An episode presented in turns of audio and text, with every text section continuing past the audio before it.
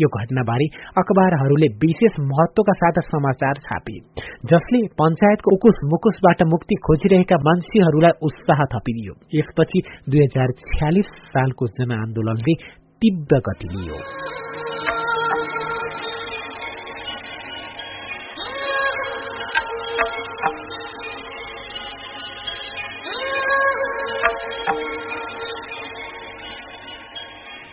हामी कार्यक्रम कृति बगलको आजको भागको अन्त्यमा छौं यानि कि सत्रौं भागको अन्त्यमा छौं। आजको भागमा हामीले मदन कृष्ण र हरिवंशले चलचित्र क्षेत्रमा यानि कि फिल्मी क्षेत्रमा पहिला राखेका केही प्रसंगहरू उपकायौं जसमध्ये के घर के डेरा लोभी पापी बलिदान अनि हलिउड मुभी सोलसम्म पुग्यौं। त्यसै गरी मदन कृष्ण र हरिवंशले नेपालमा गणतन्त्र ल्याउनका लागि उठाएका पहल कदमीहरूलाई पनि आजको कार्यक्रममा सुन्न पायौं। सिंहको नेपालमा आएको हामीले पाएको गणतन्त्रमा मदन कृष्ण र हरिवंशको त्यो योगदानलाई एकपटक हामी सलामी दिनै पर्छ। तपाईँलाई यो कार्यक्रम कस्तो लाग्दैछ धौलागिरी एफएम अन्ठानब्बे दशमलव छ मेगा हज बागलुङबाट उत्पादन भई धौलागिरी एफएम र पञ्चास एफएम एक सय दुई दशमलव आठ मेगा हज पर्वतबाट हरेक शनिबार बेलुका नौ तिसदेखि दस बजेसम्म एकसाथ प्रसारण भइरहेको कार्यक्रम कृति बगलमा तपाईँको प्रतिक्रियाको अपेक्षा राख्छौं हामी। तपाईँले चाहनुभयो भने कार्यक्रमलाई युट्युब च्यानलमा समेत सर्च गरेर हेर्न सक्नुहुन्छ। हुन्छ त अब भने कार्यक्रमबाट छुट्नुपर्ने बेला भएको छ। अर्को बसाईमा महको महको बाँकी भाग लिएर आउनुपर्छ। प्रविधिबाट सघाउने सागरप्रति आभार व्यक्त गर्दै म पवन पनि यो भागबाट विदा माग्छु। नमस्कार। कार्यक्रम कृत्य बकलको यो बसाईमा प्राविधिक साथी सागरसँगै म पवन खड्काको हार्दिक स्वागत छ। धौलागिरी एफएम अन्ठानब्बे दशमलव छ मेगा हज बागलुङबाट उत्पादन भई धौलागिरी एफएम र पञ्चास एफएम एक सय दुई दशमलव आठ मेगा हज पर्वतबाट हरेक शनिबार बेलुका नौ तिसदेखि दस बजेसम्म एकसाथ प्रसारण भइरहेको कार्यक्रम कृति बगलमा अहिले हामी हास्य कलाकार मदन कृष्ण श्रेष्ठको आत्मकथा महको म वाचन गरिरहेका छौं र आज हामी महको मको अठारौं भागमा छौं। यसभन्दा अघिल्ला भागहरूमा मदन कृष्ण श्रेष्ठले संघर्षशील वैयक्तिक जीवन यात्रा दाम्पत्य जीवनको शुरूआत अनि सञ्चयकोषदेखि कृषि सूचना शाखासम्मका सरकारी जागिर यात्रा अनि त्यस पछाडि जागिरमा अवकाश हास्य कला क्षेत्रमा अत्यधिक रुचि र लगावका कारण सरकारी जागिरबाट अवकाश लिएर थालनी भएको छ महासंसार सहयात्रा।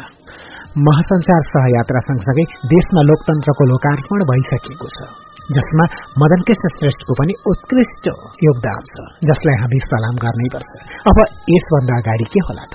हुन्छ त सुरु गरौं। पेज नम्बर दुई सय छदेखि अगाडि।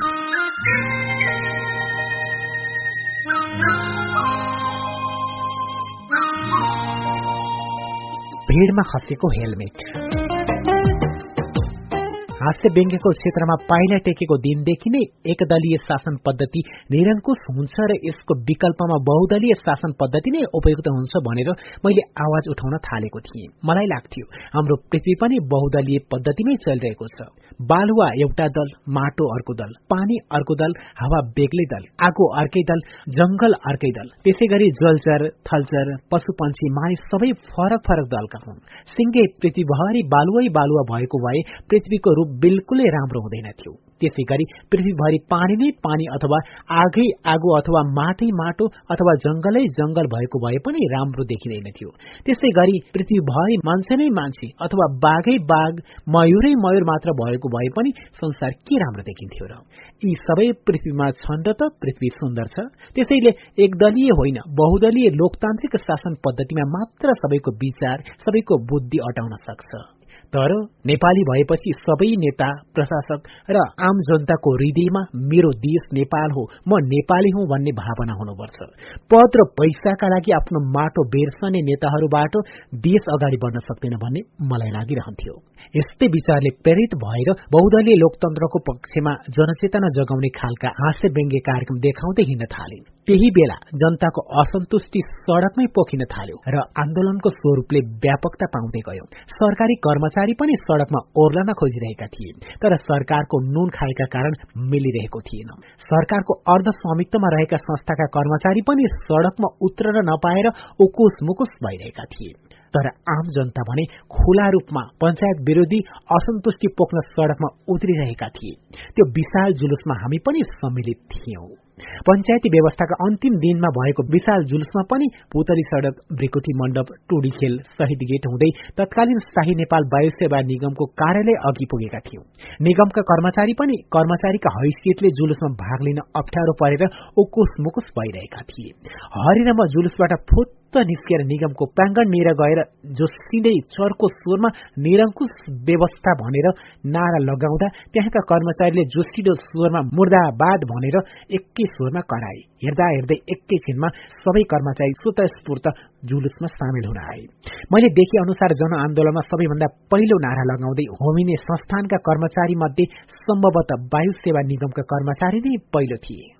हेर्दा हेर्दै जनआन्दोलन उत्कर्षमा पुग्यो। राजा वीरेन्द्रले पञ्चायती व्यवस्था छाडेर बहुदलीय प्रजातान्त्रिक व्यवस्था स्वीकारेपछि मात्रै आन्दोलनले विश्राम लियो।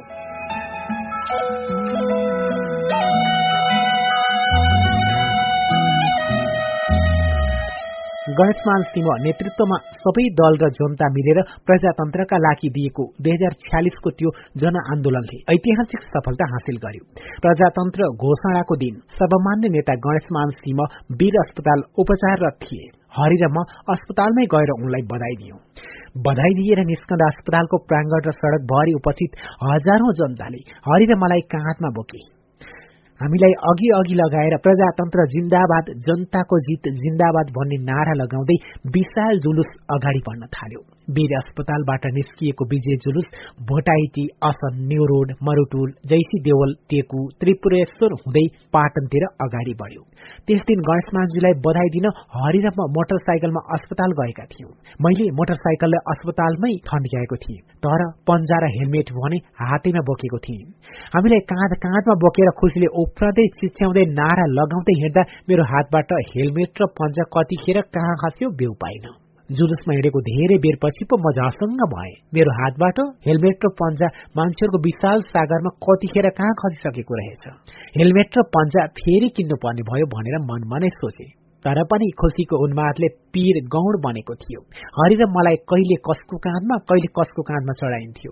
त्यसरी काँधमा बोक्नेहरू कोही होचा हुन्थे कोही अग्ला हुन्थे। त्रिपुरेश्वर नेर त एकजना अग्ला न अग्ला विदेशी नागरिकले पनि मलाई काँधमा बगी ती अग्ला विदेशीको काँधमा बस्दा मलाई रुखमाथि बसे जस्तै भयो। माथिबाट भुइँमा खसिएला जस्तो लागेर ती विदेशीको टाउको बच्चाले जस्तो च्याप्प समाति राखे। त्रिपुरेश्वर पुगेपछि हामी दुवैलाई रिक्सामा राखियो। जुलुससँगै हामी चढेको रिक्सा पाटनका विभिन्न ठाउँमा पुग्यो। बाटोमा उभिएर हेरिरहेका मानिसले गालाभरि र टाउकोभरि अभिर दलिदिएर खुसी व्यक्त गरे। ठाउँ ठाउँमा भने कोही कोहीले फूलमाला जुसहरू हातैमा थम्याउन ल्याउँथे जुलुसमा हिँडेकाहरूलाई गर्मी नहोस् भनेर स्थानीय बासिन्दाले झ्याल झ्यालबाट पानी छर्किदिन्थे। त्यति विशाल जुलुसमा हामीलाई सबैले सम्मान र माया गरेको देखेर कति न हामी दुईजनाले मात्रै देशमा गणतन्त्र ड्याइदिएको जस्तो पनि देखिरहेको थियो। दिनभरि काँध काँधमा र रिक्सामा चढेर विजय जुलुसमा भाग लिएर घर फर्कँदा टाङ फाटिएर हिँड्नै गाह्रो भयो। बल्ल तल्ल घर पुगे। घर पुग्ने बित्तिकै फेरि त्यही हजारौंको भीड़मा खसेको पन्जा र हेलमेटको सम्झना भयो। त्यत्रो विशाल जनसागरमा खसेको हेलमेट र पन्जा कुल्सिएर धुलो पिठो भयो होला भनेर थकथकी मान्दै थाकेको सुरमा गुप्लुक्क सुती। विजय जुलुसको तीन चार दिनपछि एकजना अपरिचित व्यक्तिको फोन आयो। उनले भने हेलो मदन कृष्णजी हो? तपाईँको हेलमेट र पन्जा जुलुसको भिडमा खसेको रहेछ। एकजना मान्छेले तपाईँको हातबाट खसेको रे भन्दै मेरो पसलमा छाडेर गएका छन्। बल्ल तल्ल तपाईँको नम्बर पत्ता लगाएर अहिले फोन गरेको। लिन आउनुहोस् है। यति भनेर ती व्यक्तिले पसलको ठेगाना दिए। उनको कुरा सुनेपछि हराएको हेलमेट र पन्जा पाइयो भनेर मलाई औधी खुसी लाग्यो। त्यत्रो भिडमा खसेको सामान समेत नहराउँदा म दङ्ग परिरहेँ।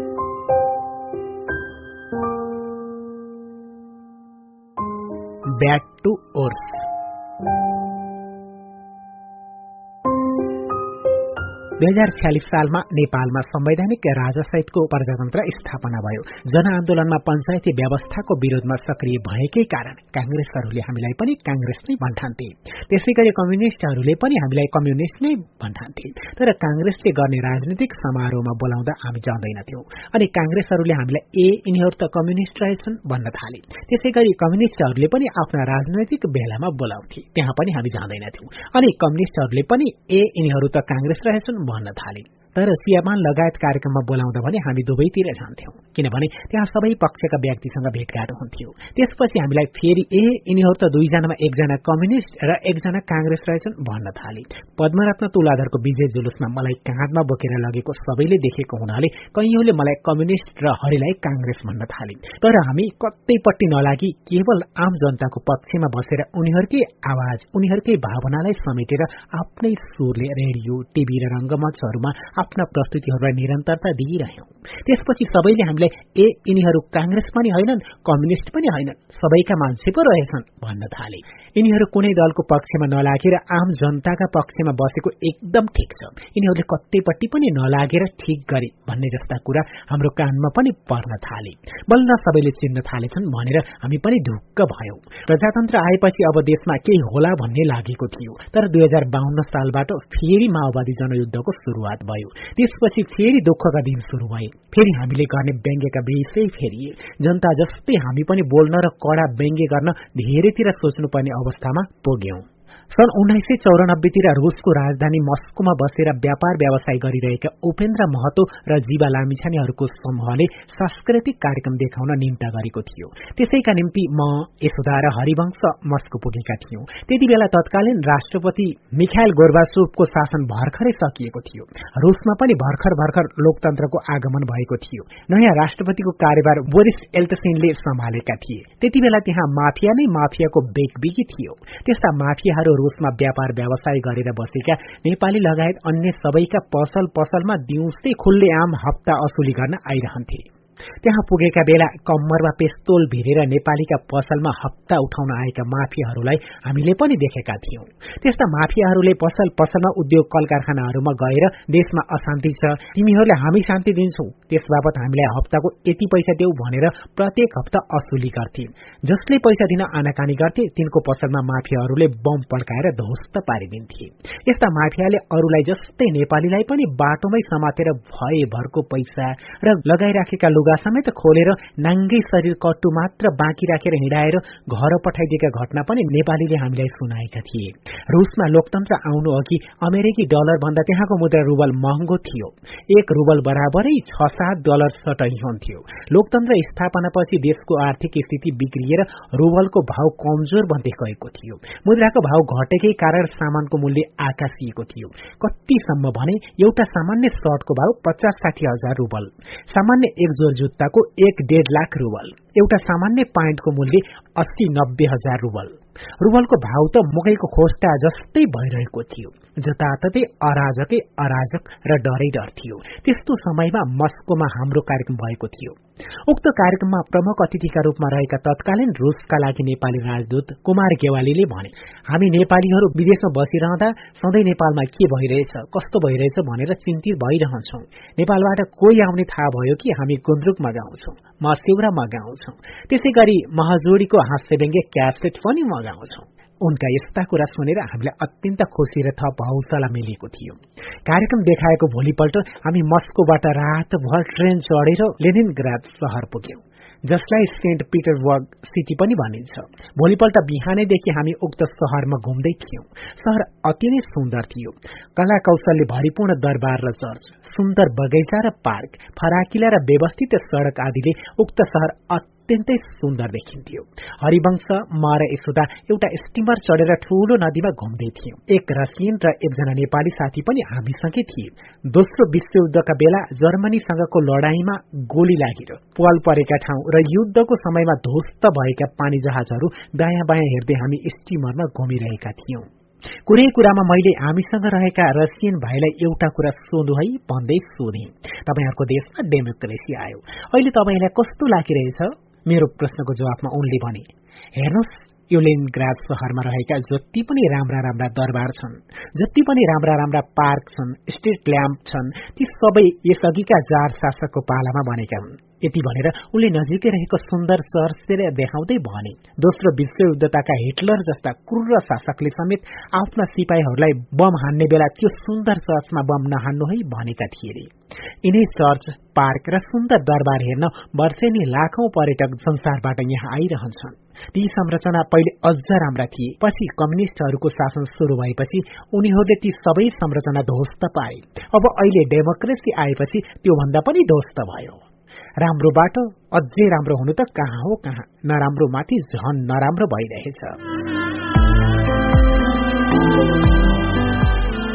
अन्तर्राष्ट्रिय सम्मेलन केन्द्रमा भएको उक्त वार्ताको प्रत्यक्ष प्रसारण घरमै बसेर म टीभीमा हेर्दै थिएँ। वार्ता सफल भएर दुई नेताले हात मिलाएको दृश्य देखेर शान्तिको लामो सास फेर्दै खुसी भएर एक्लै ताली पनि बजाएको थिएँ। अब त ढुक्कले शान्तिको सास फेर्न पाइने भयो। कुनै संकोच नमानी प्रहसन देखाउन पाइने भइयो भनेर हर्षित भएको थिएँ। तर मेरो खुसी धेरै दिन टिकेन किनकि शान्ति प्रक्रियापछि पनि भने जसरी देश अघि बढेन। शान्ति प्रक्रियापछि पनि हत्या हिंसाका श्रृङ्खला नरोकिएपछि सामाजिक अगुवाहरूले हत्या हिंसा विरूद्धको अभियान शीर्षकमा देशभर कार्यक्रमहरू आयोजना गरेका थिए। सोही अभियानले पोखरामा आयोजना गरेको कार्यक्रमका लागि केही पत्रकार बुद्धिजीवीहरू सहित हरिवंश र म पनि त्यहाँ पुगेका थियौं। समारोह भइरहँदा मेरो ध्यान माछापुछ्रे हिमालमा पुग्यो। त्यति बेला मैले माछापुछ्रे लगायत सगरमाथादेखि सबै हिमाल पालै पालो सम्झिए। ती हिमाल यति सुन्दर छन् जसको तस्विर नेपालीहरूको कोठा कोठामा गर्वका साथ टाँसेर सजाइराखेका छन्। कारण यी हिमाल मनमोहक भएर मात्र होइन यिनीहरूले पिउने र सिंचाईका लागि पानी दिएका छन् जलविद्युत निकाल्न नदीनाला दिएका छन्। त्यस्तै यिनै हिमाल हेर्न संसारभरका पर्यटक लोभिएका कारण पर्यटक उद्योगमा टेवा पुगेको छ। त्यसैले त सबैले हिमालको तस्विर कोठा कोठामा सजाउँछन्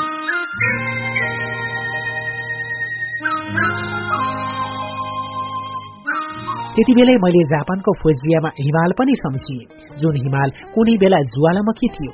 जबसम्म फुजियामाले ज्वालामुखीका रूपमा आगो ओकालिरहन्थ्यो त्यति बेलासम्म कोही पनि मानिस नजिक जाँदैनथे। सबैले टाढै बसेर डराई डराई हेर्थे। जब फुजियामामा पहाड़बाट ज्वालामुखी निस्कन छाड्यो र त्यो हिमालमा परिणत भयो त्यसपछि यसले पिउने र सिंचाईका लागि पानी मात्रै प्रदान गरेन। पर्यटकीय आकर्षणको केन्द्र बनेर त्यहाँका मान्छेलाई रोजगारीको अवसर समेत दिन थाल्यो। त्यसपछि जापानीहरूले फुजियामा प्रति गर्व गर्दै कोठा कोठा हृदय हृदयमा श्रद्धाका साथ त्यसको तस्विर टाङ्न थाले। हाम्रा नेताले पनि आगो मात्रै ओकालेर नबसी देशका कल कारखानाको वृद्धि गर्ने वातावरण बनाएर बढ़ी भन्दा बढ़ी रोजगारीको अवसर सृजना गरे कति गजब हुन्थ्यो।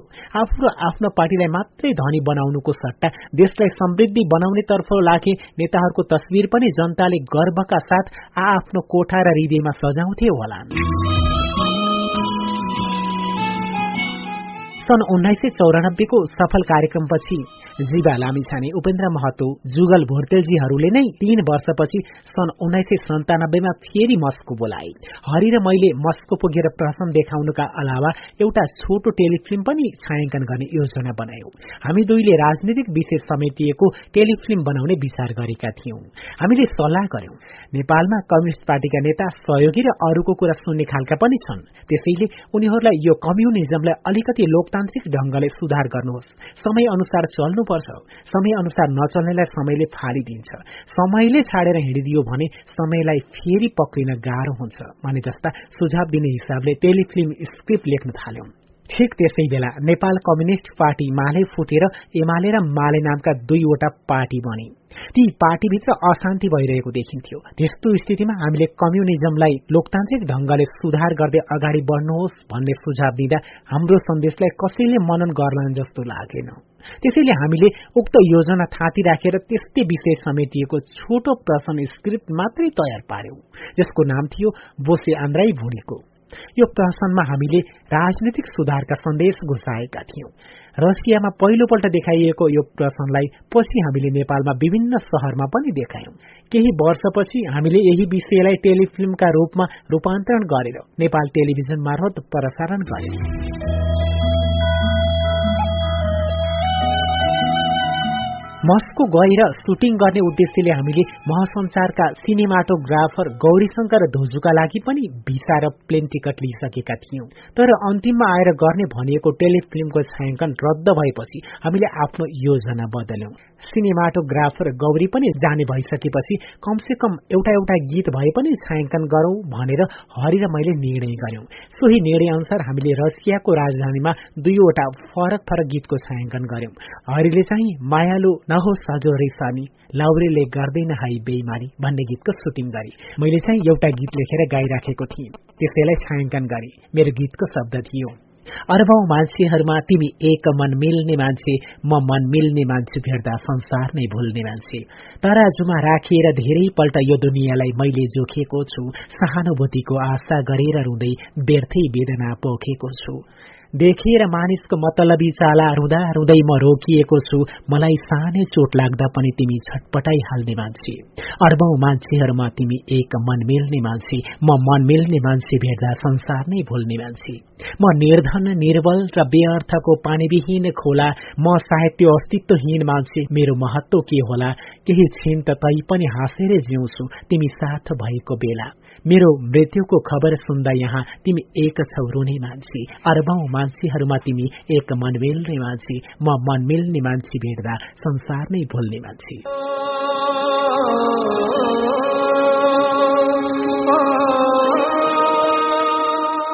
यस गीतको छायाङ्कन गर्दा मैले हरिवंशलाई पनि संसारको अरबौं मान्छेहरूमा मन मिल्ने मान्छेका रूपमा समावेश गरेको छु।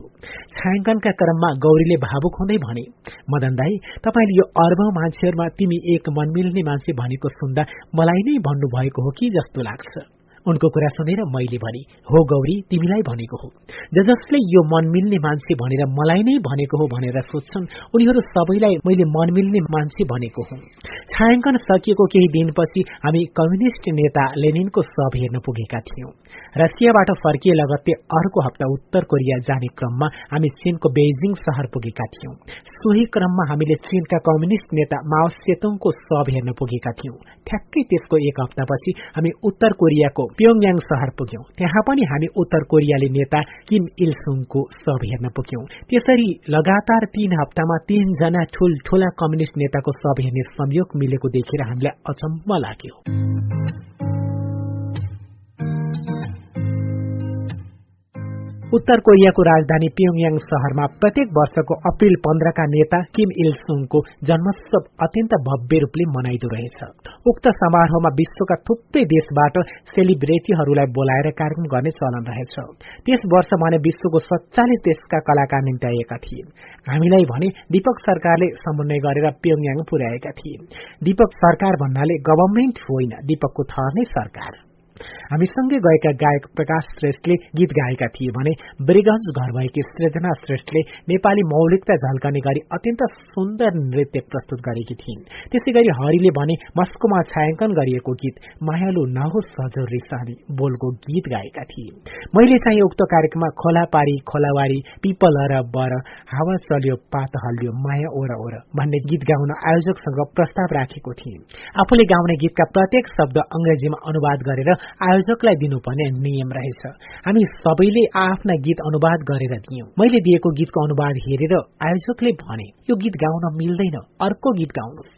मैले त्यो गीत गाउन नहुनुको कारण सोधे कसैले केही जवाब दिएनन्। पछि बुझ्दा पो बल्ल थाहा भयो त्यो गीतको शब्दमा खोलावारी खोलापारी पिपल र बर हावा चल्यो पात हल्यो माया ओरो ओरो भन्दा खोलावारी खोलापारीको अर्थ खोलावारी उत्तर कोरिया खोलापारी दक्षिण कोरिया भन्न खोजेको हो कि भन्ने शंका गरेका रहेछन् निकै बेरसम्म अल्याङ मल्याङ गरेर तिनीहरूले मलाई अर्कै गीत गाउन जोड गरिरहे। मैले पनि यो सामान्य गीत हो भनेर भनेको भनै गरे। अर्को गीतको ट्र्याक आफूले नल्याएको कुरा गरेपछि उनीहरूले एकैछिन खासखुस गरे र बल्ल गाह्रो मान्दै सोही गाउन अनुमति दिए। पञ्चायती व्यवस्थामा भन्दा पचास गुणा बढी शंकालु भएर सेन्सर गर्न खोजेको देखेर हामी नबोली चुपचाप बसिरह्यौं। छोराछोरीको अमेरिका यात्रा। सिद्धार्थ वनस्थली स्कूलबाट एसएलसी सकेपछि भारतको पुना स्थित सिम्बोसिस कलेजबाट आइकम सिद्धाएर नेपाल फर्किएपछि एमन शंकरदेव क्याम्पसमा विक्रम पढिरहेका थिए। अर्थशास्त्र पढे पनि उनको ध्यान गीत संगीत र अन्य सृजनशील काममा देखिन्थ्यो। महासञ्चारद्वारा निर्मित लक्ष्मी कान्तिपुर जस्ता टेलिचलचित्र फिल्म नायक कथानक चलचित्र लगायत थुप्रै टेलिभिजन विज्ञापनका लागि जिंगल रेकर्ड गर्ने काम उनले गरिसकेका थिए। हरिले पनि एमनको रुचि र खोबीलाई बुझेर उनलाई प्रोत्साहन दिइरहन्थे। महासञ्चारद्वारा निर्मित टेलिफिल्मका लागि आवश्यक गीतमा संगीत भर्न रेडियो जिंगल जस्ता सानातिना काम हरिले सधैँ एमनलाई नै गराउँथे। यस बापत हरिले पारिश्रमिक पनि राम्रै दिन्थे। तीन हजार जति दिए पुग्ने कामलाई पाँच हजार दिन्थे। पाँच हजार जति दिए पुग्ने काममा आठ हजार दिन्थे। यसरी एउटै काममा बाबुले पनि छोराले पनि पैसा बुझ्दा मेरो भागमा अलि धेरै पैसा आउँथ्यो। यसरी हरिलाई भन्दा बढी पैसा मेरो भागमा पर्न आउँदा मलाई कसो कसो लाग्थ्यो। हरि मेरो छोराछोरीलाई अत्यन्त माया गर्छन्। उनीहरू पनि हरि अङ्कल भनेपछि हुरुक्कै हुन्छन्। छोरी सरानालाई सानै छँदा केही गरी हामी मम्मी र ड्याडी दुवैजना मर्यौं भने के गर्छौ छोरी? भनेर सोद्धा उनले ढुक्क हुँदै भनेकी थिइन्। हरि अङ्कल छँदैछ नि? त्यस्ताका पढ्न र कामको खोजीमा अमेरिका जाने फेसन नै चलेको थियो। एमन पनि बेला बेला जिस्किरे भन्थे म पनि जाउँ कि क्या हो अमेरिका? तर मलाई भने उसलाई अमेरिका पठाउन मनै थिएन। एक दिन मैले एमनलाई पर्यटन उद्यमी कर्ण साक्य दाईसँग भेटाएँ। उनले एमनको अमेरिका जाने सपना सुनेर धेरै गहकिला कुरा गरे। अमेरिका भनेको एकपटक घुम्न मात्रै जाने ठाउँ हो। त्यही बस्ने गरी जानु ठिक छैन। हाम्रो शरीर भनेको अन्न पानीको हो। कहिले काहीँ बिरामी भइयो भने त्यहाँ राम्रो अस्पताल राम्रा डाक्टर र प्रविधि छन्। तर बिरामी परेका बेला नजिक आएर न्यानो हातले सुमसुम्याउँदै तिमीलाई कस्तो छ बा अहिले? भनेर सोध्ने मायालो स्वर छैन। माया भनेको अमूल्य कुरा हो जुन तिमीले आफ्नै देशमा पाउँछौ। उनका कुरा साँच्चै घट लाग्दा थिए। धेरै कुरा भनेर इमनलाई सम्झाउँदै भने अमेरिका भनेको महासागर हो। त्यहाँ तिमी हराउन पनि सक्छौ। ठूलो समुद्रको सानो माछा भएर बाँच्नु भन्दा नेपालमै सानो पोखरीको ठूलो माछा भएर बाँच्नु उत्तम हुन्छ। उनको कुरा सुनेपछि एमनले विदेश जाने विचार तत्कालका लागि त्यागेका थिए। तर एमनको नजिकका साथी तपन प्याकुरेलले एक दिन उनको मन फेरिदिए। अमेरिकाको डालसमा बसेर पढिरहेका तपनले एमनलाई भनेछन् एमन यहाँ म पनि एक्लै भइरहेछु तिमी आयो भने मलाई साथी पनि हुन्छ। तिमी यही मास्टर्स पढ्ने गरी आऊ। म तिमीलाई टिकट पठाइदिन्छु। रपनको प्रस्तावले एमनको मन बदलियो। उनले धेरै पटक के गरौं ड्याडी म अमेरिकामा पढ्न जाउँ भनेर सोधिरहे। पखेटा हालेको उनको रहरलाई मैले रोक्न चाहिन। र भने जाने भए जाऊ न त। नभन्दै हप्ता दिनभित्रै तपनले टिकट पठाइदिए। एक वर्ष अघि सन् उन्नाइस सय उनान्सयमा हामीसँग कार्यक्रम देखाउन अमेरिका जाँदा एमनले पाएको पाँच वर्ष भिसाको म्याद बाँकी नै थियो। विश्वविद्यालयमा भर्ना हुने पक्का भएपछि दस बाह्र दिनमै सबै काम फटाफट सकेर छोरा त गए भर्र उडेर अमेरिका।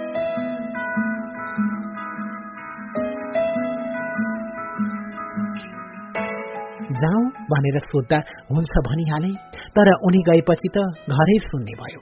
छोरी सराना यशोदा र म एकअर्काको मुख हेराहेर गरेर जिल्ल परिरह्यौं। दाजु अमेरिका गएपछि सरानालाई पनि अमेरिका जान सकसक लाग्न थाल्यो। हुन पनि त्यस्ताका अमेरिका जाने भनेपछि मान्छेहरू भुतुक्कै हुन्थे। उनीहरू ठान्थे त्यहाँ पुग्ने बित्तिकै काम दाम मामदेखि लिएर घर जाउँ सबै तुरन्त बन्दोबस्त हुन्छ।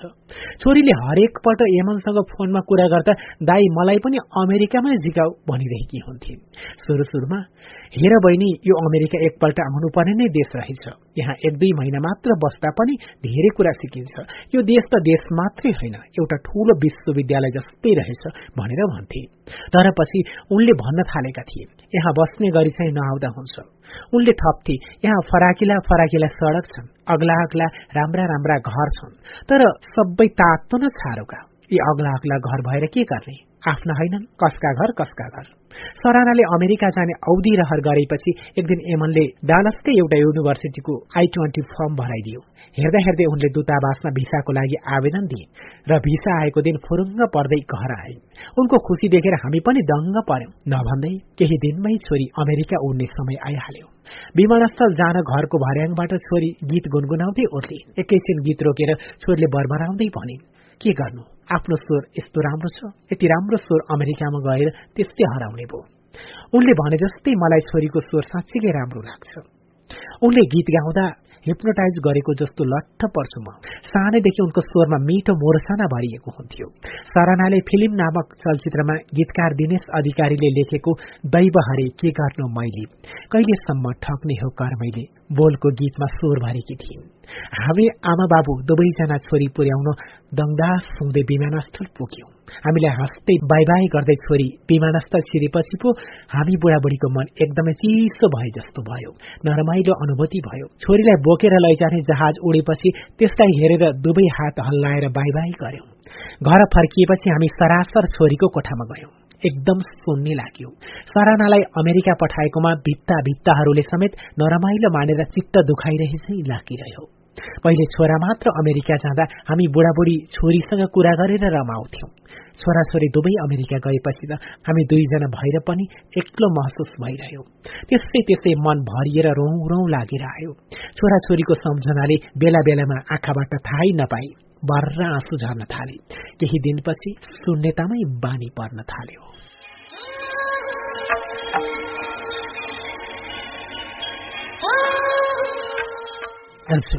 हामी कार्यक्रम कृति बगलको आजको भागको अन्त्यमा छौं। आजको भागमा हामीले मदन कृष्ण श्रेष्ठ नेपालमा लोकतन्त्र पदार्पण हुँदा विजय जुलुस मनाइरहँदा अर्काको बोई चढेर सम्मानपूर्वक विजय जुलुसमा सहभागी भइरहँदा लाखौंको भीड़मा हराएको मदन कृष्णको हेलमेट र पन्जा भेटिएको अनि त्यसै गरी विभिन्न देश विदेश भ्रमणपछि नेपालमा आएको कम्युनिजमप्रति उहाँको गुनासो पनि आजको भागमा हामीले सुन्न पायौं। कार्यक्रम कृति बगल धौलागिरी एफएम अन्ठानब्बे दशमलव छ मेगा हज बागलुङबाट उत्पादन भई धौलागिरी एफएम र पञ्चास एफएम एक सय दुई दशमलव आठ मेगा हज पर्वतबाट हरेक शनिबार बेलुका नौ तिनदेखि दस बजेसम्म एकसाथ प्रसारण भइरहेको छ। तपाईँलाई कस्तो लाग्दैछ? प्रतिक्रिया दिन नछुट्नुहोला तपाईँले चाहनुभयो भने युट्युब च्यानलमा समेत तपाईँले कृति बगल सर्च गरेर हेर्न सक्नुहुन्छ। अब भने कार्यक्रमबाट छुट्नु पर्ने बेला भइसकेको छ। अर्को बसाईमा बाँकी पुस्तक वाचनका लागि आउनुपर्छ। आजलाई भने प्रविधिबाट सघाउने सागरप्रति आभार व्यक्त गर्दै म पवन पनि विदा राख्छु। नमस्कार। कार्यक्रम कृति बगलको यो बसाईमा प्राविधिक साथी सागरसँगै म पवन खड्गाको हार्दिक स्वागत छ। धौलागिरी एफएम अन्ठानब्बे दशमलव छ मेगा हज बागलुङबाट उत्पादन भई धौलागिरी एफएम र पञ्चास एफएम एक सय दुई दशमलव आठ मेगा हज पर्वतबाट हरेक शनिबार बेलुका नौ तीसदेखि दस बजीसम्म एकसाथ प्रसारण भइरहेको कार्यक्रम कृति बगलमा अहिले हामी हास्य कलाकार मदन कृष्ण श्रेष्ठको संस्मरण महकुम वाचन गरिरहेका छौं र आज हामी महकुमको उन्नाइसौं भागमा छौं। यसभन्दा अघिल्लो भागमा नेपालमा लोकतन्त्र स्थापनाका लागि मदन कृष्ण श्रेष्ठ हरिवंश आचार्यको उल्लेख्य भूमिका वाचन गरेका छौं। त्यसै गरी लोकतन्त्र स्थापनापछि महसुस गरिएको नैराश्यजनक वातावरणको पनि उल्लेख गरिएको छ। त्यसै गरी मदन कृष्ण श्रेष्ठका छोरा एमन र छोरी सरानाले अमेरिकालाई कर्मथलो बनाएर उतै गन्तव्यको दूरी बढाएको कुरा पनि वाचन गरेका छौं। अब त्यसभन्दा अगाडि के होला त? हुन्छ त आउनुहोस्। सुरु गरौं अगाडि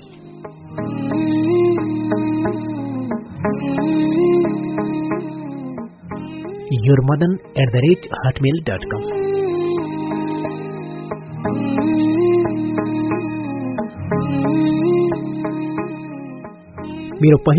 address योरमदन at the rate Hotmail dot com थियो.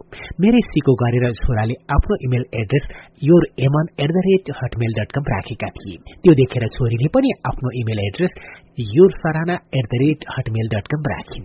यशोदा मात्रै किन बाँकी? उनले पनि आफ्नो email address your Yashoda at the rate Hotmail dot com राखिन्। मेरो परिवारका सबै सदस्यले इमेल एड्रेस एकै प्रकारको राखेका थियौं। मानव कुनै कम्पनीको स्लोगन जस्तो। एक दिन मेरो इमेल ठेगानामा आएको ग्रुप इमेलमा मेरा आँखा फ्याट्ट यो रिङको at the rate Hotmail dot com पर्यो। को होला यो मान्छे? हाम्रो परिवारको स्पेसल इमेल एड्रेस जस्तो गरी इमेल एड्रेस राख्ने मलाई खोल्दुली लागिरह्यो। पछि बुझ्दै जाँदा त्यो इमेल एड्रेस त हुनेवाला बुहारीको पो रहेछ। सरानाले रिङ्कुका बारेमा सबै कुरा बताएपछि छोराको बिहेका लागि उत्साहित हुने हामी बुढाबुढी अमेरिका गयौं। अमेरिकाको डालसमा ठूलो मन्दिर रहेछ। छोरा र हुनेवाला बुहारीले आफ्नो बिहेको बन्दोबस्त आफैले गरेका थिए।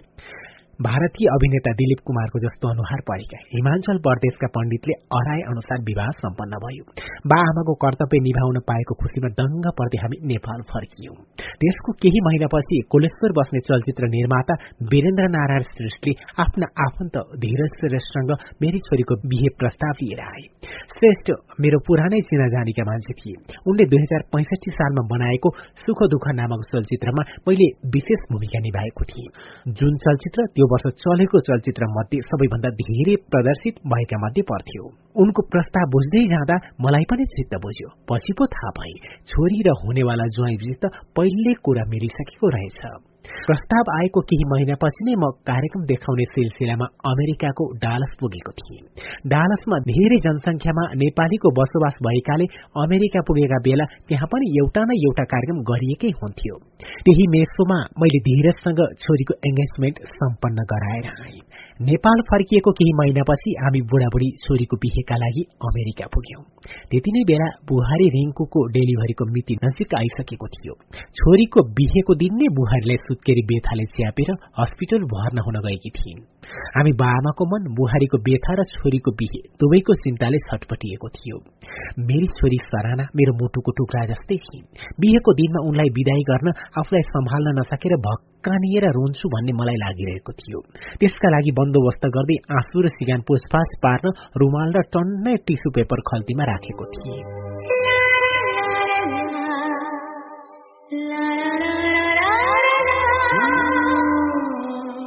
यमनको बिहे भएकै मन्दिरमा छोरीको बिहे सुरु भयो।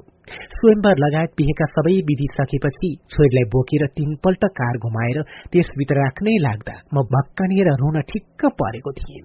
आफूलाई जेनतेन सम्हाल्दै छोरीको कुममा हात राखेर ल छोरी राम्रोसँग जाऊ है। भन्दा मेरा आँखाबाट आँसु खस्नै आँटेका थिए। छोरीले मेरा आँखामा हेरेर हे ड्याडी के इमोसनल भइरह? ठिकै छ नि। ड्याडी र मम्मी नेपालदेखि यहाँसम्म मेरो बिहे गराउन आउन सक्नुभयो। ज्वाई पनि राम्रै हुनुहुन्छ। सबै ठिकै छ नि। भरे पार्टीमा फेरि भेट भइहालिन्छ। यसलाई सिरियस हुनु पर्यो मलाई हँसाउँदै छोरीले फुर्ती साथ यति कुरा के भनेकी थिइन् मेरो रुनै लागेको मन त कता भाग्यो कता। मन छ्याङ्ग भयो। मैले पनि आ ल त ल के को इमोसनल हुनु पर्यो भनेर फुर्ती साथ लौ त छोरी अहिले जाऊ। साँझ पार्टी गर्ने ठाउँमा भेटुला भनेर हाँस्दै विदा गरे।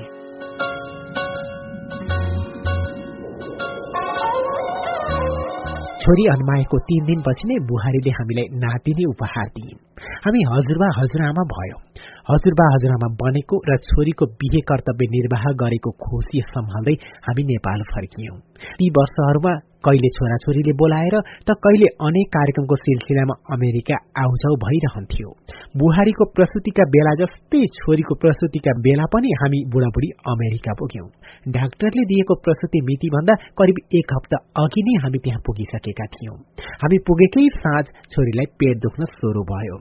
हतार हतार छोरीलाई लिएर हामी सबैजना अस्पताल गयौं। लगातारको लामो दूरीको विमान यात्राका कारण जेटल्यान्ड भएकाले झुप्प झुप्प निद्रा लागिरहेको थियो।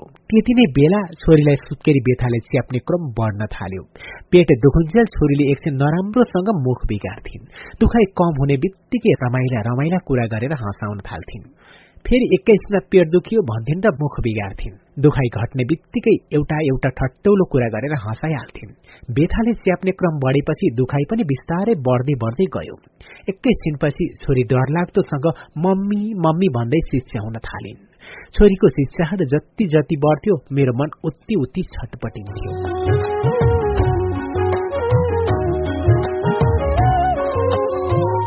नानी फुपूका छोरा बुहारी प्रबोध र शिला पनि हामीसँगै रातभर अस्पतालमै रोगेर बसिरहे। बाह्र घण्टा बितिसक्दा पनि डेलिभरी हुन सकिरहेको थिएन। छटपट्टिमै चौबिस घण्टा बित्यो। तैपनि डेलिभरी हुन सकिरहेको थिएन। आत्तिँदा आत्तिँदै छत्तीस घण्टा बित्यो र पनि डेलिभरी हुन सकेन। घण्टौ लामो शास्ति र छटपट्टिपछि अपरेसन नै गर्नु पर्यो। लामो समयपछि छोरीको असह्य चिचाट सुनेर हामी सबैले एकदम गाह्रो महसुस गरिरहेका थियौं। बच्चा जन्मिएपछि बल्ल सबैले हल्का महसुस गर्यौं। म र यशोदा जेटल्यान्डका कारण निदाले ग्रस्त थियौं। नाति जन्मिएपछि र छोरीले आराम महसुस गरेर निधाएपछि बल्ल हामी सुत्न नानी फुपूको घर गयौं र खाटमा डङरङ्ग पल्टियौं। एकैछिनमा झ्याप्प निद्राले छोपियो। केही घण्टा निधाएपछि म बिस्तारै बिउजी निद्राबाट बिउजने बित्तिकै छोरीलाई भएको असह्य पीड़ा सम्झेर ठूलै आवाज आउने गरी उहाँ उहाँ गर्दै रोएछु। म यसरी अनायासै रोइरहेको यशोदाले सुनिरहेकी थिइन्। तर पनि उनले मलाई फकाइनन्। मलाई ढित भन्ने गरी रोन दिइन्। रुँदै गर्दा मेरो मनमा कुरा खेल्न थाले। बुहारी डेलिभरी हुँदा पनि हामी अमेरिका आएका थियौं। आफूले गर्नुपर्ने कर्तव्य निभाएका थियौं। व्यथा लाग्दा छोरीलाई जस्तै बुहारीलाई पनि उत्तिकै पीडा भएको थियो। तर त्यस बेला त म रोएको थिइनँ त किनभने उनी त अर्काकी छोरी। त्यसै गरी छोराछोरी जन्माउँदा यशोदाले पनि त्यत्तिकै व्यथा लागेको थियो। उनी पनि त्यत्तिकै छटपटाएकी थिइन्। श्रीमानको हैसियतले गर्नुपर्ने सबै कर्तव्य मैले निभाएको थिएँ। तर यशोदाको पीडामा पनि म रोएको त थिइनँ किनभने उनी पनि अर्काकी छोरी। मलाई यो याद थिएन कि अर्काकी छोरी र आफ्नै छोरीमा त्यसरी फरक हुँदो रहेछ भनेर आफ्ना सन्तान यसरी मोटुमै गढेका हुँदा रहेछन्। पहिले पहिले अरू महिलालाई प्रसुति व्यथा लाग्दा मलाई स्वाभाविक र सामान्य मात्र लाग्थ्यो तर यो सामान्य कुरा होइन रहेछ। छोरीलाई भएको प्रसुति पीडाले गर्दा श्रीमती बुहारी र सबै आमाप्रति मेरो श्रद्धा र आदर अझ प्रगाढ भयो। छोरा र छोरी नै उतै बस्ने भएपछि बारम्बार अमेरिका आउजाउ भइरहेको थियो। जति पटक भेटे पनि सन्तानको नियास्रो मेटिँदो रहेनछ नेपाल आएका बेला बारम्बार सन्तानलाई कानले खोज्छ धन्न टेलिफोन बनेको छ र फोनमै कुरा गर्न पाइन्छ। आँखाले खोज्छ इन्टरनेट मार्फत प्रत्यक्ष देख्न पाइन्छ। छातीले खोज्छ तर त्यति बेला केही उपाय भेटिँदैन। अमेरिका आउजाउका क्रममा छ पटकसम्म उस्तै खालको कथा दोहोरिरह्यो। पहिलो पल्ट अमेरिकाबाट फर्किँदा जहाजमा मेरो सिटको पछाडि झोक्राएर बसिरहेका एक नेपाली देखेपछि बोल्न मन लाग्यो। छेउमा गएर सुने भाइ सन्चै हुनुहुन्छ? नेपाल जान लाग्नु भा? किन? छुट्टी मनाउन? मेरो प्रश्नको उत्तरमा उनले हो हजुर जस्ता छोटकरी जवाब मात्र दिइरहे। लामो यात्रामा बिस्तारै नजिकिएपछि मात्र उनले मनका कुरा सुस्तरी खोल्न थाले। भने अस्ति नेपालमा बुवासँग कुरा गरिरहेको थिएँ। त्यति बेला उहाँलाई ठिकै थियो। हिजो एक्कासी नेपालबाट बा बेच्नुभयो भनेर फोन आयो। अनि हत्त र पत्त टिकट किनेर छुट्टी मिलाएर नेपाल जान लागेको। उनको कुरा सुनेर म स्तब्ध भएँ।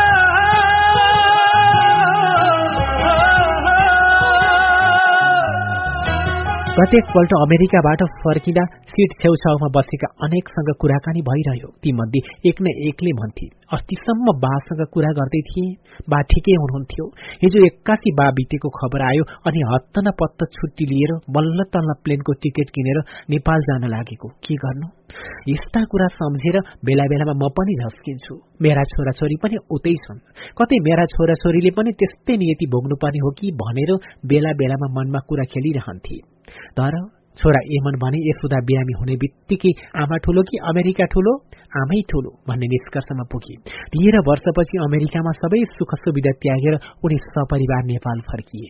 यसुदा बिरामी भएपछिका वर्ष छोरी पनि बारम्बार नेपाल आइरहन्। एमनले जस्तै उनले पनि हर तरहले आफ्नो कर्तव्य पूरा गरिरहे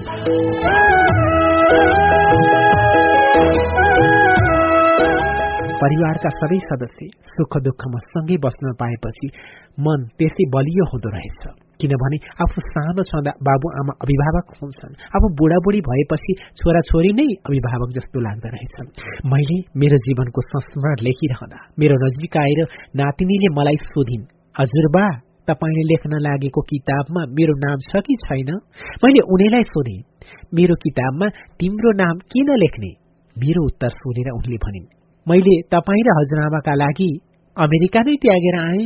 उनको वास्तविकता मिसिएको अप्रत्याशित उत्तर सुनेर मैले भने अवश्य लेख्छु ग्रीष्मा तिम्रो नाम अवश्य लेख्छु।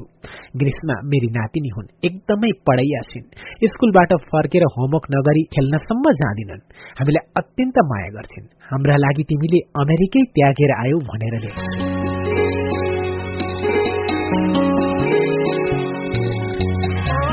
नगद पाँच लाख। हरिवंश त साह्रै बिग्रिस्ने बद्री नामक चलचित्र बनाउनमा व्यस्त थिए।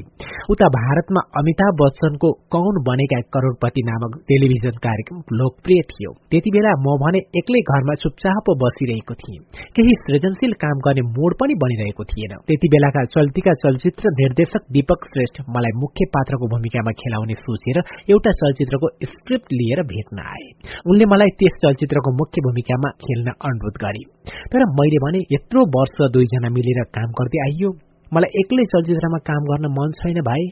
दीपकले मेरो भावनालाई बुझेर ठिक छ दाई मैले तपाईँको भावना बुझेँ भनेर धेरै कर गरेनन्। म खाली बसिरहेको थाहा पाएर वरिष्ठ छायाकार मन्जु कुमार श्रेष्ठ पनि उस्तै प्रस्ताव लिएर आए। मैले उनलाई पनि दीपकलाई जस्तै जवाफ दिएँ र आफू एक्लै फिल्ममा खेल्न मन नभएको कुरा गरे। उनले पनि मेरो मनोभाव बुझेर धेरै कर गरेनन्। केही दिनपछि विज्ञापन एजेन्सी चलाएर बसेका प्रताप थापा एउटा नयाँ प्रस्ताव लिएर मलाई भेट्न आए। उनको प्रस्ताव चलचित्रमा खेल्ने विषयसँग सम्बन्धित थिएन। भारतमा अमिताभ बच्चनले सञ्चालन गरेको कौन बनेका करोड़पति जस्तै नगद पाँच लाख नामक कार्यक्रम सञ्चालन गर्ने उनको प्रस्ताव थियो। उनले टेलिभिजनबाट साप्ताहिक रूपमा प्रसारण हुने उक्त कार्यक्रमको मुख्य प्रस्तुतकर्ता बन्न आग्रह गरेका थिए हुन त त्यो नेपाली शैली झल्किने गरी प्रस्तुत गरिने उनले बताएका थिए तर पनि त्यो प्रस्ताव स्वीकार्ने मलाई बिल्कुलै इच्छा थिएन। तर प्रतापले निकै कर गरे। मैले मेरो सट्टा अरूलाई भन्नुहोस् भनेर अन्य पाँच छ जनाको नाम लिएर फलाना फलानालाई प्रस्ताव गरे पनि हुन्छ भनेर सुझाए। तर उनले उक्त कार्यक्रममा मैले नै चलाउँदा उपयुक्त हुन्छ भनेर विभिन्न कारण बताए। यति हुँदा पनि मैले उनको कुरा अस्वीकार गरेपछि प्रतापले मलाई मनाउन मसँग निकट सम्बन्ध भएका एकाध मान्छेलाई फोन पनि गर्न लगाए।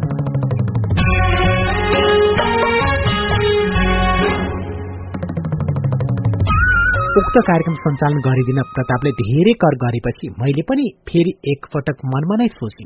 कला क्षेत्रका कुनै काम नगरी त्यस्तै बसिरहेछु। नगद पाँच लाख कार्यक्रम सञ्चालनका लागि प्रतापले मलाई सबैभन्दा योग्य व्यक्ति देखिरहेका छन्। टीभीमा कार्यक्रम सञ्चालन गर्नु भनेको चलचित्र र रंगमञ्च भन्दा फरक खालको प्रस्तुति पनि हो। सामान्य ज्ञान विशेष ज्ञान सम्बन्धी प्रश्न सोधिने एक प्रकारको बौद्धिक तथा मनोरञ्जनात्मक कार्यक्रम सञ्चालन गर्नु राम्रै हो र उक्त काम गर्नलाई समयले पस्किएको जिम्मेवारी हो जस्तो लाग्यो। त्यसैमाथि प्रश्नपत्र तयार गर्ने समूहदेखि लिएर प्राविधिक टोलीसम्म गर्दा उक्त कार्यक्रम उत्पादनमा ठूलो समूहको सक्रिय सहभागिता हुन्थ्यो।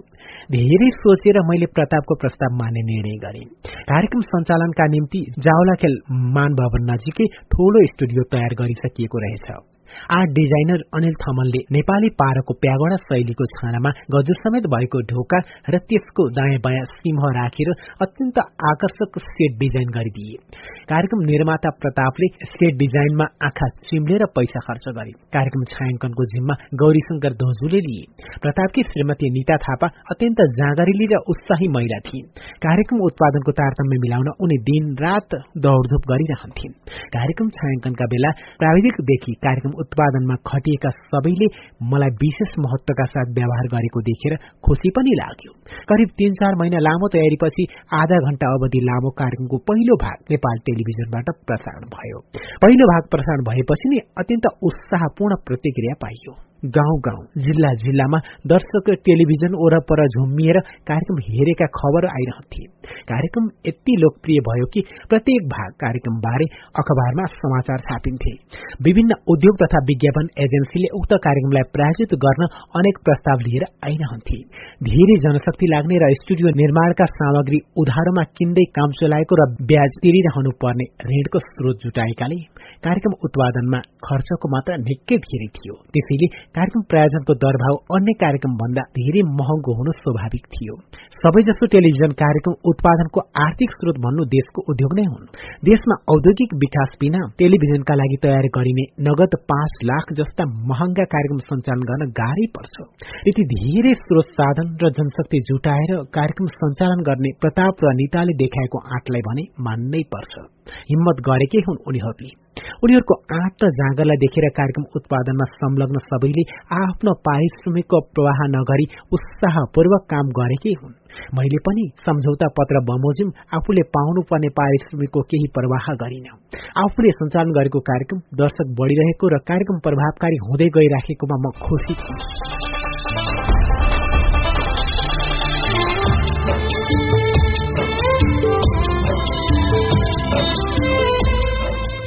तर कार्यक्रममा विभिन्न राउण्ड पास भएर प्रश्नोत्तर श्रृंखलाको हट सिटमा बसेर रकम जित्ने सहभागीले पैसा पायो कि पाएन भन्ने मात्र मेरो चासो थियो। त्यस विषयमा म विशेष सतर्क भइरहन्थे। कार्यक्रम उत्पादकले विजेताहरूलाई रकम दिइरहेको देखेको पनि थिए। कार्यक्रम सञ्चालन भएको करिब पाँच महिनापछि दुई चारजना विजेताले रकम नपाएको गुनासो गाई गोही मेरो कानमा पर्यो। मैले तुरुन्तै प्रतापलाई यसबारे जिज्ञासा राख्दै प्रष्टसँग भने यस्ता कुरा अरूले त्यस्तै सुनाएका पनि हुन सक्छन्। अरूले भनुन्जेल म कुनै वास्ता गर्दिन। तर विजेता आफैले पैसा नपाएको कुरा जुन दिन मलाई भन्छ म त्यसै दिनदेखि कार्यक्रम चलाउन छोडिदिन्छु। सर्वसाधारणलाई तपाईँले तिर्नुपर्ने रकमको जिम्मा म लिन सक्दिन। प्रतापले मलाई ढुक्क हुने गरी समयमै सबैको रकम तिरिरहेको जवाब दिए। छैठौं महिनाको अन्तिम साताको बेलुकी घरमा बसिरहेका बेला कान्तिपुरका पत्रकार गिरिश गिरीले फोन गरेर सोधी तपाईँले चलाइरहेको कार्यक्रम नगद पाँच लाखमा विजेताहरूले पैसा पाएको छैन भन्छन् नि? के हो दाई? मैले दुई चारजना विजेताले रकम नपाएको कुरा अलिअलि त मैले पनि सुनेको बताएँ। गिरिशलाई भने तर विजेता आफैले नै मैले पैसा पाइन भनेको थाहा छैन। मेरो कुरा सुनेपछि उनले कार्यक्रमबाट पैसा नपाएका पीड़ितसँगै फोनमा कुरा गराइदिए। त्यसपछि मलाई विजेताले पैसा नपाएको कुरा पक्का भयो। मैले तुरन्तै गिरिशलाई भने म आजदेखि त्यो कार्यक्रम चलाउन छाडिदिन्छु। पत्रिकामा छापिएको यही खबर भोलिपल्ट बिहानै एफएम रेडियोहरूले फुके। त्यसपछि यसबारे अन्य समाचार कैयौं पत्र पत्रिकाहरूमा छापियो। खबर पढेर मलाई पनि नमजा लाग्यो। मैले प्रतापलाई भेटेर प्रश्नसँग भने अब म यो कार्यक्रम चलाउँदिन। अरू कसैले चलाउँछ भने मेरो कुनै गुनासो छैन। तर अरू कसैले चलाउनु अघि विजेताहरूले पाउनुपर्ने रकम तिरिदिनुहोस् त्यसपछि जे जसो गरेर चलाउनु पर्छ चलाउनुहोस्। विजेताहरूलाई दिनुपर्ने पैसा चुक्ता नगरी कार्यक्रमलाई निरन्तरता दिन खोजेको देखेर मैले पुनरावेदन अदालत पाटनमा मुद्दा दर्ता गरे। अदालतले कार्यक्रमको नियम बमोजिम विजेताको सबै पैसा चुक्ता नगरी कार्यक्रमको नयाँ भाग उत्पादन र प्रसारण नगर्न अन्तरिम आदेश दियो। अदालतको आदेशपछि पनि कार्यक्रम जारी राख्न अनेक प्रयास भए। केही विजेतालाई पैसा दिएको खबर पनि सुने तर कार्यक्रमको नयाँ श्रृंखलाको प्रसारण भने हुन सकेन। प्रताप मिजासिला र नम्र स्वभावकै थिए। सबैसँग विनम्र भएर व्यवहार गर्थे। आँटिला पनि उत्तिकै थिए। त्यस्तै गरी निता पनि उत्तिकै उत्साही र जाँगरीले महिला थिए। नगद पाँच लाख जस्तो खर्चिलो कार्यक्रम उत्पादन र प्रसारण गर्न ठूला प्रायोजक चाहिन्थे। प्रताप र निताले भने जस्ता प्रायोजक भेट्टाउन सकेनन्। थोरै उद्योग र कल कारखानाबाट आउने थोरै विज्ञापनको भरमा टेलिभिजन कार्यक्रम प्रसारण गर्ने समयमा उनीहरूको आँट आफैमा ठूलो थियो। उनीहरूले कुनै बेइमानी र गलत नियत पनि राखेका थिएनन् तर पनि खर्चिलो कार्यक्रम निरन्तर चलाइराख्न उनीहरूको आँट हिम्मत मात्रै पर्याप्त भएन। त्यसरी प्रयास गर्दा गर्दै पनि परिस्थिति बिग्रन गएकोमा मलाई अत्यन्त दुःख लाग्यो।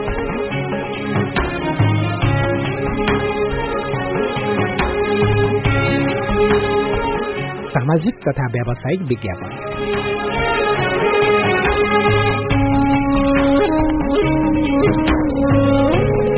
अमेरिकामा विद्यार्थी भइरहेका बेला पनि एमन बेला बखत नेपाल आइरहन्थे। एकपटक नेपाल आएका बेला उनले के हो ड्याडी? नेपालमा लोकप्रिय कलाकार नै छैनन् कि क्या हो? भनेर प्रश्न गरी। मैले किन? भनेर सोद्धा उनले भने। यहाँ जति पनि अखबारहरूमा छापिएका विज्ञापनमा सार्वजनिक स्थानमा ठडाइएका होर्डिङ बोर्डहरूमा पोस्टरहरूमा खाली अमिताभ बच्चन ऐश्वर्या राय शाहरुख खानहरू मात्र देखिन्छ नेपाली कलाकारका तस्विर त कतै देखिन्नन्। उनका कुरा सुनेर मेरो मनमा हो नि त भन्ने भइरह्यो हामीले टेलिफिल्म टेलिविज्ञापन रेडियो र रंगमञ्चका अनेक कार्यक्रमलाई शिक्षामूलक र सन्देशमूलक रूपमा मात्र प्रस्तुत गर्दै आइरह्यौं। यस्तै सामाजिक सन्देश फैलाउने काममा मात्रै निर्माण दर्शकले पनि हामीलाई यसरी नै स्वीकार गरे। एमनले भने जस्तै नेपाली विज्ञापन बजारमा भारतीय कलाकारको दबदबा थियो। नेपाली उत्पादनका विज्ञापनमा पनि कलाकारको उपस्थिति सुन्ने जस्तै थियो। कैयौं शिक्षामूलक एवं सन्देशमूलक टेलिविज्ञापन हामीले कुनै पारिश्रमिक नलिई पनि खेल्थ्यौं। तर व्यापारिक उत्पादनसँग सम्बन्धित विज्ञापन भने जति नै धेरै पैसा दिन्छु भन्दा पनि खेल्दैनथ्यौं। यस्ता व्यापारिक प्रवर्धनात्मक विज्ञापनमा खेल्ने मन हामीले कहिले गरेनौं। सामाजिक उत्तरदायित्व भएको कलाकारका रूपमा हामीले हाम्रो छवि स्थापित गर्दै आएका थियौं। र यसैलाई मात्र निरन्तरता दिनुपर्छ भन्ने बुझाइ हरि र मेरो थियो। एकपल्ट विज्ञापन एजेन्सी संचालक विशाल ढकाल अम्बे स्टीलको विज्ञापनका निम्ति खेलिदिनु पर्यो भन्ने प्रस्ताव लिएर आए। हामीले उनलाई व्यापारिक विज्ञापनमा जति पैसा दिए पनि खेल्दैनौ तर शिक्षामूलक र सन्देशमूलक हो भने विषय हेरेर पैसै नलिई पनि खेल्न तयार छौं भनेर फर्काइदियौं। हाम्रो कुरा सुनेर फर्किएको केही दिनपछि अम्बे स्टीलका मालिक हरिने उपनेलाई नै लिएर विशाल हामीलाई भेट्न आए। त्यति बेला पनि हामीले पुरानै अडान सुनायौं। हरि नेउपानेजीले हामीलाई तपाईँहरूले कमर्सियल विज्ञापन पनि खेल्नुपर्छ। यो खेलेर तपाईँहरूको सामाजिक छविमा कुनै नराम्रो असर पर्दैन भनेर कैयौं पटक कर गरिरहे। तैपनि हामीले उनको प्रस्ताव स्वीकारेनौं। एक दुई दिनपछि जवाब दिउँला भनेर टारिरह्यौं। उनीहरू फर्किएपछि हरि र मैले सल्लाह गर्यौं देशभित्रै उद्योग कल कारखाना र स्वदेशी उत्पादनको वृद्धि नभई देशमा आर्थिक उन्नति हुनै सक्दैन। स्वदेशी उद्योग र उत्पादन बारे जनतालाई जानकारी गराउनुमा नराम्रो मान्नुपर्ने कुरा नै के छ र? यो त राम्रै कुरा हो नि। देशमा उद्योग कल कारखानाको वृद्धि भएमा जनताले रोजगारी पाउँछन् र सरकारले कर। उद्योग धन्दा सप्रियमा पत्र पत्रिका रेडियो टेलिभिजन र कलाकर्मीहरूले राम्रा राम्रा प्रायोजक पाउँछन्। यसमा नराम्रो के छ त? देशको आर्थिक उत्थान हुने काममा सधाउनु राम्रै हुने लागेपछि हामीले व्यापारिक विज्ञापन पनि खेल्ने निर्णय गर्यौं र अम्बे स्टिलको विज्ञापनमा खेल्ने सम्झौतामा हस्ताक्षर गर्यौं। यो विज्ञापनको सुटिङ पनि शुरू नहुँदै तिनै विशाल जिस नेपाल नामक कम्पनीका निम्ति व्यापारिक विज्ञापन खेलिदिन अर्को प्रस्ताव लिएर आए। त्यसलाई पनि हामीले स्वीकार्यौं। अम्बे स्टिलका निम्ति विज्ञापन खेल्ने सम्झौता पहिला भए पनि दिस नेपालका निम्ति हामीले खेलेको विज्ञापन पहिला प्रसारण भयो। जसमा हरिवंश कहिले जोगी कहिले फुटबल खेलाडी कहिले दुलही बनेर टीभीको स्क्रिनमा देखिने। मैले चाहिँ रिमोट थिच्दै विभिन्न च्यानल हेर्दै आहा यो डिस नेपाल त क्या गजबको रहेछ बा भन्दै दङ्ग पर्ने भूमिका निर्वाह गरेको थिए। देशका विभिन्न टेलिभिजन मार्फत यो विज्ञापन बारम्बार प्रसारण भइरहँदा कुनै गतिलो टेलिफिल्ममा अभिनय गरेको भन्दा धेरै प्रतिक्रिया र प्रशंसा सुन्न पायौं। व्यावसायिक विज्ञापनमा हाम्रो उपस्थिति बजार प्रवर्धनको गतिलो माध्यम ठानेर अन्य कैयौं विज्ञापन उत्पादक पनि हाम्रो सम्पर्कमा आउन थाले। यसरी विस्तारै व्यावसायिक विज्ञापनमा हामीलाई खेलाउनेको लहरको नै लाग्न थाल्यो। हामीले सानीमा बैंक मार्बल पाइप रिजालको ब्लो पानी ट्याङ्की जेजे ज्वेलर्स जस्ता कैयौं कम्पनी र उत्पादनका विज्ञापनमा खेल्यौं। कैयौं शुभचिन्तकले हामीलाई व्यावसायिक विज्ञापनमा खेलेर आफ्नो छवि नबिगार्न सुझाव नदिएका पनि होइनन्। तर हामीले स्वदेशी उत्पादनको व्यावसायिक विज्ञापनमा खेलेर बजार प्रवर्धनमा योगदान पुर्यायौं भन्ने लाग्छ। हाम्रो सानो उपस्थितिले विज्ञापन बजारमा भारतीय कलाकारको एकछत्र उपस्थितिलाई थोरै भए पनि कम गर्न मद्दत पुर्यायो भन्ने लाग्छ।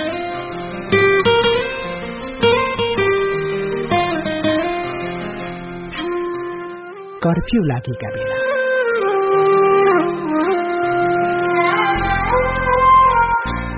दुई हजार बैसठी त्रिसठी सालमा लोकतान्त्रिक गणतन्त्रका लागि फेरि जनआन्दोलन मचियो जनआन्दोलनकै क्रममा एक दिन साहित्यकारहरू पनि जुलुसमा निस्किएका थिए। उक्त जुलुस पुरानो बाणेश्वर चोक पुगेपछि कविता वाचन कार्यक्रममा परिणत भयो। पुतरी सड़क दिल्ली बजार हुँदै पुरानो बाणेश्वर पुगेको जुलुसमा हरि र म पनि सँगै थियौं। त्यहाँ पुगेर विभिन्न साहित्यकारले कविता वाचन शुरू गरे। त्यति नै बेला त्यहाँ तैनात प्रहरीले जुलुसलाई तितर बितर पार्न टियर ग्यास फाल्न शुरू गरे। प्रहरीले साहित्यकार कलाकार र अन्य सहभागीहरूलाई भट्टाभट पक्रिएर प्रहरीको ट्रकमा कोस्न थाले। केही प्रहरी चाहिँ टियर ग्यास हान्दै मान्छे लखेट्न थाले। जुलुसमा सामेल मानिस आफ्नो ज्यान जोगाउँदै तितर बितर भए। हाम्रो कानैबाट गए जस्तो गरी गोली पड्किरहेको आवाज सुनिएको थियो। हरि र म सड़क छेउको भित्तामा टाँसिँदै र दगुर्दै गुरूकुल पस्ने गल्लीभित्र छिर्यौं। हामी लुकेर बसिरहेको केही छिनपछि एकलुप प्रहरी त्यही गल्लीकै छेउबाट आएको आवाज हामीले सुन्यौं। गल्लीको पर्खालले प्रहरी र हामीलाई छुट्याएको थियो। पर्खाल अग्लो भएका कारण प्रहरीले हामीलाई देखेका थिएन। तर त्यही गल्लीकै एक घरको दुई तला माथिको झ्यालमा बसेर हेरिरहेका केही मानिसले प्रहरीलाई पनि देखिरहेका थिए हामीलाई पनि। झ्यालबाट हामीलाई हेरिरहेका मान्छेको आँखाको इसारा अनुसार कता जानुपर्छ भन्ने अन्दाज गर्न हामी सनाको भएर बसिरहेका थियौं। केही छिनपछि प्रहरी त्यहाँबाट फर्किए। झ्यालबाट हेरिरहेकाहरूले हामीलाई सुरक्षित स्थानतर्फ जान इसारा गरे। त्यसपछि हामी फटाफट त्यहाँबाट घरतिर लम्कियौं।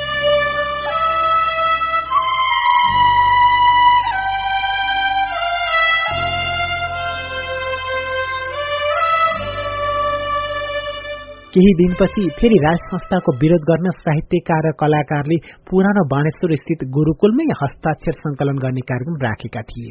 हस्ताक्षर गर्न म धोबीधारा स्थित घरबाट गुरूकुलतिर हिँड्दै गरेको थिएँ। मैतीदेवी चोकनेर पुगेपछि एकजना पैदल यात्रीले दस मिनट पछि नै कर्फ्यू लाग्दैछ भन्ने खबर सुनाए दस मिनटमा घर फर्किन नभ्याउने भएपछि म छिटो छिटो दगुर्दै गुरूकुलमै पुगेँ र हस्ताक्षर पनि गरे। केही मिनटमै कर्फ्यू शुरू भइहाल्यो। लगत्तै बेसकन पानी पनि पर्यो। करिब आधा घण्टापछि पानी त रोकियो तर कर्फ्यू भने रोकिएको थिएन। कर्फ्यू हुँदाहुँदै बडो सतर्क हुँदै पन्ध्र मिनट दूरीको बाटोलाई दुई घण्टा लगाएर बल्ल तल्ल घर पुगे। एक दिन म र हरि कान्तिपुर पब्लिकेशनका प्रबन्ध निर्देशक कैलाश सिरोहिया र कान्तिपुर टेलिभिजनका प्रमुख कार्यकारी निर्माता भूषण दाहाल सहित अरू केही चार पाँचजना तिनकुने स्थित कान्तिपुर पब्लिकेशनकै कम्पाउन्डमा उभिएर कुरा गरिरहेका थियौं। जनआन्दोलनलाई समर्थन गरेकै कारण सरकारमा बस्नेहरूले कान्तिपुरलाई आठौं दलको संज्ञा दिइरहेका थिए। त्यति बेला केही गरी आन्दोलन सफल भएन भने कान्तिपुर पब्लिकेशनका कार्यालय भवन समेत सरकारले जफत गरिदिने हो कि भन्ने त्रासपूर्ण वातावरण बनिरहेको थियो। यस्तै चिन्ता र छटपटीले हामी सबैको मन तोलबुल तोलबुल भइरहेको थियो। अनायासै कैलाश सिरोहियाले के हुन्छ त मदन कृष्ण दाई? यो आन्दोलन सफल हुन्छ कि हुँदैन होला भनेर सोधी। मैले मन बलियो पारेर निर्धक्क भए जसरी भने अवश्य सफल हुन्छ। मेरो कुरा सुन्ने बित्तिकै कैलाशले तपाईँको वचन सत्य होस् भनेर हातले जमिन छोएर ढोगे अनि मैले पनि उनले जस्तै गरी जमिन छोएर आफ्नो हात ढोगेको थिएँ। त्यस्तो दिन पनि भोगियो हजुर हामी कार्यक्रम कृति बगलको आजको भागको यानि कि उन्नाइसौं भागको अन्त्यमा छौं। धौलागिरी एफएम अन्ठानब्बे दशमलव छ मेगाज बागलुङबाट उत्पादन भई धौलागिरी एफएम र पञ्चासे एफएम सय दुई दशमलव आठ मेगाज पर्वतबाट हरेक शनिबार बेलुका नौ तिसदेखि दस बजेसम्म एकसाथ प्रसारण भइरहेको कार्यक्रम कृति बगल तपाईँलाई कस्तो लाग्दैछ? प्रतिक्रिया दिन नछुट्नुहोला। तपाईँको साथले नै हामी अगाडि बढ्न उत्साह र हौसला मिल्नेछ। आजको भागमा हामीले मदन कृष्ण श्रेष्ठको परिवारकै email address your Madan at the rate Hotmail dot com का बारेमा छोरा छोरीको बिहे र हजुरबा हजुरआमा बन्दाको उत्साह पनि आजको भागमा वाचन गरिएको छ। त्यसै गरी भारतमा चलिरहेको कौन बनेका करोड़पति जस्तै नेपालमा पनि नगद पाँच लाख भन्ने कार्यक्रमको बारेमा पनि चर्चा गरिएको छ। त्यसै गरी सामाजिक र व्यावसायिक विज्ञापनहरूमा पनि मदन कृष्ण र हरिवंशलाई देख्न पाएको र दर्शक श्रोताहरूलाई सुनाउन देखाउन पाएको अनुभव पनि आजको कार्यक्रममा वाचन गरेका छौं। नयाँ संविधान स्थापनाका लागि उहाँहरूले कर्फ्यू लागेका बेला पनि विभिन्न कार्यक्रममा सहभागिता जनाएको कुरा पनि आजको कार्यक्रममा वाचन गरिरहेका छौं। अब यसभन्दा अगाडिको बाँकी प्रसंग अघिल्लो भागमा सुन्न पाउनुहुनेछ।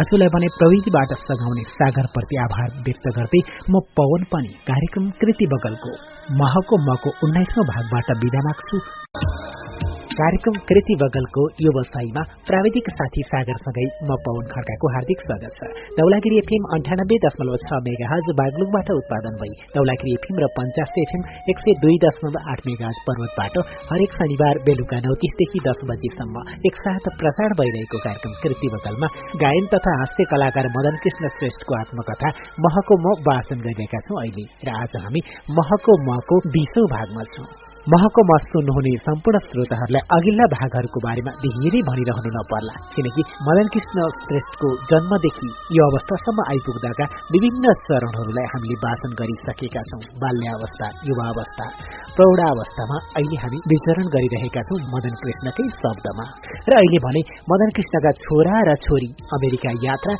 र मदन कृष्णका छोरा एमनले आमा यशोदा बिरामी हुँदा अमेरिका नै त्यागेर सपरिवार नेपाल फिर्ता भएका छन् र सौभाग्य पाएका छन् मदन कृष्णले नाति नातिनासँग खुसीसँग खेल्न। आफ्नी प्यारी नातिनी ग्रीष्मालाई फुर्क्याउँदै तिम्रो नाम पनि मेरो पुस्तकमा लेख्छु नि मेरी प्यारी नातिनी होमवर्क गरिरहने मसँग खेल्न रुचाउने स्कुलबाट फर्केपछि अनुशासित हुने भनिएका कुराहरू पनि सुनिसकेका छौं। अब यसभन्दा अगाडि के होला त? हुन्छ त सुरु गरौं। पेज नम्बर दुई सय तीसदेखि अगाडि। Хэрийг хөөж өстө аа даруу.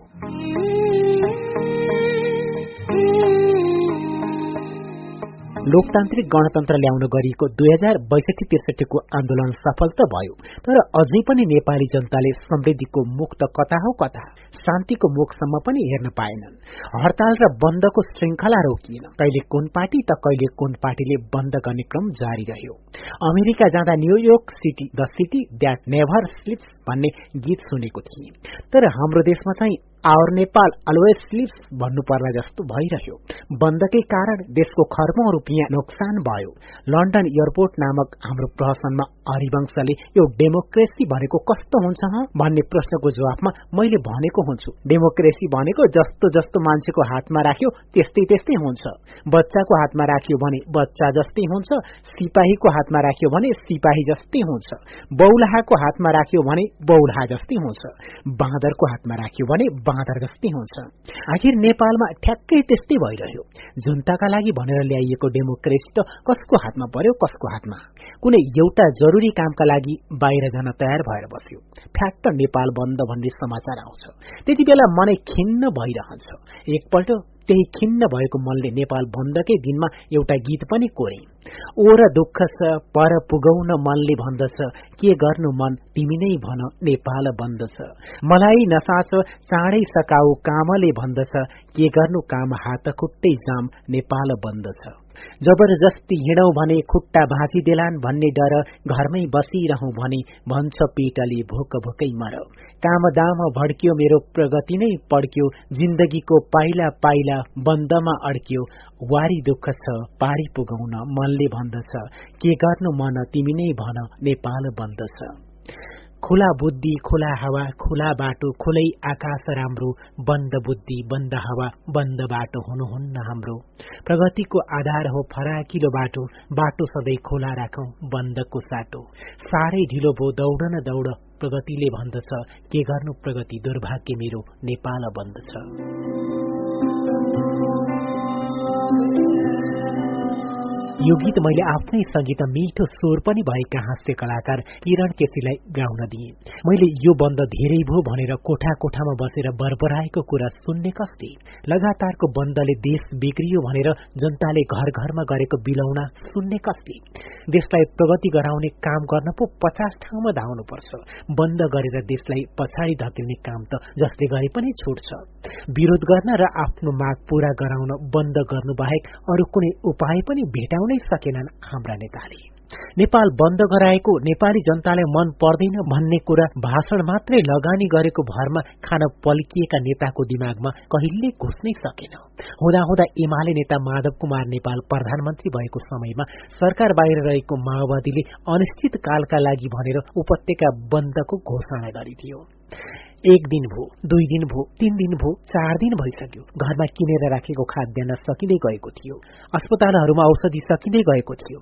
कतिसम्म भने बजारमा बच्चालाई खुवाउने पाउडर दुधको पनि अभाव देखिन शुरू भइसकेको थियो। तर जनताले दुःख पोख्ने कसलाई? दोष दिने कसलाई? आफ्नै भाग्यलाई। आखिर गणतन्त्र त जनता आफैले लडेर ल्याएको हो। यसरी दिनका दिन बन्दै बन्द बन्दै बन्द गरेर नेताहरूले दुःख देलान् भन्ने विचार जनतालाई के थाहा? त्यस्तो थाहा पाएको भए गणतन्त्रका लागि कसैले साथ दिँदैनथ्यो होला। बन्द त एक वर्षसम्म लगातार हुने हो कि जस्तो भइरहेको थियो। दिक्क मानेर घरमै बसिरहेका बेला फोनको घण्टी बज्यो। उद्योगी तथा व्यवसायीहरूको छाता संगठन नेपाल उद्योग वाणिज्य महासंघबाट फोन आएको रहेछ। लगातारको बन्दले छटपटिएका व्यवसायीले केही उपाय निकाल्न सकिन्छ कि भनेर सरसल्लाह गर्न बैठक डाकेका रहेछन्। सड़कमा निजी र सार्वजनिक कुनै सवारी साधन गोडेका थिएन। त्यति बेला मेरो कम्मरको दुखाइका कारण खुट्टा समेत कमजोर भएर टेक्नै गाह्रो भइरहेको थियो। हरिवंशलाई जाउन भनौ भने उनी झन टाढा बुढा नीलकण्ठ स्थित घरमा बस्थे त्यति टाढादेखि हिँडेर आउने झन् कुरै भएन। त्यसपछि म बाटोमा कसैले नचिनुन् भनेर मास्क लगाएर खोच्याउँदै खोच्याउँदै धोबीधारादेखि नेपाल उद्योग वाणिज्य महासंघको कार्यालय टेकुसम्म हिँडेरै पुगे। छलफलमा सबै उद्योगी र विभिन्न पेसागत संगठनका प्रतिनिधि भेला भएका थिए।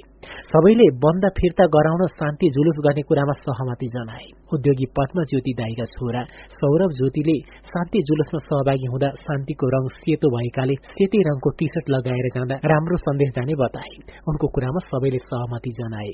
उक्त भेलाले शान्ति जुलुस गर्ने र अन्तिममा बसन्तपुर डबलीमा सभा गर्ने निर्णय गर्यो। त्यस्तो सभामा ककसले बोल्ने भन्ने निर्णय पनि त्यही भयो। रिसाइरहेका कुनै पनि व्यक्ति वा समूहलाई होस पुर्याएर सम्झाउँदा उल्टो आफैमाथि आक्रमण हुने सम्भावना पनि हुन्छ। त्यसैले यस्ता सभामा धेरैजनाले बोल्नु जरुरी पनि थिएन। औषधि व्यवसायी उमेश श्रेष्ठले नेपाल उद्योग वाणिज्य महासंघको अध्यक्षका हैसियतले कुश कुमार जोशी एकजनाले बोल्नै पर्छ। नेपाल बार एसोसिएसन अध्यक्षका हैसियतले प्रेम बहादुर खड्का र सबै जनताका तर्फबाट मदनदाई हरिवंशले बोले पुगिहाल्छ नि भनेर सुझाव दिए। उनको प्रस्तावमा सबैले सहमति जनाए। अनिश्चितकालीन नेपाल बन्दको छैठौं दिन बसन्तपुरमा बिहानैदेखि विभिन्न पेसागत संगठनका प्रतिनिधि र बन्द विरोधी हजारौं सर्वसाधारण उपस्थित भए। मलाई प्रष्ट सम्झना छ उक्त मञ्चबाट मैले ठूलो आवाजमा शान्ति चाहनेहरूले एकपल्ट हात उठाउनुहोस् त। नेपाल बन्द गर्नुहुन्न भन्न चाहनेहरूले एकपल्ट हात उठाउनुहोस् त। भन्दा त्यहाँ उपस्थित हजारौं मानिसले एकैचोटि हात उठाएका थिए। मञ्चबाट त्यसरी एकैचोटि उठेका हजारौं हात देख्दा यति राम्रो लाग्यो कि ती पाँचौंलाई फैलिएका हत्केलाहरू यति सुन्दर देखिए कि त्यसलाई हेरिरहँ जस्तो लाग्यो। भगवानले बनाएको हत्केलाको डिजाइन यति राम्रो छ भनेर मैले कहिल्यै याद गरेको थिइनँ। एकपल्ट चन्द्रमामा पुगेकी एक महिला अन्तरिक्ष यात्रीसँग लिएको अन्तर्वार्तामा तपाईँलाई चन्द्रमामा पुग्दा कस्तो लाग्यो भन्ने प्रश्नको जवाफमा उनले भनेकी थिइन्। चन्द्रमाबाट ठूलो आकारको पृथ्वी देख्दा यति सुन्दर लाग्यो कि पृथ्वी त जति हेरे पनि नपुग्ने हेरिरहँ जस्तो लाग्यो। मलाई पनि त्यसरी नै त्यो मञ्चबाट हजारौंले एकैपल्ट एकैसाथ उठाएका हात हेरिरहँ जस्तो लागिरहेको थियो। बसन्तपुर मञ्चबाट हामीले माओवादी पार्टीलाई यो बन्द तुरन्त फिर्ता लिनुहोला। अहिलेसम्म जनताले धैर्य गरेर बसिरहेका छन्। सबै घर घरमा बेहाल भइसक्यो। यदि त्यो धैर्यको बाँध फुट्यो भने घर घरबाट जनता सड़कमा ओर्लिन सक्छन्। त्यसरी सबै घर घरबाट ओर्लिए भने ककसले ककसलाई काट्छन् कसले कसलाई मार्छ भन्न सकिँदैन भनेका थियौं। बन्द लम्बिँदै गएको भए त्यस्तो दिन देख्नु नपर्ला भन्न सकिँदैन थियो। भनिन्छ अति गर्नु अति साह्रो नगर्नु।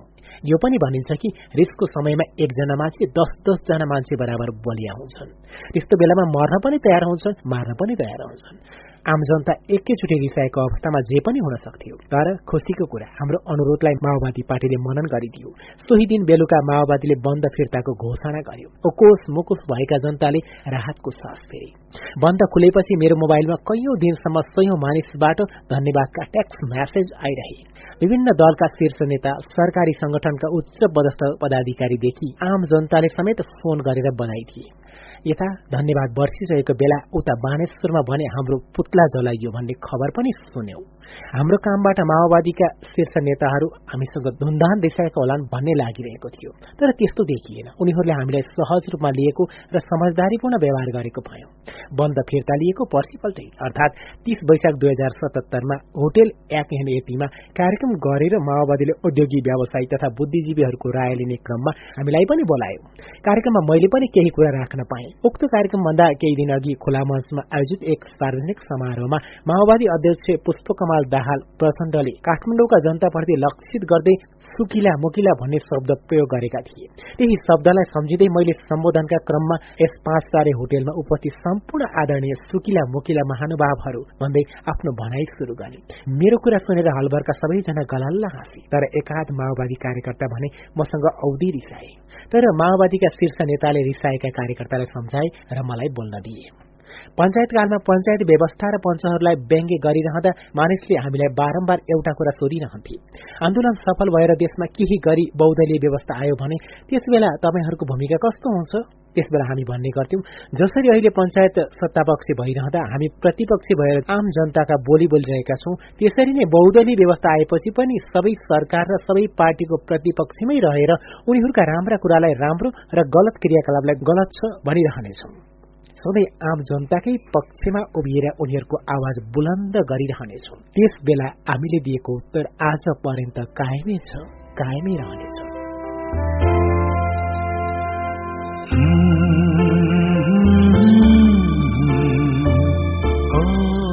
तिमीले भन्दा माया गर्छौ हामीले मधेसलाई।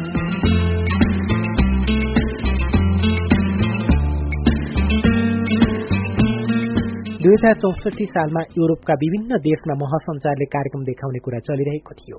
त्यति नै बेला संविधान सभा चुनावको घोषणा भयो। हामीलाई लाग्यो इतिहासमा बिरलै हुने संविधान सभाको चुनावलाई जसरी भए पनि सफल पारेरै छाड्नुपर्छ यस्तो अवस्थामा हामी विदेश विदेश कतै पनि जानु ठिक छैन। संविधान सभाको चुनाव बारे प्रचार प्रसार गरेर जनतालाई चुनावका लागि तयार गर्नेतिर लाग्नुपर्छ भन्ने निष्कर्षमा पुगेर हामीले युरोपका विभिन्न शहरमा हुने भनिएका सबै कार्यक्रम रद्द गर्यौं त्यसपछि निर्वाचन आयोगले हामीलाई बोलाएको होइन कि हामी निर्वाचन आयोगमा पुग्यौं। प्रमुख निर्वाचन आयुक्त नीलकण्ठ उप्रेतीलाई भेटेर यो संविधान सभाको चुनाव सफल पार्नुपर्छ। त्यसका लागि हामीले के गर्नुपर्छ भनेर सोध्यौं। हाम्रो कुरा सुनेर उनले खुसी हुँदै भने ओहो निर्वाचन आयोगले पानी खान कुवा धाइरहनु परेको अवस्थामा तपाईँहरू आफै आएर सरोकार राखिदिँदा हामीलाई कुवा होइन समुद्रै आइदिए जस्तो हो। उनले समानुपातिक र प्रत्यक्ष मतदानका विषयमा धेरैजसो सर्वसाधारणले कुरा नबुझिरहेको बताउँदै भने लौ ठिक छ। सबैभन्दा पहिले तपाईँहरूले यही कुरालाई टेलिभिजनहरू मार्फत जनतालाई छ्याङ्ग हुने गरी बुझाइदिनुहोस्। उनकै आग्रहपछि हामीले त्यस विषयलाई नेपाली नेवारी तामाङ मैथली भोजपुरी अवधि लगायतका भाषाबाट एक मिनटको टेली सन्देश तयार गरी प्रचार प्रसार गर्न थाल्यौं। त्यसबेला हामीले महसञ्चार मार्फत आमा नामक टेली चलचित्र निर्माण गरेर त्यस मार्फत पनि संविधान सभा निर्वाचनबारे आम जनतालाई बुझाउने प्रयत्न गर्यौं। सबै नेपालीको प्रयासबाट ऐतिहासिक भनिएको संविधान सभाको निर्वाचन पनि सफल भयो। दुई वर्षभित्र संविधान तयार हुन भनिएको हुनाले त्यो अवधिमा देश बाहिर गएर गर्ने सबै कार्यक्रम हामीले स्थगित गरेका थियौं। तर संविधान दुई वर्ष त के चार वर्षसम्म पनि बनेन। चौथो वर्षमा तत्कालीन एकीकृत नेकपा माओवादी नेतृत्वको बाबुराम भट्टराईको सरकारले संविधान सभा नै भंग गरेर अर्को चुनाव घोषणा गरिदियो दोस्रो संविधान सभाको निर्वाचनको पनि अर्को चार वर्षपछि अर्थात पहिलो संविधान सभा निर्वाचन भएको आठ वर्षपछि बल्ल तल्ल संविधान बन्यो। दुई हजार बहत्तर सालमा संविधान घोषणाको दिन सरकारले बानेश्वर स्थित संविधान सभा भवनमा हामीलाई पनि निम्तो दिएको थियो। उक्त भव्य समारोहमा राष्ट्रपति रामवरण यादवले लोकतान्त्रिक भावना अनुसार बहुमतले पारित गरेको संविधानलाई श्रद्धा र सम्मानपूर्वक सिटले ढोगेर नयाँ संविधानको घोषणा गरे।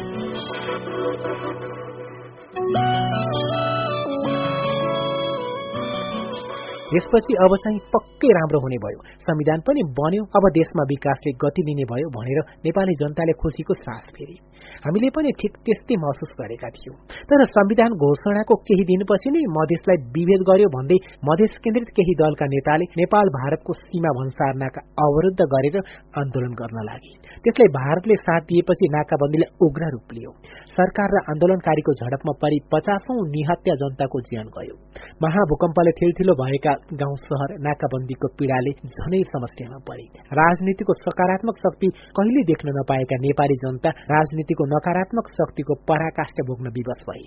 माओवादीले अनिश्चितकालीन नेपाल बन्द गर्दा बसन्तपुर डबलीमा गएर उफ्रिने हामी भारतले साथ दिएको र मधेसवादी दलले गरेको नाकाबन्दी विरूद्ध केही नबोली मौन रह्यौं। कारण के भने माओवादीले नेपाल बन्द गर्दा माओवादी कुनै एउटा मात्र जातको एउटा मात्र वर्गको अथवा एउटै मात्र धर्मको पार्टी थिएन। माओवादीमा हिमाल पहाड़ तराई सबै क्षेत्रका सबै जात जातिका नागरिक जोडिएका थिए जसमा कुनै खास जातीय र क्षेत्रीय रूप थिएन। त्यसैले माओवादी पार्टीलाई तिम्रो यो यो काम ठिक भएन भन्न हिचकिचाउनु परेन। तर मधेस आन्दोलनमा केही मधेसवादी दल मात्र सामेल भएर आन्दोलन गरिरहेकाले यस्तो अवस्थामा प्रतिक्रिया जनाउँदा कुनै विशेष समुदायलाई मात्र भने जस्तो पर्न सक्ने हुनाले हामीले फ्याट्ट केही बोल्ने वातावरण देखिएन। किनभने मधेस र मधेसी जनतालाई हामी अत्यन्त सम्मान र माया गर्छौं। मधेसी समुदायले पनि आफ्नै सम्झिएर व्यवहार गरेको हामीले पाएका छौं। त्यसैले मधेसले चित्त दुखाउने खालका कुनै पनि क्रियाकलाप हामीबाट हुन जालान् भनेर हामी एकदमै सतर्क भयौं। यसबारे हामी सदा सचेत रहनेछौ नाकाबन्दी झनै चर्किँदै गयो। त्यसै चर्किरहेको मधेस आन्दोलन र नाकाबन्दीबाट देशलाई पार लगाउन सकिन्छ कि भन्ने आशा राखेर म हरिवंश। उद्यमी उपेन्द्र महतो संचारकर्मी विजय कुमार र स्वामी आनन्द अरूण विभिन्न दलका अगुवा नेतालाई भेट्न जाने निष्कर्षमा पुग्यौं। तर यस्तो भेटघाट बारे कुनै प्रचार प्रसार नगर्ने शर्त हामीले बनाएका थियौं। भेटघाटको सिलसिलामा हामीले तत्कालीन तराई मधेस लोकतान्त्रिक पार्टीका अध्यक्ष महन्त ठाकुर संघीय समाजवादी फोरमका अध्यक्ष उपेन्द्र यादव कांग्रेसका सभापति शेरबहादुर देउवा र नेता रामचन्द्र पौडेल माओवादी केन्द्रका अध्यक्ष पुष्पकमल दाहाल प्रचण्ड। तत्कालीन प्रधानमन्त्री केपी शर्मा ओलीका अलावा नेपालका लागि तत्कालीन भारतीय राजदूत रञ्जित रेशमलाई भेट्यौं। तर कसैबाट पनि कुनै समाधान निस्कने लक्षण नै भेटाएनौ। जनताले दिन प्रतिदिन समस्यामाथि समस्या खेपिरहेको अवस्थामा पनि सबै आफ्नै अडानमा अडिक पायौं। नाकाबन्दीको करिब पाँच महिनापछि दक्षिणी छिमेकीलाई गाली होइन धन्यवाद दिएर हरिवंशले एउटा व्यङ्ग्य गीत लेखे। धन्यवाद छिमेकी धन्यवाद छ है छ्याङ्गे ऐन देखाइदियो नाकाबन्दीलाई। धन्यवाद छ छिमेकी धन्यवाद छ है। तिमीले भन्दा माया गर्छौ हामीले मधेसलाई बोलको उक्त गीतमा हामी दुवैले स्वर भरेर युट्युब मार्फत सार्वजनिक गर्यौं त्यसको तीन चार दिनमै नाकाबन्दी पनि खोल्यो। कति नै हामीले गाएको गीत सुनेर भारतीय प्रधानमन्त्री नरेन्द्र मोदीले नाका खोलिदिए जस्तो। अबदेखि नाकाबन्दी हड़ताल समेटिएका दुःखका गीत कहिले गाउनु नपरोस्। राजनीतिक दलहरूको नकारात्मक शक्ति धेरै हेरियो। अब पुग्यो अति भयो। बाँकी जीवनमा सुख र समृद्धिका गीत गाउन पाइयो।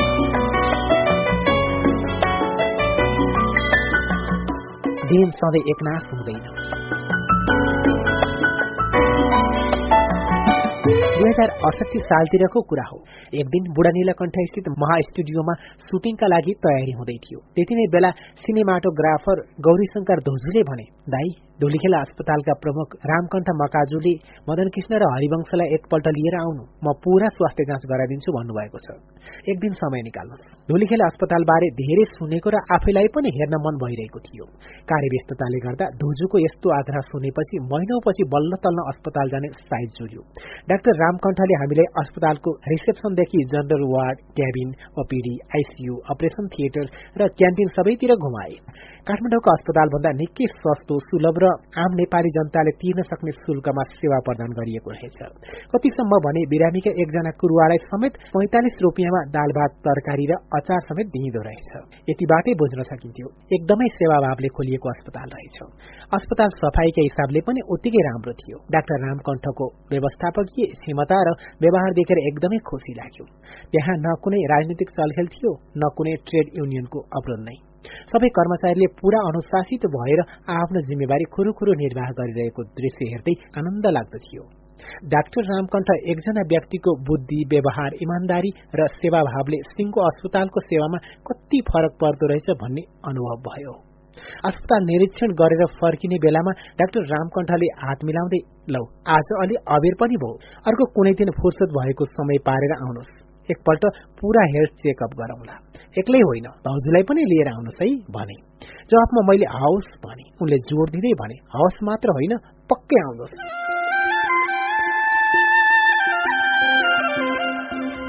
डाक्टर रामकण्ठले अस्पताल आउँदा भाउजू समेत ल्याउनु है भनेको डेढ दुई महिना बितिसकेको थियो।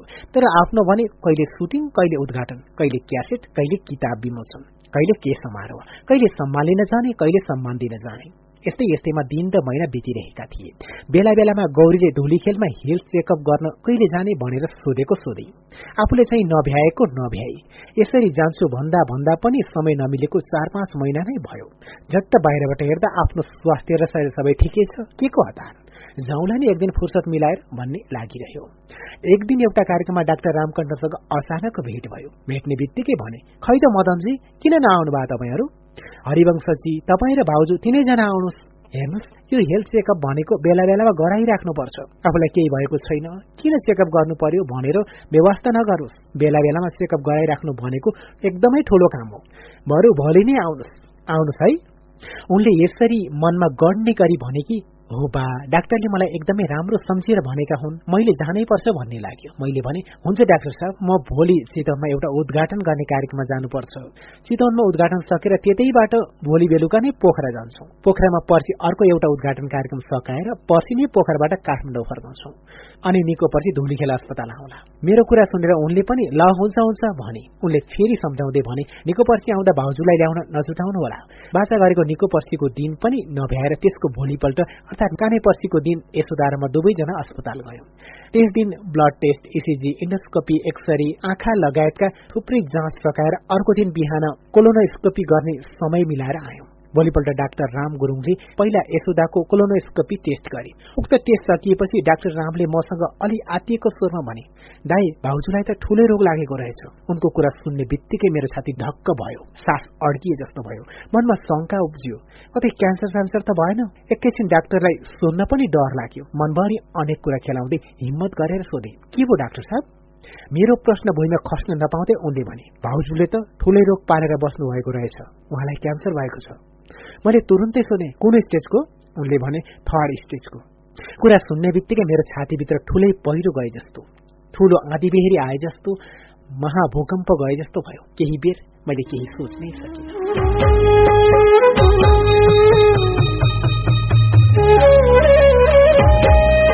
यशोदापछि कोलोनोस्कोपी गर्ने पालो मेरो थियो। तर मेरो कोलोनोस्कोपी गर्ने कि नगर्ने के गर्ने के नगर्ने मस्तिष्कले निर्णय गर्न सकेको थिएन। तुरुन्तै सोचे एकपटक मेरो पनि चेक गरेर हेरिहालौ। कतै मलाई पनि त्यस्तै भएको छ कि? डाक्टर राम गुरूङले मलाई बेहोस पारेर कोलोनोस्कोपी गरेर हेरे। केही वर्ष यता मेरो शरीरमा देखिएको पार्किन्सन रोग बाहेक अरू सबै स्वास्थ्य अवस्था ठिकै रहेछ। त्यस लगत्तै अस्पतालको माथिल्लो तलामा रहेका डाक्टर रामकण्ठलाई भेट्न गयो। मेरो अवस्था देखेर मलाई सम्झाउँदै उनले भने केही चिन्ता लिन पर्दैन मदनजी हामी छँदैछौँ नि। मै अपरेसन गरिदिन्छु। अब एकपल्ट सिटी स्क्यान पनि गरेर हेरौँ। म रेडियोलोजिस्ट डाक्टर रामकुमार घिमिरेलाई फोन गरेर तपाईँ आउँदै हुनुहुन्छ भनेर भनिदिन्छु।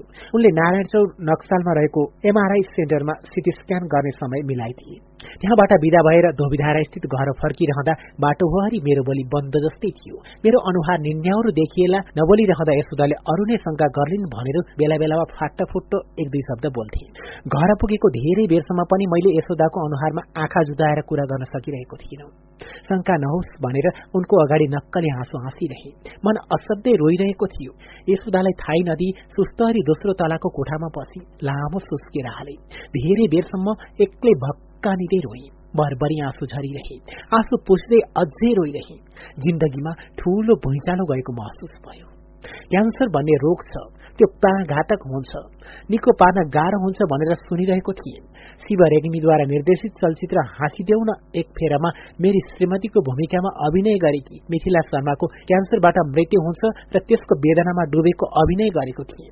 तर चलचित्रमा साँच्चीकै आफूलाई नै दुःख परेको महसुस गरेर अभिनय गर्दै रुनु त्यसै गरी अरूको दुःखमा आफू पनि दुखी भएर रुनु र आफ्नै जिन्दगीमा साँच्चीकै वज्रपात परेको छटपटीमा रुनुमा आकाश जमिनको अन्तर हुँदो रहेछ। अस्पतालबाट फर्किएको पहिलो रात ठूलो छटपटीका साथ बिताए। अरू बेला कुनै दुःख पर्दा या कुनै साह्रो गाह्रो हुँदा यशोदालाई नै दुःख बोकेर मन हल्का पार्थे। तर सबै पीर एक्लैले बोकेर त्यो रात कटाउनु पर्यो राति धेरैपल्ट बिउसी धेरैपल्ट रोई। म रहेको थाहा पाउलिन् रोईको आवाज सुन्लिन् भनेर आँसु पुज्दै टोयलेट जान लागे जस्तो गरी बिस्तारै कोठाबाट निस्केर अर्को कोठामा बसेर रोए। धेरै बेर कोठा बाहिर बस्दा उनले थाहा पाउलिन् भनेर फेरि बिस्तारै कोठामा सुत्न गए। यसरी नै छटपटीमा सिङ्गो रात बिते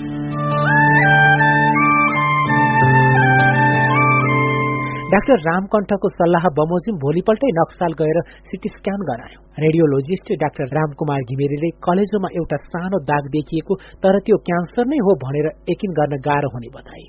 उनले शरीरका अन्य भागमा पनि यस्तै दाग छ कि भनेर हेर्नका लागि पेट स्क्यान नै गरेर हेर्नुपर्ने बताए। तर पेट स्क्यान गर्ने त्यस्तो मेसिन नेपालमा नरहेको पनि उनले जानकारी दिए। भोलिपल्ट होटल शंकरमा आयोजित एउटा समारोहमा डाक्टर रामकण्ठसँग भेट भयो। मैले कलेजमा देखिएको दागबारे उनलाई बताए। मेरो पीर र छटपटी देखेर उनले सम्झाउँदै भने पेट नगर्नुहोस् मदनजी। हामी छँदैछौ नि। त्यस्तो लिभरमा देखेको स्क्रैच के रहेछ म बुझ्छु। सिटी स्क्यानको प्लेट र रिपोर्ट म आफै लिएर धुलीखेल जान्छु। तपाईँ र भाउजू भोलि एकपल्ट धुलीखेल आउनुहोस् अनि उही सल्लाह गरौँला उनको कुरा सुनेपछि मैले भने उसो भए म एक्लै आउँछु। उनले एक्लै होइन यशोदा भाउजूलाई पनि लिएर आउनुहोस् भने। मैले सोधेँ दुवैजना आउँदा यशोदाको अगाडि फेरि कुरा गर्न अप्ठ्यारो पर्छ कि? उनले त्यसो होइन भाउजूलाई थाहा दिनुपर्छ। म मिलाएर सम्झाइ बुझाइ गरेर बिस्तारै भन्छु भने। उनका कुरा जति जति सुन्दै गए त्यति त्यति म शिथिल हुँदै गएको महसुस गर्दै थिएँ। मेरो त्यस्तो अवस्था देखेर उनले किन पिर गर्नुभयो तपाईँले? सबै ठिक हुन्छ भनेर सम्झाए। दोस्रो रात पनि मलाई निद्रा लागेन। नलागे पनि निद्रा लागे जस्तो गरी आँखा चिम्लिएर पल्टिरहे। मनमा अनेकौं कुरा खेलिरहेका थिए। मन्दिरका देवी देवता भनाउँदा सबैको अनुहार पनि सम्झिए। कालीप्रसाद रिजालले लेखेको सबको भगवान छ। भगवानले हेर्छन् भन्थ्यौ। तिम्रो भगवानले हेरेको पनि देखियो। भन्ने गीतको पंक्ति पनि सम्झिए। ती पंक्ति मैले नै भनिरहे जस्तो लागिरह्यो। जिन्दगी भरि अरूको चित्त नदुखोस् भनेर बरु आफ्नै चित्त दुखाएर अरूको खुसीमा रमाएर बसे। आफू कुल्चिएर रमाउन खोज्नेहरूलाई कुल्चिन दिएर बसे। हिंसामा होइन अहिंसामा विश्वास गरे। आफूलाई दुर्व्यवहार गर्नेहरूसँग बदला लिँदा दुई चार दिनभित्र आनन्द मिल्छ। तर तिनीहरूलाई क्षमा दिँदा जिन्दगीभर सुख मिल्छ भन्ने कुरालाई मनन गरेर आफूमाथि दुर्व्यवहार गर्नेहरूलाई क्षमा दिएर रमाए। कसैलाई रुवाई सारा जीवन नै अरूलाई हँसाएर खुसी बनाउनमा बिताए। के यी सबै गल्ती थिए? खै त भगवान? खै त भगवानको न्याय निसाफ पाप र पुण्यका सारा अर्थ असन्दर्भिक लागिरहेका थिए। रातभरि दुखेको चित्तले आफैलाई यस्तै यस्तै अनुत्तरित प्रश्न सोधिरहे। यसरी नै त्यो रात पनि बित्यो। भोलिपल्ट यशोदा म र बहिनी साधना फेरि धुलीखेल अस्पताल गयौं।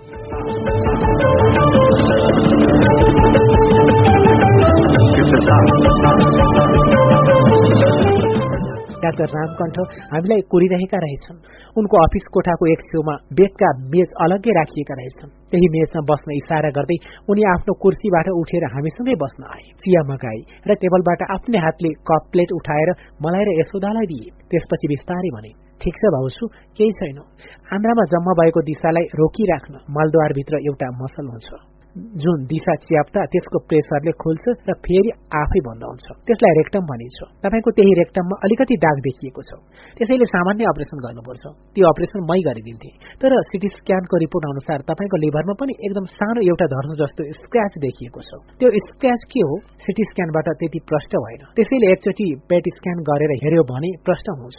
त्यो के हो? प्रष्ट नभइकन अपरेसन गर्न मिल्दैन। प्रष्ट भएपछि जुनसुकै सर्जनले अपरेसन गर्दा पनि हुन्छ। त्यतिन्जेल यशोदा आफ्नो मन धुकधुक पार्दै डाक्टरका कुरा ध्यानपूर्वक सुनिरहेकी थिइन् म चाहिँ डाक्टरले यशोदालाई तपाईँलाई क्यान्सर भएको छ भनेर कसरी भन्ने होलान् भनेर छाती गरौँ पारेर सुनिरहेको थिएँ उनले भन्दै गए भाउजूले केही चिन्ता लिनु पर्दैन पेट स्क्यान गरेर लिभरको दाग के हो भनेर पत्ता लगाइसकेपछि सानो एउटा अपरेसन गर्ने हो त्यो जहाँ गरे नि भइहाल्छ पेट स्क्यान गर्ने मेसिन नेपालमा छैन त्यसका लागि कहाँ जाने सोच्नु होला दिल्ली बैङ्कक जर्मनी जहाँ गए पनि हुन्छ सबै ठाउँमा राम्रो टिम छ तपाईँहरूलाई एयरपोर्टमै लिन आउँछन् होटेल बस्न उनीहरूले नै बन्दोबस्त गरिदिन्छन् र हस्पिटलमा पनि डाक्टर भेटाइदिने जचाइदिने सबै हेल्प गरिदिन्छन्। कहाँ जान चाहनुहुन्छ ल भन्नुहोस्। उनको कुरा सुनेर मैले भने डाक्टर साहबले जहाँ जाऊ भन्नुहुन्छ त्यहीँ जान्छौँ। भन्नुहोस् कहाँ जाउँ मेरो कुरा सुनेपछि उनले एकछिन सोचेर बैङ्कै जाने सल्लाह दिए। भने त्यहाँका मेसिन पनि राम्रा राम्रा छन्। तपाईँहरूलाई म सजिलो बनाइदिन्छु। बैङ्ककको श्रीराज हस्पिटलका प्राध्यापक डाक्टर पाचुरी बेला बेलामा ट्रेनिङ दिन यहाँ धुलीखेल हस्पिटलमा आइरहनुहुन्छ। म उहाँलाई फोन गरिदिन्छु। उहाँले सबै हेल्प गरिदिनुहुन्छ है भाउजू। यशोदा डाक्टरको कुरा ध्यानपूर्वक सुन्दै थिइन्। डाक्टरले बिस्तारै प्रसङ्ग जोड्दै भने भाउजूले केही चिन्ता लिनु पर्दैन। त्यो अपरेसन गर्नु अघि हल्का किमोथेरापी पनि अलिकति दिन्छन्। किमोथेरापी भन्ने शब्द सुन्ने बित्तिकै यसोदा खङ्ग्याङ खोङ्रुङ भइहाले। उनले छिटो छिटो सास तान्न थाले त्यसलाई नियन्त्रण गर्दै लामो सुस्केर हालिन् र मेरा आँखामा पोलुक्क हेरिन्। दिनहु पत्र पत्रिका पढ्ने हुनाले उनलाई अनेक विषयमा धेरथोर ज्ञान हुनु स्वाभाविकै थियो। त्यसमाथि किम भन्ने शब्द सुनेपछि क्यान्सर भनिरहन जरुरी नै रहेन। त्यसपछि मैले यशोदालाई एक हातले अङ्गालो हालिरहेँ। मनमा जति जलन भए पनि मुखले ठिक हुन्छ यशोदा डाक्टर साहबले यो निको हुने खालको क्यान्सर भन्नुभएको छ भनेर बनावटी मुस्कान बनाएर सम्झाइरहे। तर त्यति बेलाको मेरो मुस्कान मुस्कान होइन केवल अभिनय हो भनेर उनले बुझिरहेकी थिए। कलाकार भएर अभिनय गर्दा बरु दर्शकलाई अभिनय नगरेको चाहिँ पार्न सकिन्छ र रुवाउन पनि सकिन्छ तर वास्तविक जीवनमा अभिनय गर्न धेरै गाह्रो हुँदो रहेछ। आखिर चार दशक एउटै बाटो हिँडेकी जीवन साथी नपरिन् उनले मलाई बुझिरहेकी थिए मैले उनलाई बुझिरहेको थिएँ एकले अर्कालाई पढ्न कुनै गाह्रो थिएन। उनले मलाई पढिरहेकी थिइन् मैले उनलाई पढिरहेको थिएँ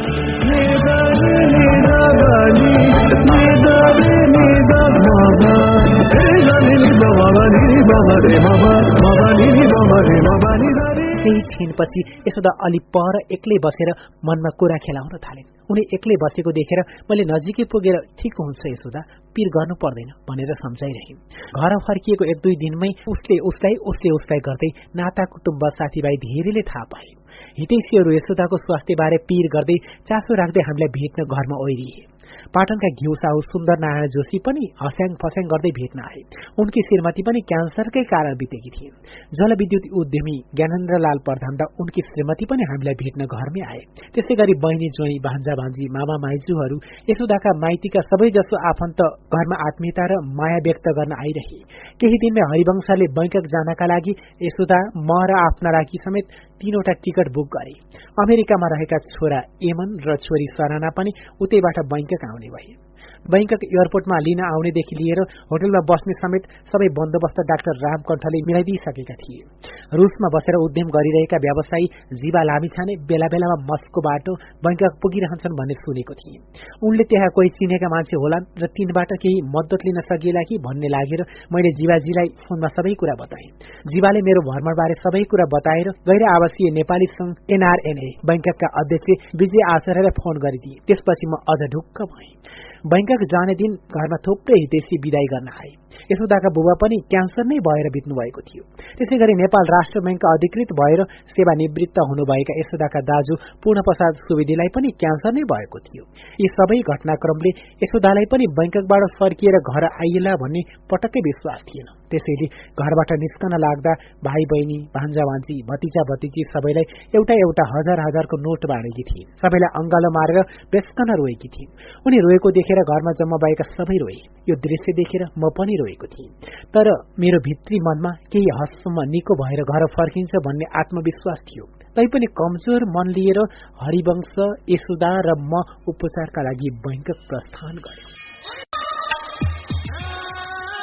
कार्यक्रम कृति बकलको यो श्रृङ्खलामा प्राविधिक साथी सागरसँगै म पवन खड्काको हार्दिक स्वागत छ।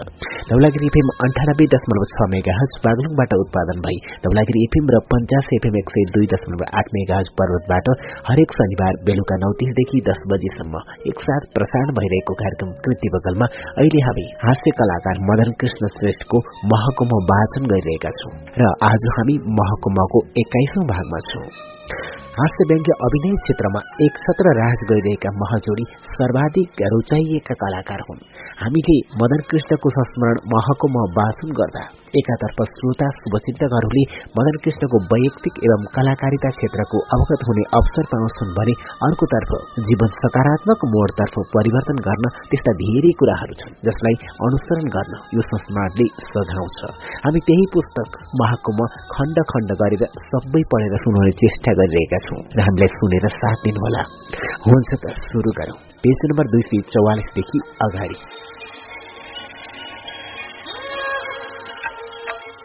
सम्पत्ति बेच अस्पताल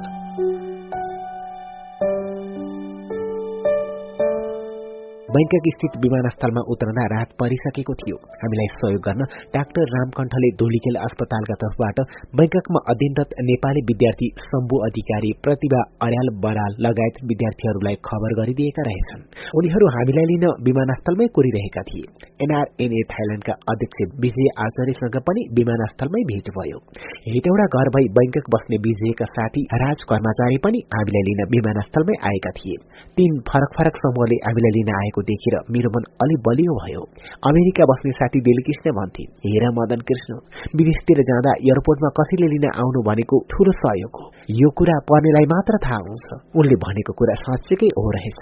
कार्यक्रम देखाउन विदेश जाँदा पो त आयोजक साथी खाजा फूलमाला लिएर आउँथे। तर व्यक्तिगत काममा जाँदा कसले थाहा पाउनु र को लिन आउनु?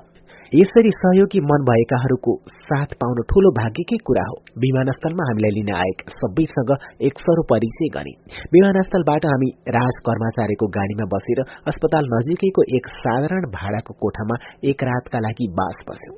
भोलिपल्ट हामीलाई विमानस्थल लिन आउने तीनै विद्यार्थीहरू बसिरहेको होस्टेलमा कोठा भाडामा लिएर बसाइ सर्यौं राज कर्मचारी र विद्यार्थीहरूले हामीलाई श्रीराज अस्पताल पुर्याए डाक्टर रामकण्ठले थाई महिला डाक्टर पाचुरीसँग हाम्रो बारेमा कुरा गरिसकेका थिए। अस्पताल गएर सोझै डाक्टर पाचुरीसँग भेट गर्यौं। उनीले उक्त अस्पतालमा नामी सर्जन डाक्टर बिटुनसँग भेटाइदिइन् हामी डाक्टरसँग कुरा गरिरहेका बेला एमन्त सराना पनि बैंकक विमानस्थलबाट सोझी अस्पतालको कोठामै आइपुगे। अमेरिकामा संघर्ष गर्दै बसिरहेका बिचारा बच्चाहरू आफ्नै आमालाई ठूलो रोग लागेका कारण त्यति टाढाबाट अत्तालिँदै आएको देखेर मलाई दुःख लाग्यो। उनीहरूले पीर लिएको देखेर माया पनि लाग्यो। त्यसो त अस्पतालमा म एक्लै थिइनँ हरिवंश पनि साथमै थिए। तर पनि विदेशी भूमिमा दुःखको बेला छोराछोरीको साथ पाउँदा पारिवारिक बल बढेको महसुस भयो। सर्जन डाक्टर बैटुलले काठमाडौँबाट लगेका सबै स्वास्थ्य जाँचका रिपोर्ट हेरेर थप चेकअप र टेस्ट गराए श्रीराज सरकारी अस्पताल भएका कारण बिरामीको भीड़ निकै ठूलो थियो अस्पतालमा पाइला टेक्ने ठाउँसम्म थिएन बिरामीले बिरामीलाई धकेला धकेल गर्दै हिँडिरहेको देखिन्थ्यो उक्त अस्पतालमा पेड स्क्यान गर्न पनि दुई तीन दिनको पालो पर्खिनुपर्ने देखियो त्यसैले अन्य कुनै निजी अस्पतालमा पेट स्क्यान गर्न जाने सल्लाह गर्यौं रेक्टमको अपरेशन मात्र सरकारी श्रीराज अस्पतालमै गर्ने र अन्य बाँकी पेट स्क्यान रेडिएसन थेरापी किमोथेरापी लगायत उपचार भने श्रीराज अस्पतालले नै सञ्चालन गरिरहेको निजी अस्पतालमा गर्ने सल्लाह गरे। सरकारी अस्पतालमा बिरामीको भीड़ थियो र पालो पर्खिनु पर्थ्यो भने निजीमा भने पुग्ने बित्तिकै उपचार हुन्थ्यो। तर शुल्कका हिसाबले सरकारी भन्दा निजी तीन चार गुणाले महँगो थियो। उक्त अस्पताल संरचनाका हिसाबले भव्य मात्रै थिएन। त्यसको भित्री बनोट पनि अत्यन्त आकर्षक थियो। निजी अस्पतालबाट पेट scan CT scan radiation therapy chemotherapy तथा विभिन्न चेकअप गर्दै गइयो र पैसा तिर्दै गयो। छोराछोरी अमेरिकाबाट आइसकेको हुनाले हरिवंश केही दिन बसेर नेपाल फर्किसके सकेका थिए। शुल्क तिर्दा तिर्दै लगेको पैसा सकिएपछि हरिवंशलाई फोन गरेर थप पैसा मगाए।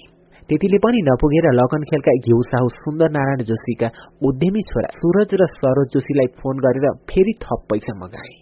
सरकारी अस्पतालमा लाग्ने उपचार खर्चको हिसाब किताब गरेर सोही अनुसार पैसा लिएर गएको हामीलाई निजी अस्पतालमा उपचार गर्नुपर्दा पैसा जति मगाए पनि नपुग्ने भयो। उपचारका क्रममा सबैको ध्यान पैसा भन्दा यशोदाको ज्यान बचाउनेतिर थियो। त्यसैले जति महँगो भए पनि उपचार गर्दै गइयो। बैंककका सबैजसो अस्पतालमा उपचार शुल्क त्यत्तिकै महँगो रहेछ। त्यहाँका नामी अस्पताल मध्येको एउटा अस्पताल समिति भेज अस्पताललाई त नेपालीहरूले समिति भेज होइन सम्पत्ति बेच अस्पताल भनेर नाम दिएका रहेछन्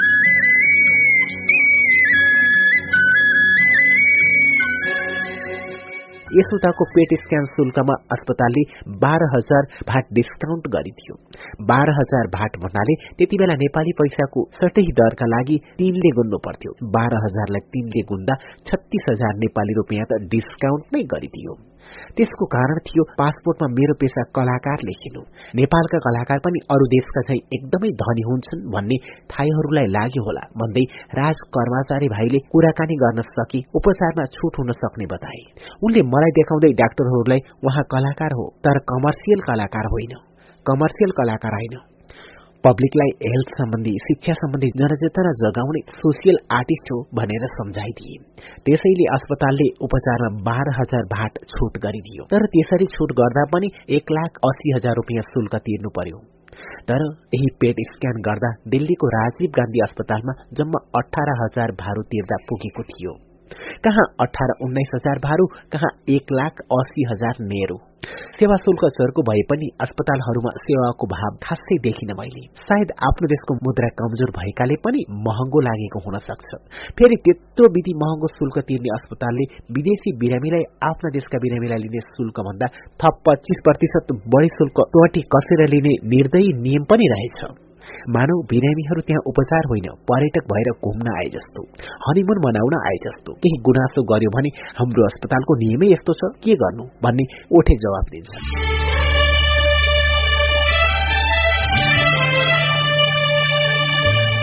पाँचपल्ट थोरै डोजको किमोथेरापी र अठाइस साइकल रेडिएसन थेरापी दिने क्रम चलिरहेको थियो। एक दिन होस्टेलमा बसिरहेका बेला अचानक यसोदा एकदमै छटपटिन थालिन्। पसिना खलखल निकालिन्। हेर्दा हेर्दै लल्याक लुलुक भइन्। मलाई गाह्रो भयो एकदम गाह्रो भयो। अस्पताल जाउँ अस्पताल जाउँ भनेर इसारा गर्न थालिन्। छोरा इमनले होस्टेलको तेस्रो तलामा रहेको कोठादेखि आमालाई बोकेर भुइँ तलामा ल्याइ पुर्याए। तत्कालै ट्याक्सी चढेर हामी सबै श्रीराजको प्राइभेट अस्पताल पुग्यौं। डाक्टर र नर्सहरूले भटाभट जाँच्न थाले। अनेक जाँच गरे के के हो के के। बिल नै एक लाख एक हजार रुपियाँको आयो। भने जति पैसा तिरे आखिर खासै केही भएको होइन रहेछ। खालि कब्जियत भएर त्यस्तो छटपटी भएको रहेछ। नेपालमा सबै औषधि पसलमा सजिलै पाइने सामान्य औषधिका भरमा निको हुने बिमार रहेछ त्यो। मलद्वारमा राख्ने सानो औषधि हुन्छ जुन राखेको बाह्र पन्ध्र मिनटमा दिशा पग्लेर आउँछ। त्यस्तो औषधि मैले पनि बेला बेलामा प्रयोग गरेको छु। जब पाँच दस रुपियाँको औषधिले निको पार्न सकिने बिमारको लागि एक लाख एक हजार रुपियाँ खर्च गराएको देखेर म जिल्ल पनि परे। तर अस्पताल जाँदा त्यस्तरी अत्तालिएर गएका हामी सामान्य भएर फर्कन पाउँदा मन हल्का भएको थियो। रेडिएसन थेरापी हेर्दा साधारण लाग्छ। मेसिन अगाडि केवल दस बाह्र मिनट जति बस्ने मात्र हो। तर त्यसको साइड इफेक्ट सहन भने भयंकर गाह्रो हुँदो रहेछ। शरीरको जुन भागमा रेडिएसन दिइन्छ त्यो ठाउँ हेर्दा हेर्दै कालो कालो हुँदै जाँदो रहेछ। त्यसरी कालो भएको छाला असह्य हुने गरी चिलाउँदो रहेछ। त्यसरी चिलाएको ठाउँमा हातले छुन अथवा कन्याउन नहुने रहेछ। असह्य भएर हल्का मात्र कनाउँदा पनि कालो छाला चरक चरक फुटेर घाउ हुने रहेछ। त्यसमाथि एकै दिनमा एकपल्ट मात्र होइन सत्र अठार पल्टसम्म तारन्तार पातलो दिशा हुने रहेछ। एक त घाउ व्यस्त चिलाउने त्यसमाथि त्यही घाउबाट दिशा गर्नुपर्दा के गति भयो होला? अझ त्यसमाथि भोलिपल्ट त्यो पीड़ा कम हुनुको सट्टा चर्को रेडिएसन थेरापी थप्न जानु पर्थ्यो। यस्तो पीड़ा र ज्वलन यशोदाले लगातार अठाइस दिनसम्म कसरी सहिनु होला? यत्रो विघ्न पीड़ा सहन सक्नुको कारण एउटा बाध्यताले हो भने अर्को कारण क्यान्सरबाट पुनः स्वस्थ हुन नसकिएला तर त्यसको असर केही न केही हदसम्म कम गर्न सकिएला नि भन्ने आत्मबलले पनि हो। आत्मबल भनेको एउटा महत्वपूर्ण औषधि नै रहेछ। जसबाट जस्तो सुकै पीड़ा जस्तो सुकै दुःखलाई पनि झेल्न सक्ने तागत मिल्दो रहेछ।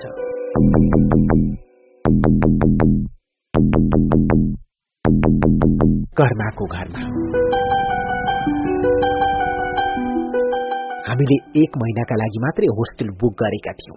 महिना दिन काट्नै लाग्दा अस्पताल पाएक पर्ने गरी होटलहरू खोज्दै थियौं। मेरो समस्या देखेर राज कर्मचारी कर्मा भाइले भने होटल खोज्नु पर्दैन दाई मेरै घरमा बस्न आउनु अठाइस दिनसम्म लिनुपर्ने रेडिएसन थेरापीको काम अझै सकिएको थिएन।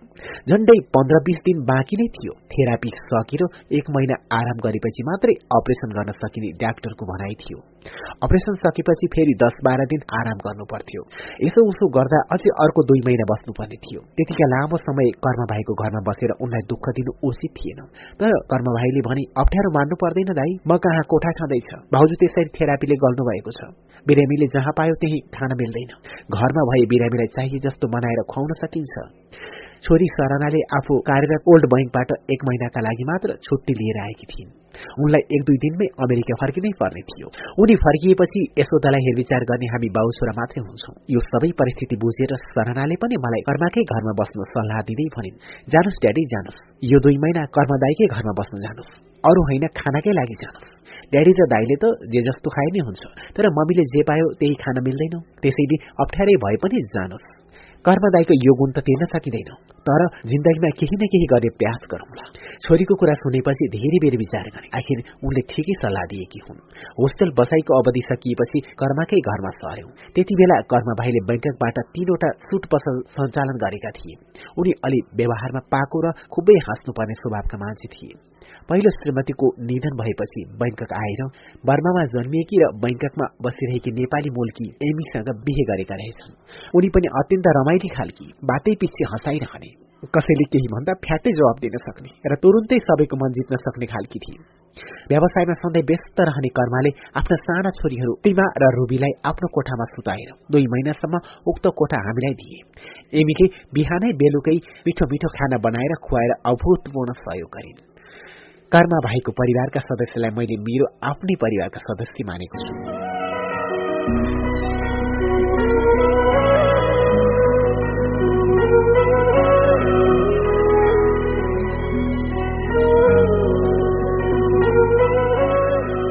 व्यवसायका अलावा कर्म भाइ र उनकी पत्नी अनेक सामाजिक संस्था मार्फत सक्रिय थिए। सहयोगी र मनकारी मनका उनी आफैमा उदाहरणीय व्यक्ति थिए। आफूलाई आपत परेको बेलामा सहयोगको ठूलो महत्व हुन्छ। जसरी तिर्खा नलागेको समय पिउँदा पानीको स्वाद सामान्य लाग्छ भने बेसकन तिर्खा लागेर घाँटी प्याक प्याक सुकिरहेका बेला पानी पिउँदा त्यो अमृत सरह हुन्छ।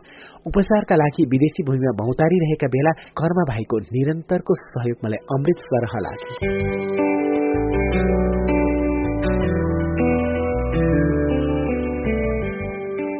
परदेशको त्यस्तो ठाउँमा आपतको घड़ीमा दुई दुई महिनासम्म आफ्नै घरमा खान बस्न दिनु सामान्य कुरा थिएन।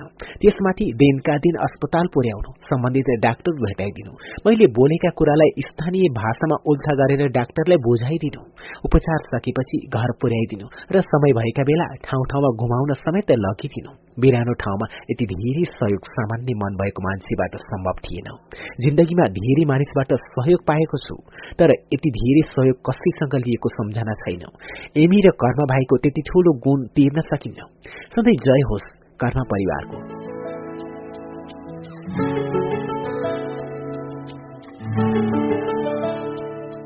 धेरै दुःख र अनेक कष्टका साथ बल्ल तल्ल अठाइस साइकल रेडिएसन थेरापी लिने काम पूरा भयो। अब रेक्टमको अपरेसन गर्न एक महिना पुरै आराम गर्नुपर्ने थियो। त्यो एक महिनाभर घरमा भाइ र एमीले हामीलाई कहिले कहाँ त कहिले कहाँ घुमाउन लगिरहे। घुमफिरका कारण दिन फटाफट बित्दै थिए। एक महिना लामो आरामपछि अपरेसन गर्ने दिन पनि आयो। एक महिनापछि फेरि अर्को तीन साताको छुट्टी लिएर छोरी अमेरिकाबाट दोस्रो पल्ट बैंकक आइसकेकी थिइन्। एमी कर्मा सराना र एवं सहित हामी बिहानै सरकारी श्रीराज अस्पताल पुग्यौं। अपरेसन थिएटरभित्र जानु अघि यशोदालाई सबैले शुभकामना दिए उनले मेरो हात समातेर फुलुक्क हेरिन्। मैले पनि आत्मविश्वासका साथ अपरेसन सफल होस् भनेर मनमा नै कामना गरे। ट्रलीमा बसेकी उनले मलाई भित्र छेर्ने बेलासम्म हेरिरहेकी थिइन्। एकैछिनमा नर्सले ट्रली धकेलेर उनलाई अपरेसन थिएटरभित्र छिराइन्। हामी सबै थिएटर बाहिरको मेजमा बसिरह्यौं। अरू अपरेसन गर्दा निको हुन्छ। राम्रो हुन्छ भनेर ढुक्क भइन्थ्यो क्यान्सरको अपरेसन भएकाले मन गलिरहेको थियो। नेपालका सबै देवी देवता सम्झेर यशोदाको जीवन रक्षाका लागि प्रार्थना गरिरहे। घरमा भाइ सबै काम छाडेर दिनभर अस्पतालमा हामीसँगै बसिरहे। करिब पाँच घण्टापछि अपरेसन सकियो। ट्रलीमा राखेर यशोदालाई नर्सहरूले बाहिर ल्याए। उनी बेहोस अवस्थामै थिइन्। अरू अस्पतालमा त अपरेसन गरेपछि सोझै पोस्ट अपरेटिभ वार्डमा लगिन्थ्यो।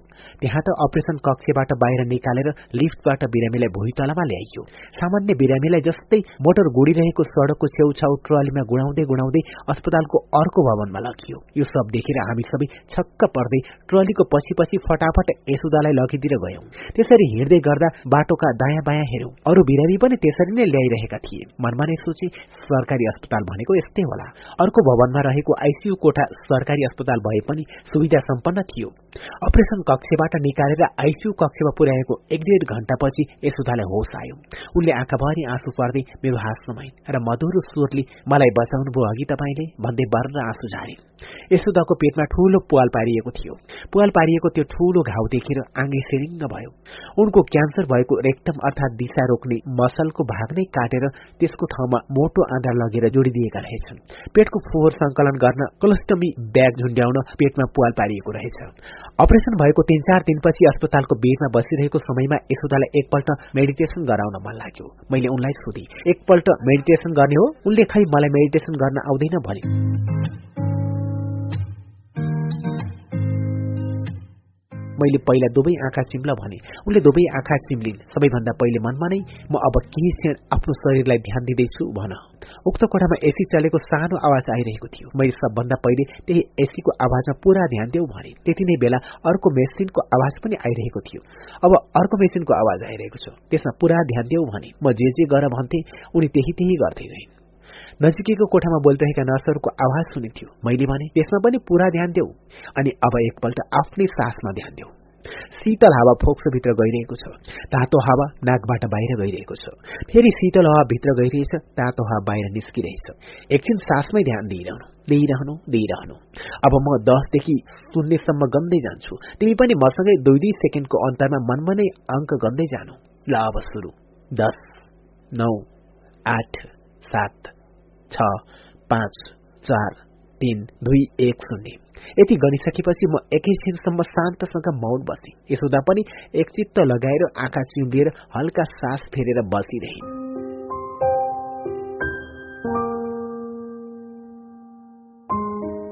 मैले फेरि बिस्तारै भने अब सबभन्दा पहिले यो ब्रह्माण्ड यी सूर्यचन्द्र तारा र यति सुन्दर पृथ्वी जसले बनायो ती भगवानलाई धन्यवाद दियो अब यति सुन्दर पृथ्वीमा जन्म दिने आफ्ना आमा बाबालाई धन्यवाद दियो अब तिम्रो जीवनसाथी अर्थात् मलाई जन्म दिने मेरा आमा बुबालाई पनि धन्यवाद दियो अब हामीले आफ्नो सम्झेर स्वास्थ्य जाँच गराउने डाक्टर रामकण्ठलाई धन्यवाद दियो डाक्टर रामकण्ठका बाबुआमालाई पनि धन्यवाद दियो क्यान्सर रोग पत्ता लगाइदिने डाक्टर राम गुरुङलाई पनि धन्यवाद दियो धोलीखेल अस्पतालका निर्देशक डाक्टर राजेन्द्र कोजुलाई धन्यवाद दियो जीवा लामी छने जसले फोन गरेर बैंक एयरपोर्टमा हामीलाई लिनका लागि बन्दोबस्त मिलाइदिए उनलाई पनि धन्यवाद दियो विमानस्थलमा हामीलाई लिन आउने एनआरएनए बैंकका अध्यक्ष विजय आचार्यलाई धन्यवाद दियो जसले हामीलाई होस्टेलमा बस्ने बन्दोबस्त गरिदिए।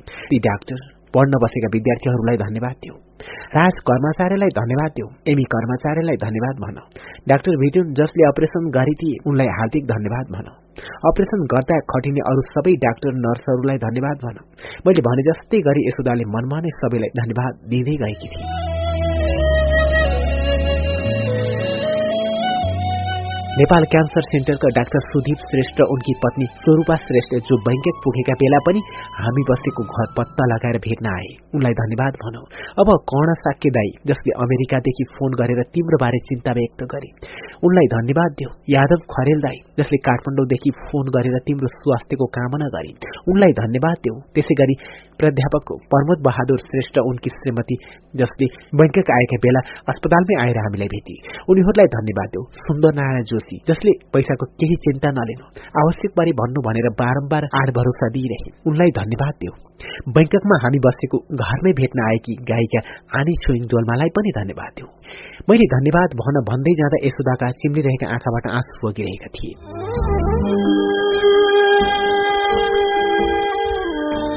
मैले फेरि भने हरिवंश जोसँग सहकार्यका कारण आज हामी बैंककसम्म आएर उपचार गर्न सम्भव भयो। ती हरिवंशलाई धन्यवाद दियो हरिवंशका आमा बुवालाई पनि धन्यवाद दिउ। हाम्रा सबै दर्शक श्रोताहरू जसबाट हामीले निरन्तर आशीर्वाद र शुभकामना पाइरहेका छौं उनीहरू सबैलाई धन्यवाद दिउ। यशोदाका आँखाबाट निरन्तर आँसु बगि नै रहेका थिए। मैले एकैछिनपछि भने अब म एकदेखि पाँचसम्म गन्दै जान्छु। तिमी पनि मसँगै गन्दै जानु। मेडिटेसनको सुरुमा मैले उनलाई दसदेखि शून्यसम्म गन्न भनेको थिएँ। अन्तिममा भने मैले उनलाई एकदेखि पाँचसम्म गन्न भने र उनैसँग गन्न थाले। एक दुई तिन चार पाँच।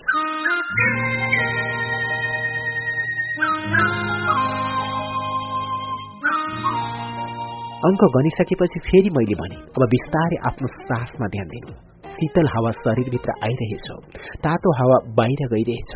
शीतल हावा भित्र आइरहेछ तातो हावा बाहिर गइरहेछ।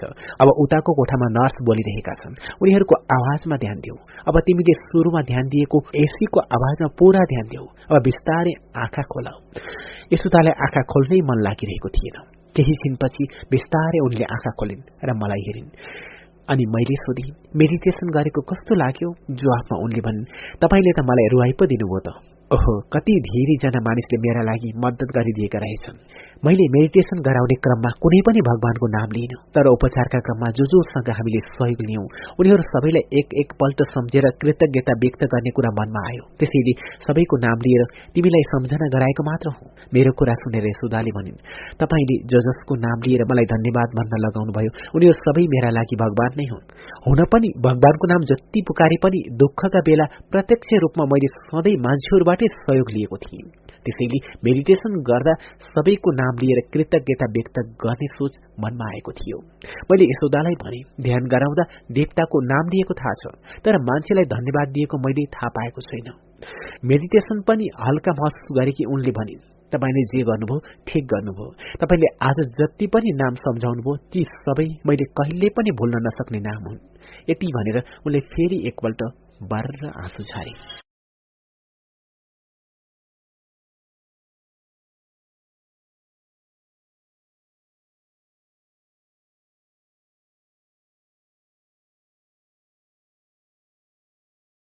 गलको आजको भागको अन्तिममा छौं धौलागिरी फिल्म अन्ठानब्बे दशमलव छ मेगा बागलुङबाट उत्पादन भई धौलागिरी फिल्म र पञ्चास एफएम एक सय दुई दशमलव आठ मेगा पर्वतबाट एकसाथ प्रसारण भइरहेको कार्यक्रम कृति बगल तपाईँलाई कस्तो लाग्दैछ? र यो महको मह कस्तो लाग्दैछ? प्रतिक्रिया दिन नछुट्नुहोला आजको भागमा हामीले पत्नी यशोदाको उपचारार्थ बैंकक पुगेका मदन कृष्णको यशोदाको उपचारका क्रममा गरिएका विभिन्न कामहरू भेटघाटका क्रमहरू अनि त्यहाँ पाएको साथ र सहयोगको पनि चर्चा गरिएको छ। यशोदाको उपचारपछि अपरेसन गरिएको छ। अब यसभन्दा अगाडिका भागमा के होला त? महको म सुन्न नछुटाउनुहोला तपाईँले चाहनुभयो भने युट्युब च्यानलमा पनि सर्च गरेर महको म हेर्न सक्नुहुन्छ र प्रतिक्रिया दिन सक्नुहुनेछ।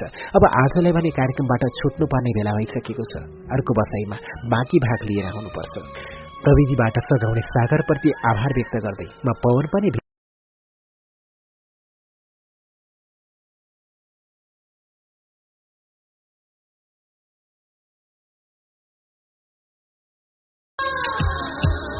कृति बगलको यो बसाईमा प्राविधिक साथी सागरसँगै म पवन खड्काको हार्दिक स्वागत छ। दौलागिरी एफएम अन्ठानब्बे दशमलव छ मेगाहज बागलुङबाट उत्पादन भई दौलागिरी एफएम र पञ्चास एफएम एक सय दुई दशमलव आठ मेगाज पर्वतबाट हरेक शनिबार बेलुका नौ तीसदेखि दस बजेसम्म एकसाथ प्रसारण भइरहेको कार्यक्रम कृति बगलमा अहिले हामी हास्य कलाकार मदन कृष्ण श्रेष्ठको आत्मकथा महकुमा वाचन गरिरहेका छौं र आज हामी महको महको बाइसौं भागमा छौं। अहिले मदन कृष्णको जीवनले अर्कै मोड लिएको छ। चार दशकी सहयात्री जीवन सङ्गिनी यशोदालाई क्यान्सर देखिएपछि तनावग्रस्त श्रेष्ठ परिवार बैङ्ककमा उपचारका लागि पुगेको छ। छोरी सराना र छोरा एमनसँगै बैङ्ककमा बसेर करिब दुई महिनाको उपचार पश्चात श्रेष्ठ पत्नी यशोदाको क्यान्सरको अपरेसन पनि भइसकेको छ। अब मदन कृष्ण श्रेष्ठको जीवन र यशोदाको क्यान्सर रोगले कोन मोड लिएला त हुन्छ त सुरु गरौं आजको भाग अगाडि। खाउ फाटकाई बैङ्ककमा सबै सुविधा भए पनि भाषाको समस्या थियो। थाईहरू न अंग्रेजी राम्ररी बुझ्थे न हामी थाई भाषा नै बुझ्थ्यौं। भाषाकै कारण अप्ठ्यारो पर्ला भनेर खासै सोचेको थिइन तर प्रत्येक दिन भाषाकै कारण केही न केही अप्ठ्यारो परिरह्यो। हामी बसेको होटेलको भुइँतलाको क्यान्टिनमा बेला बेलामा खाजा खान पुग्थ्यौं। एक दिन क्यान्टिनमा सिटिक्क परेको लुगा लगाएर बसेकी एउटी महिलालाई मैले हातले इसारा गर्दै hello please. Give us two plate fry rice okay भन्दा ओके ओके भनेर भित्र गइन् कतिखेर फ्राई राइस आउला भनेर झन्डै बिस पच्चिस मिनट कोरिरह्यौं ती महिलाले दुईटा प्लेटमा एक एक डल्लो भात त्यसमाथि एउटा एउटा अण्डा फ्यात्त राखेर ल्याइदिन् फ्राई राइस भनेको कुरै बुझिनछिन् भन्दै जे ल्याइदिन् त्यही खायौं। अर्को दिन त्यही क्यान्टिनमा मैले मेनुमा औलाले देखाएर फ्राई राइस नै मगाएँ। मेनु हेरेर ओके ओके भन्दै खुसी हुँदै साउनी भित्र गइन् त्यति बेला पनि अघिल्लो दिन जस्तै त्यही एक एक डल्लो भातमाथि एउटा एउटा अण्डा फ्यात्त राखेर ल्याइदिन्। ओहो उनीहरूकै मेनुमा देखाएर मगाउँदा नि उस्तै खाना ल्याइदिन् भन्दै खाइयो। यस्तो समस्या बारम्बार भोगेपछि छोरा एमनले अंग्रेजीमा बोलेको थाई भाषामा उल्टा गरिदिने सफ्टवेयर आइप्याडमा डाउनलोड गरिन्। त्यस दिन एमनले दङ्ग पर्दै भने आज म अरू खानेकुरा मगाउँदिन। त्यही चिकन फ्राई राइस नै मगाएर खान्छु। क्यान्टिनकै तिनै साउनी अर्डर लिन आए। साउनी आएपछि एमनले आइप्याडको छेउमा मुख लागेर चिकन फ्राई राइस भनेर बोले। आइप्याडबाट थाई भाषामा अनुवाद भएर खाउ फाटकाई हो कि के हो भन्ने आवाज आयो। अरू बेला चाहिँ साउनी हाँस्दै ओके ओके भन्दै भित्र गइन् आइप्याडमा डाउनलोड भएको अनुवाद गर्ने सफ्टवेयरले काम गर्न शुरू गर्न थालेको खुसीमा दङ्ग पर्दै इमलले भने ड्याडी अब थाई नागरिकसँग कुरा गर्न सजिलो हुने भयो। आफूले जे भन्नुपर्ने हो अङ्ग्रेजीमा बोलिदियो। आइप्याडले थाई भाषामा ठ्याक्कै बोलिदिन्छ। समस्या नै खत्तम। अब हस्पिटलमा डाक्टरसँग कुरा गर्दा पनि यही आइप्याड लिएर जान्छु। एकैछिनपछि साउनी भित्रबाट हाँस्दै आइन्। टेबलमा काँटा चम्चा ल्याएर राखिदिइन् र फेरि भित्र गइन्। फेरि एकछिनपछि मोसु मोसु हाँस्दै दङ्ग पर्दै प्लेट ल्याएर हाम्रो अगाडि ढ्याक्क राखिदिइन्। चिकन फ्राई राइस खाने कल्पना गरेर ढुक्क भएका एमलले वाल्ल परेर प्लेटमा हेरे प्लेटमा त त्यही एक डल्लो भातमाथि एउटा अण्डा फ्यात्त राखिएको थियो। भन्दै त्यो पल्ट पनि मन नलगाइकन त्यही डल्लो भात र अण्डा निल्नु पर्यो।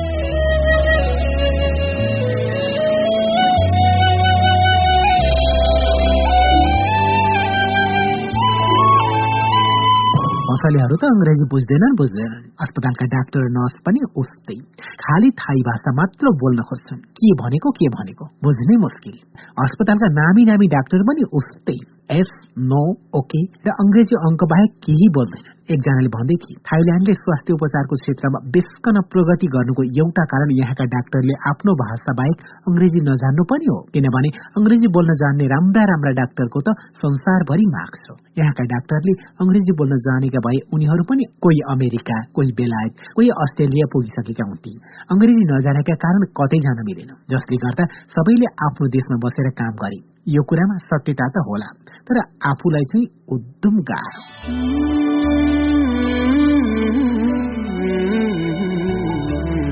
पहाड जस्तो आत्मा। यशोदाको रेक्टमको अपरेसन गरेको भोलिपल्ट रुम भिजिट गर्ने क्रममा सर्जन डाक्टर भेटुनले हामीलाई बुझाउँदै भने मैले रेक्टमको अपरेसन गर्दा क्यान्सर भएको भागलाई राम्रोसँग काटेर निकालिदिएको छु। अब त्यहाँ क्यान्सर फेरि दोहोरिँदैन। बिरामीलाई धेरै बेरसम्म बेहोस गराइराख्न मिल्दैन। त्यसैले रेक्टम काटे लगत्तै लिभरमा सरेको क्यान्सर हटाउन लिभर काट्न मिल्दैन थियो। लिभरमा देखिएको क्यान्सर हटाउन छ महिनासम्म बाह्र पटक किमोथेरापी लिनुपर्छ। त्यति गर्दा पनि क्यान्सरको संक्रमण हटिन भने एकपटक बैंकका आउनुहोस्। अनि म क्यान्सर संक्रमित लिभरको भाग काटिदिउँला। तर एउटा कुरा याद गर्नु किमोथेरापीले शरीरलाई एकदमै कलाउँछ रगतमा प्लेटलेट्स पनि निकै कम हुन्छ जसले गर्दा रोगसँग लड्न सक्ने क्षमता एकदमै कमजोर हुन्छ। त्यसैले रुगाखोकी या अरू कुनै सरुवा रोग लागेका व्यक्तिलाई नजिक आउन नदिनु। धुलो धुवा जस्तो प्रदूषणबाट पनि बच्नु। डाक्टरले यस्तो कुरा सुनाइरहँदा मैले काठमाडौँको धुलो धुवा जन्ने प्रदूषण सम्झिरहेको थिएँ बैङ्ककमै रहँदा मैले धोबीधाराको घर जाने बाटोमा ठाउँ ठाउँमा ढल राख्न ठुल्ठुला खाडल खनिराखेको छ भनेर खबर पाएको थिएँ आफ्नै घर जाँदा पनि धुलो धुवाको सामना गर्नु पर्ला र यसताको स्वास्थ्यमा असर पर्ला भनेर मैले बसाइ सर्ने विकल्प सोचिरहेको थिएँ लगन खेलका सुरज जोशीले त्यस्तो समस्याबाट बच्ने हो भने ललितपुर सुनाकोठी स्थित भ्याली होम्स कोलोनीमा सर्नुहोस् भनेर सल्लाह दिए केही वर्ष अघि नै मैले भ्याली होम्समा बन्दै गरेको घर किन्न केही किस्ता रकम बुझाइसकेको थिएँ। तर बैंककबाट फर्किने बेलासम्म पनि उक्त घर बस्न लायक बनिसकेको थिएन। संरचना बने पनि बस्न तयार पार्न थुप्रै काम गर्न बाँकी नै थियो। मेरो यो समस्या बुझेर सुरजले घरको फर्निसिङदेखि लिएर बाँकी सबै काम मेरो भो भनेर जिम्मा लिइदिए। सत्र साउन दुई हजार उनसत्तरीका दिन छोरी सराना बैंककबाट अमेरिका फर्किए। यसुद्वारा म पनि त्यही दिन काठमाडौँ फर्कियो। विमानस्थलबाट हामीलाई लिन हरिवंश रमिला र बहिनी साधना आएका थिए। उनीहरू लिन आएको देख्दा भावुकताले यसुदाका आँखा रसाए। विमानस्थलबाट वर्षौंदेखि बसिरहेको धोबीधारा स्थित घरमा नगई सोझै सुनाकोठी स्थित भ्याले होम्स कोलोनीमा गयौं। म बस्ने भनिएको घरमा आवश्यक सरसामानको बन्दोबस्त भइसकेको रहेछ। आमा बहिनीहरू र महासञ्चार परिवार नरेन्द्र कमसाकार गणेश कणेल सिङ्गे लामा प्रदीप भट्टराई गौरीशंकर धुजु लगायत थुप्रै शुभेच्छुक र आफन्त उपस्थित भइसकेका रहेछन्। सूरजका कान्छा भाइ सुदर्शन जोशीले घरभरि दिउँसै बत्ती बालेर उज्यालोमाथि उज्यालो थपिदिएका रहेछन्। कोलोनी भित्रको एकदम व्यवस्थित उज्यालो र राम्रो घरमा सर्दा आफ्नो मन पनि पाँच छ प्रतिशत भए पनि उज्यालै भयो। तर यसुदाको उपचारको क्रम अझै पूरा नभएकाले बाँकी पञ्चानब्बे प्रतिशत मन मधुरो र झिपझिप्याउँदै नै रह्यो। बैंककमा अपरेशन गरेको एक महिना पुगेपछि कोपण्डोल स्थित सर्वाङ्ग अस्पतालका डाक्टर सुदीप श्रेष्ठको रेखदेखमा छ महिनासम्म किमोथेरापी लिइयो। पहिलो पल्टको छ महिना लामो उक्त किमोथेरापी लिनको समय यसुदाका निम्ति अति नै कष्टकर समय थियो। उक्त अवधिमा डाक्टर सुदीप डाक्टर सचिन साकी तथा अन्य सिस्टरहरूले धेरै नै सहयोग गरे। बैंककबाट फर्केकै दिनदेखि दिनहौ जसो धेरै शुभचिन्तक यसुदालाई भेट्न घरमै आए। भेट्न आएका सबै जसोले यसुदाको मन बलियो बनाउन भन्थे। केही चिन्ता लिनु पर्दैन। ठिक हुन्छ राम्रो हुन्छ। हाम्रा आफ्नै एकजना मान्छेलाई पनि तपाईँलाई जस्तै भएको थियो उहाँ अहिले निको भएर पनि अफिस जान थालिसक्नु भएको छ। भेट्न आउने अनेकले अनेक सन्दर्भ र घटना सुनाएर यसोदालाई मन बलियो बनाउन सुझाव दिन्थे। त्यसै गरी बिरगंजबाट क्यान्सर रोग लागेका बाबुको उपचारका निम्ति सर्वाङ्ग अस्पताल आएका एकजनाले ढुक्क भए जसरी सुनाए। मेरा बालाई क्यान्सर भएको अठार वर्ष भइसक्यो। बेला बेलामा किमोथेरापी दिन हस्पिटल ल्याउँछौ। दुई तिन दिन थेरापी लिनुहुन्छ। डाक्टरले भने बमोजिमको औषधि खानुहुन्छ हेर्नुहुन्छ। मलाई त यो क्यान्सर भनेको रुगाखोकी जस्तै सामान्य लागिसक्यो। यस्ता कुरा सुन्दा यशोदाको आत्मबल अझ बलियो हुन्थ्यो।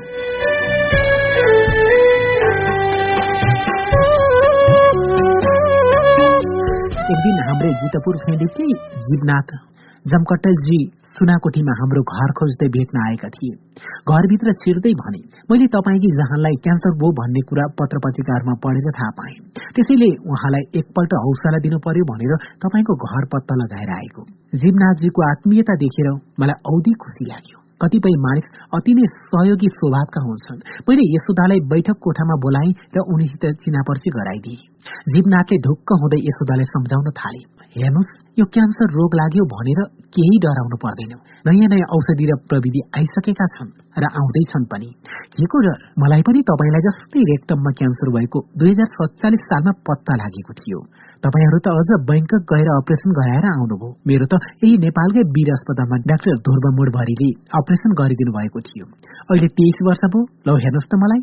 सब ठिक छ। तपाईँलाई पनि सब ठिक हुन्छ। केही चिन्ता लिनु पर्दैन। त्यसैले तपाईँलाई पनि हौसला मिलोस् भनेर घरसम्म भेट्न आएको। जीवनाथका कुरा साँच्चै घट लाग्दा थिए उनले आफ्नै अनुभव सुनाउँदै भने तपाईँलाई पनि सुगर रहेछ। मलाई पनि सुगर छ। अब हामी सबै तत्व मिलाएर ब्यालेन्स डाइट खान ध्यान पुर्याउन सक्दैनौँ। के खाने के नखाने। दाल भात तरकारी अचारमा सबै तत्व पुगेको हुन्छ। त्यसैले म त बरु थोरै थोरै खान्छु। दाल भात तरकारी अचार दिनको तीनपल्ट खाइदिन्छु। तपाईँ पनि के खाऊ के नखाऊ भनेर अल्मा लिनु पर्दैन। तीनपल्ट भातै खाइदिनुहोस्। धेरै खानु पो हुँदैन। थोरै थोरै खाना त भइहाल्छ नि। केही फरक पर्दैन। त्यसैले क्यान्सर लाग्यो भनेर केही चिन्ता लिनु पर्दैन। निको हुन्छ। तपाईँलाई राम्रो हुन्छ। हेर्नुहोस् जसले तपाईँलाई क्यान्सर निको हुँदैन भन्छ त्यसको गालामा एक झापड दिएर पठाइदिनुहोस्।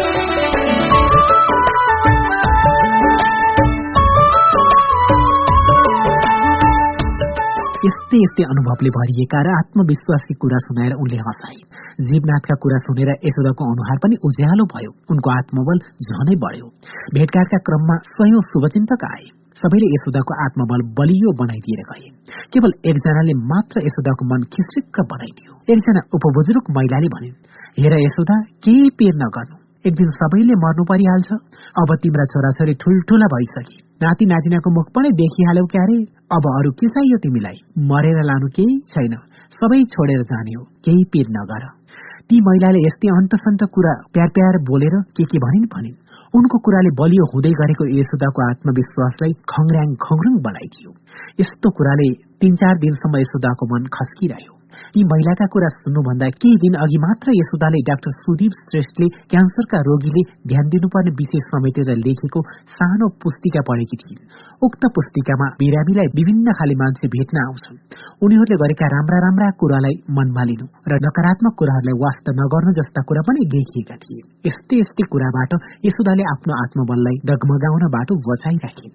एकपटक अचानक भेट भएका डाक्टर चित्रलाल भट्टसुनले यशोदाको स्वास्थ्य बारे चासो राख्दै कस्तो छ भाउजूलाई मैले भने ठिकै छ भन्नु पर्यो अब। उनले फेरि सोधी आत्मबल चाहिँ कस्तो छ भाउजूको मैले यशोदाको आत्मबल एकदम बलियो छ डाक्टर साहेब भनेर बताए। जहिले पनि यशोदा मैले बढी भन्दा बढी बाँच्नुपर्छ। मलाई निको हुन्छ। मैले जसरी भए पनि निको पार्नुपर्छ। म निको हुन सक्छु भन्छन्। मेरो उत्तर सुनेर डाक्टर भट्टचनले भने उसो भए ठिक हुन्छ हेर्नुहोस्। यो आत्मविश्वास र क्यान्सरको के सम्बन्ध हो म भन्न सक्दिनँ। तर मैले देखेको छु कि जसको आत्मविश्वास बलियो छ उनीहरू राम्रोसँग सर्भाइभ भइरहेका छन्। जसको आत्मविश्वास कमजोर छ उनीहरू चाहिँ डिप्रेसनबाटै जान्छन्। डाक्टरले भनेको यही कुरा मैले यशोदालाई पनि सुनाए। उनी यो कुरासँग पूर्ण सहमत हुँदै खुसी भएर भने उसो भए मलाई पक्कै ठिक हुन्छ। क्यान्सरसँगको लडाई।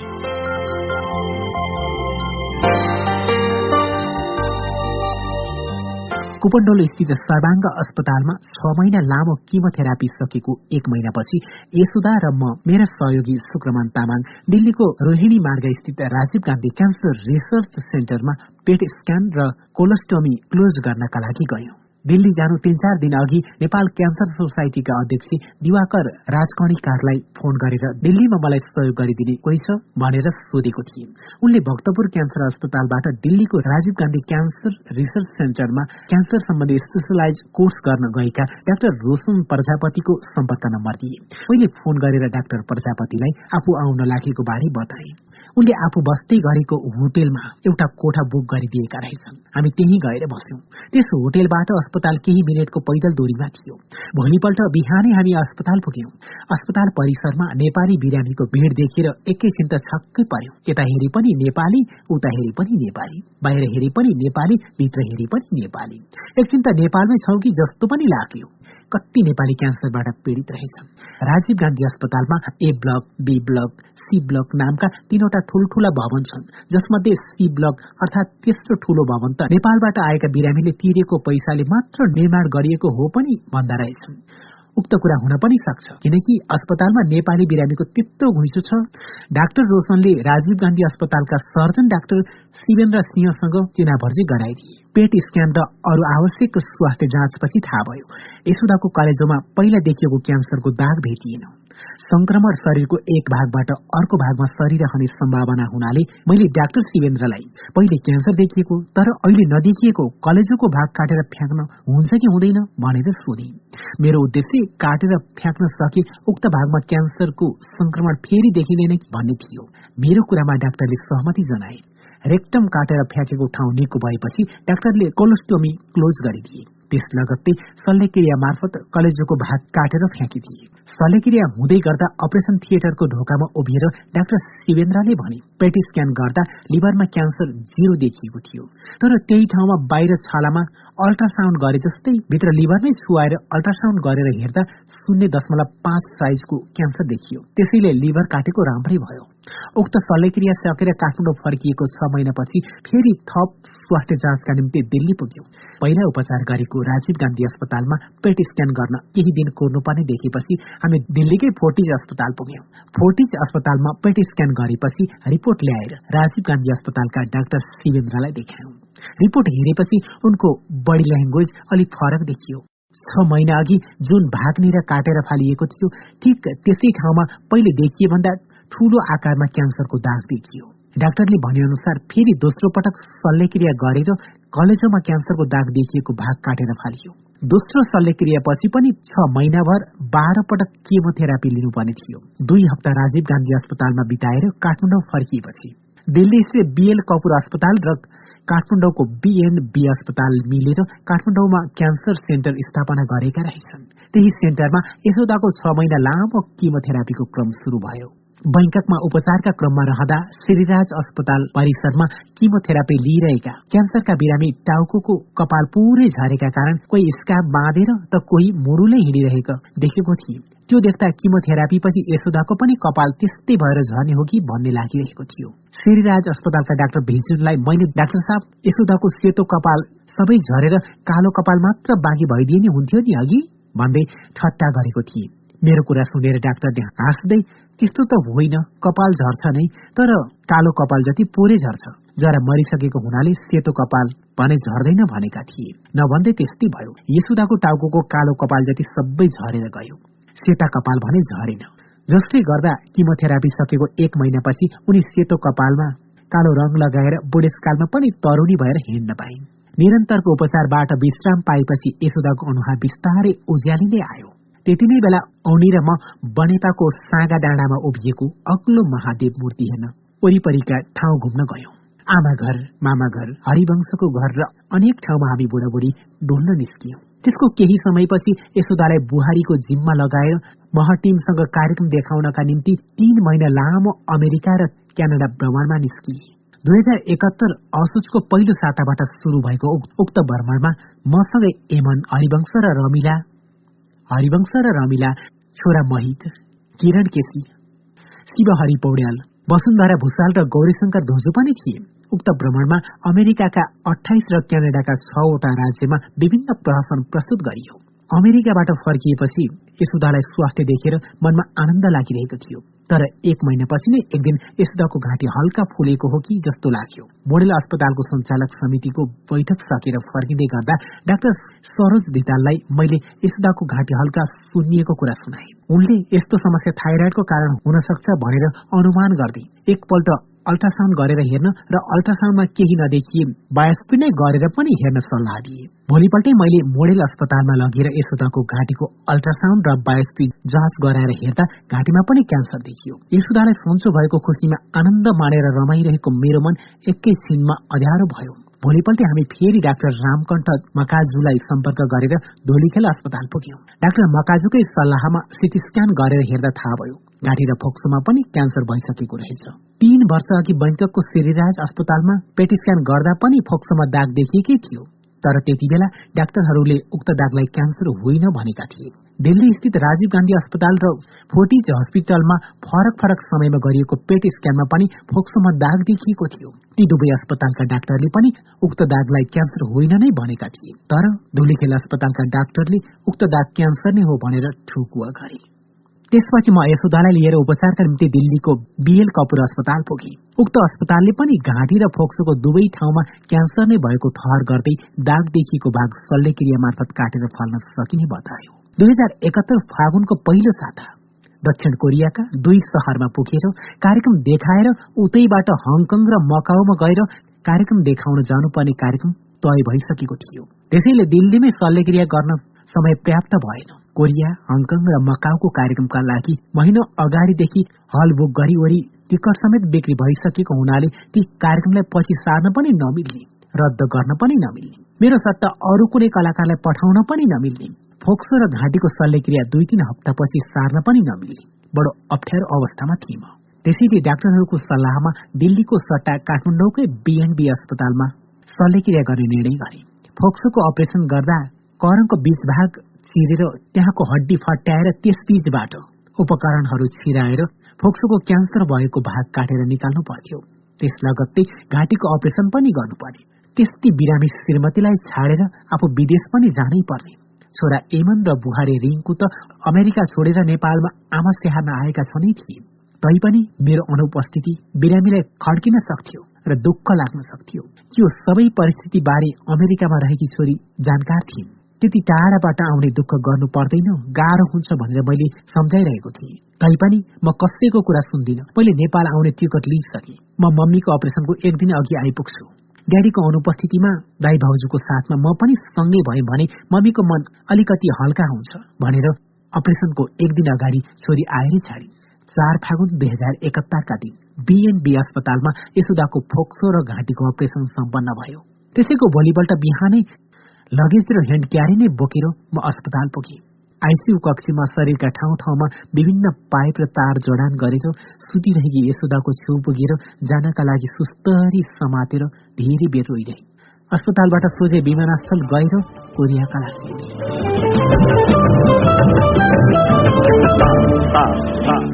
कोरियाको स्थित रङ्गमञ्चमा कार्यक्रम गरिरहँदा आइसियुमा छाडेर आएकी यशोदाको अनुहार र उनको पीड़ादायी अवस्थाको दृष्टि सिनसिनमा सम्झना भइरह्यो। नेवार बहादुर बाहुन बहादुर नामक प्रहसन देखाइरहँदा दर्शक मजाले हाँसिरहेका थिए। प्रहसनको मध्यतिर एक ठाउँमा मलाई लाग्यो हरिवंशले बोलेपछि मात्र मैले बोल्ने पालो आउँछ। म धेरै बेर हरिवंशको संवाद कोरिरहेको थिएँ तर हरिवंश भने केही नबोली मलाई हेरिरहे। मैले ठाने हरिवंशले डायलग बिर्सेछन् क्यारे। एकैछिनमा म झसङ्ग परे। बोल्ने पालो त हरिको होइन मेरै पो रहेछ। रङ्गमञ्चमा प्रहसन देखाइरहँदा पनि मेरो ध्यान भने आइसियुमा छटपटाइरहेकी यशोदामै पोखिरहेको थियो। फोक्सो र घाँटीको शल्यक्रियाको एक वर्षपछि ललितपुरको हरिसिद्धिमा रहेको नेपाल क्यान्सर अस्पतालमा सिटी स्क्यान गरेर हेर्दा यशोदाका फोक्सोमा फेरि सोह्र सत्रवटा क्यान्सरका ससाना छिटा जस्ता थोप्ला देखिए। मैले फेरि लामो सास तानेर सुस्किएर हालेँ। बी अस्पतालमा कार्यरत डाक्टर पंकज कुमार बर्मनले यसुदाको पछिल्लो समयको उपचार गर्दै आएका हुनाले मैले यसबारे उनलाई नै बताए। उनले फेरि किमोथेरापी लिनुपर्ने सल्लाह दिँदै भने पहिले जस्तो साधारण किमो होइन। हाइड्रोजको टार्गेटेड किमो दिनुपर्छ। उक्त किमो बाबत शुल्क बुझ्दा म एकैछिनै आतिए त्यति बेला साहित्यकार जगदीश घिमेर दाईले भनेका कुरा सम्झे उनी क्यान्सर उपचारमा लाग्ने पैसाबारे कुरा गर्यो भने धाक लगाएको जस्तो हुन्छ भन्थे। नभन्दै त्यस्तै पो रहेछ। महिनै पछि लाखौं लाख खर्च भइरहने। मैले यो कुरा एउटा समारोहमा भेटिएका गीतकार यादव खरेल दाईलाई पनि सुनाए। के गर्नु दाई? डर लाग्दो खर्च लागिरहेछ। कहिले काहीँ त राति निद्रा नै लाग्दैन। भन्दा यादव दाईले केही चिन्ता नगर। भगवानले हेर्छन् तिमीलाई। भगवान छन्। मलाई आजले यस्ता कुरामा विश्वास राख्छ भनेर मेरो मन बलियो बनाइदिए। मैले भने हुन त हो दाई। पुराणहरूका अनुसार यो संसार कहिले देवताले सञ्चालन गर्छन् त कहिले राक्षसहरूले। सायद मैले बाँचेको समय चाहिँ राक्षसहरूले सञ्चालन गरेका बेलामा पर्यो होला। मेरो कुरा सुनेर यादव दाईले अनुभवी स्वरमा त्यस्तो अवस्था अस्थायी हुन्छ। केही पिर गर्नु पर्दैन भनेर मलाई हौसला दिइरहे। यस्ता शब्दलाई केही हदसम्म भए पनि मन गल्नबाट बचाउँदो रहेछ। एकपल्ट गायिका आनी स्वयं डोल्माले होटेल द्वारिकाजमा आयोजना गरेको सानो डिनर कार्यक्रममा दुई चारजना साथीहरू तीजको व्रतको महत्वबारे कुरा गर्दै थिए। श्रीमानको आयु बढ्छ भन्ने जनविश्वासका आधारमा श्रीमतीहरूले पानीसम्म पनि नखाई तीजको व्रत बस्छन् उनीहरूको कुरा सुनेर मैले भनेको थिएँ म त श्रीमतीको आयु बढाउन पाँच वर्षदेखि लगातार व्रत बस्दै आएको छु। मेरो कुरा सुनेर आनीले भने हो दाई तपाईँ जस्तो श्रीमान पाइने हो भने कसैले पनि यहाँ आनी बन्नु पर्दैन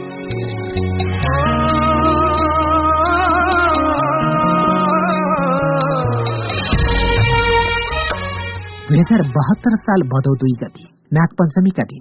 छोरा बुहारी ढोकामा नागको तस्बिर टाँसेर पूजा गर्ने तर्खरमा थिए।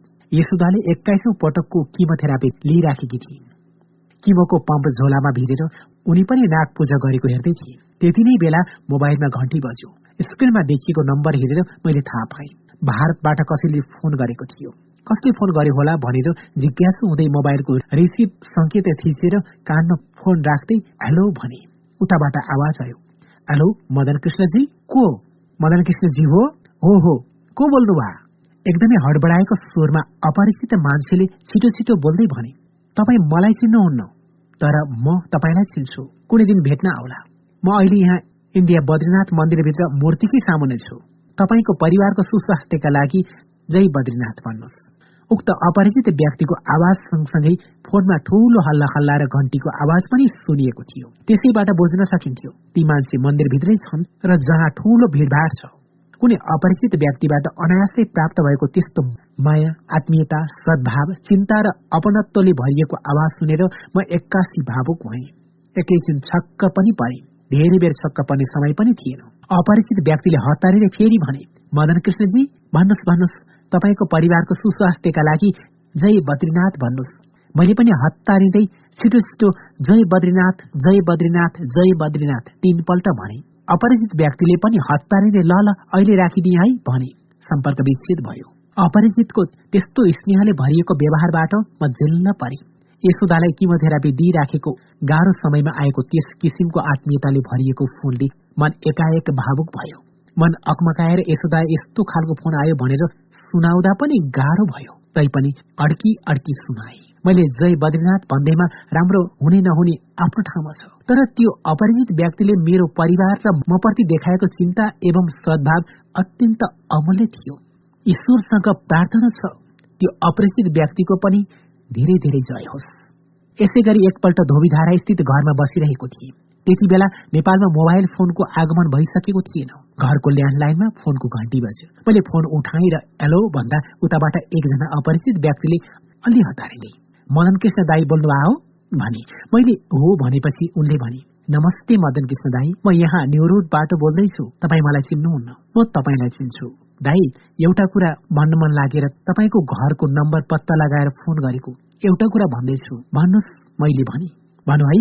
भन्नुहोस् न ती अपरिचित भाइले देशप्रति बडो चिन्तित हुँदै भन्न थाले। दाई तपाईँहरू दुवैजना पोलिटिक्समा आउनु पर्यो। देश खत्तम हुने भो झन्झन बिग्रदैछ। ती अपरिचित व्यक्तिले हामीमाथि गरेको विश्वासप्रति एकदम खुसी लाग्यो। तर राजनीतिमै लाग्नु पर्यो भनेको सुन्दा आँसो उठ्यो। म हाँसे पनि। म हाँसेको सुनेर उनले फेरि भने होइन दाई तपाईँ नहाँस्नुहोस्। मैले तपाईँलाई साँच्चुकै भनेको हाम्रो देश बिग्रियो। एकदमै बिग्रियो अझ बिग्रदैछ। देश तपाईँहरू जस्ताले चलाउनु पर्छ मलाई फेरि पनि हाँसो उठ्यो र हाँस्दै भने होइन भाइ देश हामी जस्ताले चलाएर चल्दैन। हामीले चलाउन सक्ने भए किन चुप लागेर बस्ने होला र? देश भनेको राजनीतिज्ञहरूले नै चलाउनु पर्छ हाम्रो काम भनेको सबै राजनीतिक पार्टीहरूको प्रतिपक्षमा बसेर पत्र पत्रिकाहरूले जस्तै राम्रोलाई राम्रो र नराम्रोलाई नराम्रो भन्ने हो। आफूले जुन काम जसरी गर्दै आएका छौं त्यसैलाई निरन्तरता दिँदै जाने हो। देश चलाउनलाई न हामीसँग अनुभव छ न कुनै राजनीतिक पार्टीको सदस्यता नै न म कुनै प्रखर वक्ता नै हुँ न हाम्रो कुनै संगठन छ। केही छ त इमान्दारिता छ। जसमा कुनै आँच आउन दिन्न भन्ने प्रतिबद्धता छ। मेरो कुरालाई बीचमै काटेर ती अपरिचित भाइले कड्किएर भने हो दाई त्यही हो। मैले भन्न खोजेको त्यही हो। देशका लागि चाहिएको पनि त्यही हो। इमान्दारी जुन हाम्रा नेता बनाउँदाहरूमा देखिएन। जता हेऱ्यो उतै बेइमानी नै बेइमानी। धेरै बेइमानी हो देशमा। मैले भने होइन भाइ इमान्दारिता मात्रले देश चलाउन पुग्दैन। चाहिन त इमान्दारी पनि चाहिन्छ। दूरदर्शी सोच पनि चाहिन्छ। कूटनीति पनि चाहिन्छ। नैतिकता पनि चाहिन्छ। आत्मीयता आध्यात्मिकता पनि चाहिन्छ। आध्यात्मिकता भएन भने पनि देश लोभी पापी हिंसक र तानासाई हुन्छन्। जे होस् हामीलाई विश्वास गर्नुभएकोमा धन्यवाद। कुनै दिन भेटेरै कुरा गरौँला है यसरी आउने कैयौं अपरिचित व्यक्तिको फोन मैले कैयौं पटक उठाएको छु। धोबीधारा स्थित घरमा बस्दा एउटा नम्बरबाट भने कहिले दिउँसो कहिले साँझ। कहिले रातको एक दुई बजेतिर मस्त निदाइरहेको बेला निद्रा नै खलबलिने गरी कल आइरहन्थ्यो। तर तर त्यो एउटा रङ नम्बर। तर तर त्यो एउटा रङ नम्बर जुन मेरै घरमा बारम्बार आइरहेकोमा मलाई खुसी लाग्थ्यो। किनभने त्यो रङ त्यो रङ नम्बरबाट आउने फोन उठाउँदा सधैँ मलाई एउटै प्रश्न सोधिन्थ्यो। यो यो कान्ति बाल अस्पताल हो यो कान्ति बाल अस्पताल हो यो रङ नम्बर मेरोमा आइरहने हुनाले मैले इन्क्वायरीबाट अस्पतालको सही टेलिफोन नम्बर नै टिपेर राखेको थिएँ। त्यसबेला मेरो घरको नम्बर एकचालिस चौध चालिस थियो। कान्ति बाल अस्पतालको नम्बर चाहिँ एकचालिस चौबिस चालिस रहेछ। नम्बर उस्तै उस्तै भएका कारण मान्छेहरूले झुकिएर मेरो घरमा फोन गर्थे। त्यस्तो आपदमा परेकाले कान्ति बाल अस्पताल हो भनेर सोद्धा यो रङ नम्बर पर्यो हजुर। अस्पतालको नम्बर यो हो भनेर बताइदिएर सहयोग गर्न पाउनु पनि राम्रै हो। घरमै बसी बसी सानै भए पनि समाज सेवा गर्न पाइयो। यस्तो मौका दिएकोमा ईश्वरलाई धन्यवाद। होइन त? यसो भन्दा यशोदाले पनि हो नि भनेर सहमति जनाइन्। तर कहिलेकाहीँ कसै कसैले जाँड खाएको सुरमा जिस्क्याउन फोन गर्दा चाहिँ दिक्क लाग्छ। नेपाल टेलिभिजनबाट प्रसारण भएको दुई लाख सोह्र हजार सात सय सतहत्तर नामक टेलिफिल्ममा बुद्धिकृष्ण लामिछानेले गाएको घाँस काट्ने खुर्किएर आयो जोबन हुर्किएर कल्लाई दिउ यो जोबन बोलको गीत भूतको अभिनय गरेका हरिवंशले गाएका थिए। त्यति बेला धेरैको मुखमा यो गीत झुन्डिएको थियो। टेलिफिल्म प्रसारण भएको वर्ष महिनौसम्म राति मस्त सुतिरहेको समयमा पनि फोनको घन्टी बस्थ्यो बिचोरा त्यही यो कान्तिबाल अस्पताल हो भनेर सोध्न आपत परेका व्यक्तिहरूको फोन होला भनेर फोन उठाउँदै नरम स्वरमा हेलो भन्थिन्। तर उताबाट आवाज आउँथ्यो गीत सुन्ने? घाँस काट्ने खुर्किएर आयो जोबन हुर्किएर कल्लाई दिने यो जोबन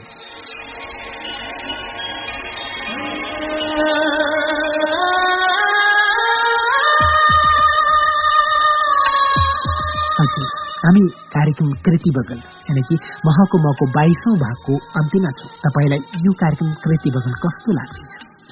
आजको भागमा हामीले बैङ्ककमा अङ्ग्रेजी भाषामा त्यति विकास नभइरहेको अवस्थाको जानकारी पाएका छौँ जुन कुरा उपचारको क्रममा रहेका मदन कृष्ण र यशोदाको भोगाईबाट प्रस्ट्याइएको छ।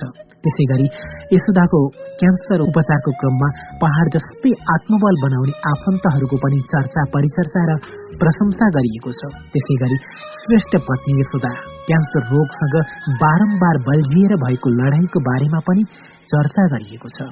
आफन्त र शुभेच्छुकहरूले श्रेष्ठ परिवारको स्वास्थ्य स्थितिबारे बद्रीनाथ मन्दिरमा समेत आवाज गुन्जाइदिएको मदन कृष्णलाई राजनीतिमा आउनका लागि गर्ने विभिन्न आवाजहरू र शुभेच्छुकहरूको वर्णन गरिएको छ।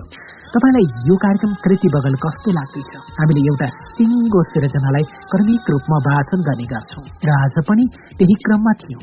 अब यसभन्दा अगाडि मदन कृष्णको जीवनले कोन मोड लिएला अनि यशोदाको स्वास्थ्य स्थिति कसरी सुध्रेला त कार्यक्रम कृति बगल सुनेर साथ दिनुहुन्छ। धेरै धेरै धन्यवाद। यदि तपाईँ युट्युब च्यानलमा पनि सर्च गरेर हेर्न र सुन्न चाहनुभयो भने तपाईँ सर्च गर्न सक्नुहुन्छ। म भने कार्यक्रमबाट छुट्ने बेला भइसकेको छ। दौलागिरी एफएम अन्ठानब्बे दशमलव छ मेगा हज बागलुङबाट उत्पादन भई दौलागिरी एफएम र पञ्चासी एफएम एक सय दुई दशमलव आठ मेगा पर्वतबाट हरेक शनिबार बेलुका नौ तिसदेखि दस बजेसम्म प्रसारण भइरहेको कार्यक्रम कृति बगलको महको मको बाइसौँ भागबाट विदा माग्नुपर्ने बेला भइसकेको छ। प्रविधिबाट सघाउने सागरप्रति आभार व्यक्त गर्दै म पवन खड्का पनि विदा माग्छु नमस्कार।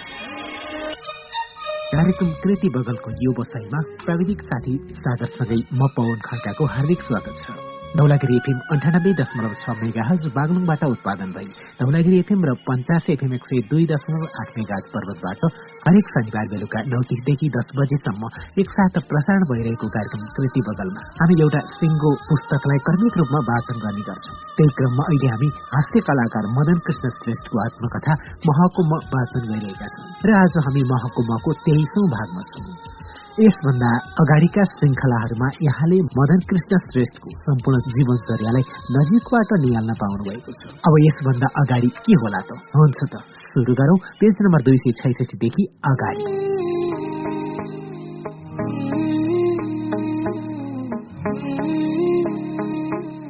रिमोटले धानेको जीवन।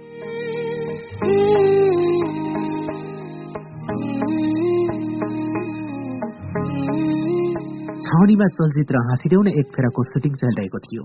मैले भुइँमा पछाडिको अभिनय गर्नुपर्ने थियो। ठिक त्यही क्रममा कम्मरमा अलिकति कुटुक्क दुखे जस्तो भएको थियो। त्यो दुखाइ तीन चार दिन रह्यो। मैले मोडेल अस्पतालका अर्थोपेडिक सर्जन डाक्टर रोशनलाल श्रेष्ठलाई फोन गरेर आफ्नो दुखाइबारे बताए। उनले डोलो ब्याग औषधि किनेर खाने र भोलिपल्टसम्म पनि दुखाइ कम नभए अस्पताल नै आउन सल्लाह दिए। डाक्टरले भनेकै औषधि किनेर खाँदा पनि दुखाइ कम भएन। भोलिपल्ट डाक्टरलाई भेट्न गए उनकै सल्लाहमा दिनहौ मोडेल अस्पतालमै गएर फिजियोथेरापी गर्न थाले। करिब आठ दस दिन लगातार थेरापी गरेपछि कम्मरको दुखाइ कम हुँदै गयो। तर त्यसपछि भने कहिले गर्दन दुख्ने त कहिले हात दुख्ने कहिले खुट्टा दुख्ने त कहिले कता कहिले कता दुख्ने क्रम जारी रह्यो। हिंसा अन्ति अभियानमा सहभागी भएर नेपालगंजबाट फर्किरहँदा प्लेनमा मेरो दायाँ हात एकदमै दुख्न थाल्यो। मसँगैको सिटमा गायिका आनी स्वयं डोलमा पनि थिइन्। मेरो दुखाइ देखेर उनले मेरो पाखुरा मिसिदिन् हातलाई टाउको भन्दा माथि लग्दा नदुख्ने तर हात तल झार्दा एकदमै दुख्ने हुन थाल्यो। त्यस दिनपछि दायाँ हातलाई सिरानी भन्दा माथि राखेर सुत्न थाले। पुस माघको जाडोमा पनि पुरै जिउ सिरकले ढाकेर दायाँ हात मात्र बाहिर निकालेर सुत्न थाले। दुखाइ भन्दा मलाई जाडो सहन सजिलो हुन्थ्यो। एक दिन न्युरो सर्जन डाक्टर बसन्त पन्तसँग भेट भयो। कुराकानीको सिलसिलामा मैले मेरो हात दुखाएको कुरा सुनाए। त्यही दिनै उनले मलाई अन्नपूर्ण अस्पताल लिएर गए। सिटी स्क्यान गरेर हेर्दा थाहा भयो गर्दनको हाडमा नसा च्यापिएको रहेछ। उनले शल्यक्रिया गरेर उपचार गर्नुपर्ने बताए। त्यसको केही दिनमै डाक्टर पन्तले नगन्ने पैसा लिएर भारी छुट दिएर अस्पतालको सबभन्दा राम्रो कोठामा निशुल्क भर्ना गरेर अपरेसन गरिदिए। त्यति बेला थुप्रै साथीभाइ एवं शुभचिन्तक दिन नबिराई अस्पतालमा मलाई भेट्न आए। उक्त अपरेसनपछि गर्दन हातखुट्टा सबै दुख्न छाडे तर त्यसको करिब डेढ वर्षपछि फेरि कम्मर दुख्न थाल्यो। कालीमाटी स्थित इस्पात अस्पतालमा झण्डै एक महिना जति खोज्याउँदै खोज्याउँदै पुगेर झण्डै दुई घण्टा लामो मसाज र विभिन्न थेरापी गराइरहे। एक एक महिनासम्म उपचार गर्दा पनि स्पाकले एक पैसा पनि लिन मानेन। त्यसपछिका झण्डै छ सात महिना सन्चो भयो शरीरमा कहीँ कतै दुखाइको महसुस भएन छ सात महिनापछि फेरि दुखाइ महसुस हुन थाल्यो फेरि जावलाखेल स्थित डाक्टर सुशीला वैद्यको क्लिनिकमा लेजर थेरापी गर्न गए डाक्टर सुशीलाले एक महिनासम्म दैनिक एक एक घण्टासम्म लेजर थेरापी गराएको सेवा शुल्क एक पैसा लिइन त्यो उपचारले पनि पाँच छ महिनासम्म सन्चो भयो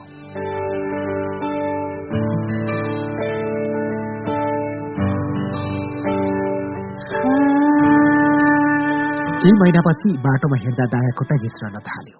जुत्ताभित्र दायाँ खुट्टा छिराउन पनि गाह्रो हुन थाल्यो। काठमाडौँ मोडेल अस्पतालका न्युरोलोजिस्ट डाक्टर सर्वोत्तम श्रेष्ठसँग जाँच गराए उनले मेरो दायाँ हात भन्दा बायाँ हात कसिएको र कम चल्ने दायाँ खुट्टा भन्दा बायाँ खुट्टा पनि बिस्तारै चल्ने देखेपछि मलाई पार्किन्सन रोग भएको रहेछ भन्ने निष्कर्ष निकाले। उनले औषधि नै भने तपाईँलाई मैले एकदम लो डोजबाट सुरु गर्ने हिसाबले कम मात्रामा औषधि दिएको छु। यो पार्किन्सन भनेको क्रोनिक डिजिज अर्थात् निको नहुने रोग हो। यो रोगले गाँच्दै गाँच्दै लैजाने हुनाले औषधिको मात्रा पनि बढाउँदै बढाउँदै लैजानु पर्ने हुन्छ। जब औषधिको मात्रा बढाउने ठाउँ हुँदैन तब तपाईँले दुःख पाउनुहुनेछ। उनले कुनै पनि डाक्टरले दिएको औषधि खानु अघि मलाई एकपल्ट सोध्नुहोस् है भनेर सुझाव पनि दिए। त्यसपछि मैले पार्किङसनको औषधि खान सुरु गरेँ। यो रोगबारे सुनेको त थिएँ तर म आफै यो रोगको शिकार हुन्छु भन्ने कल्पना पनि गरेको थिइनँ।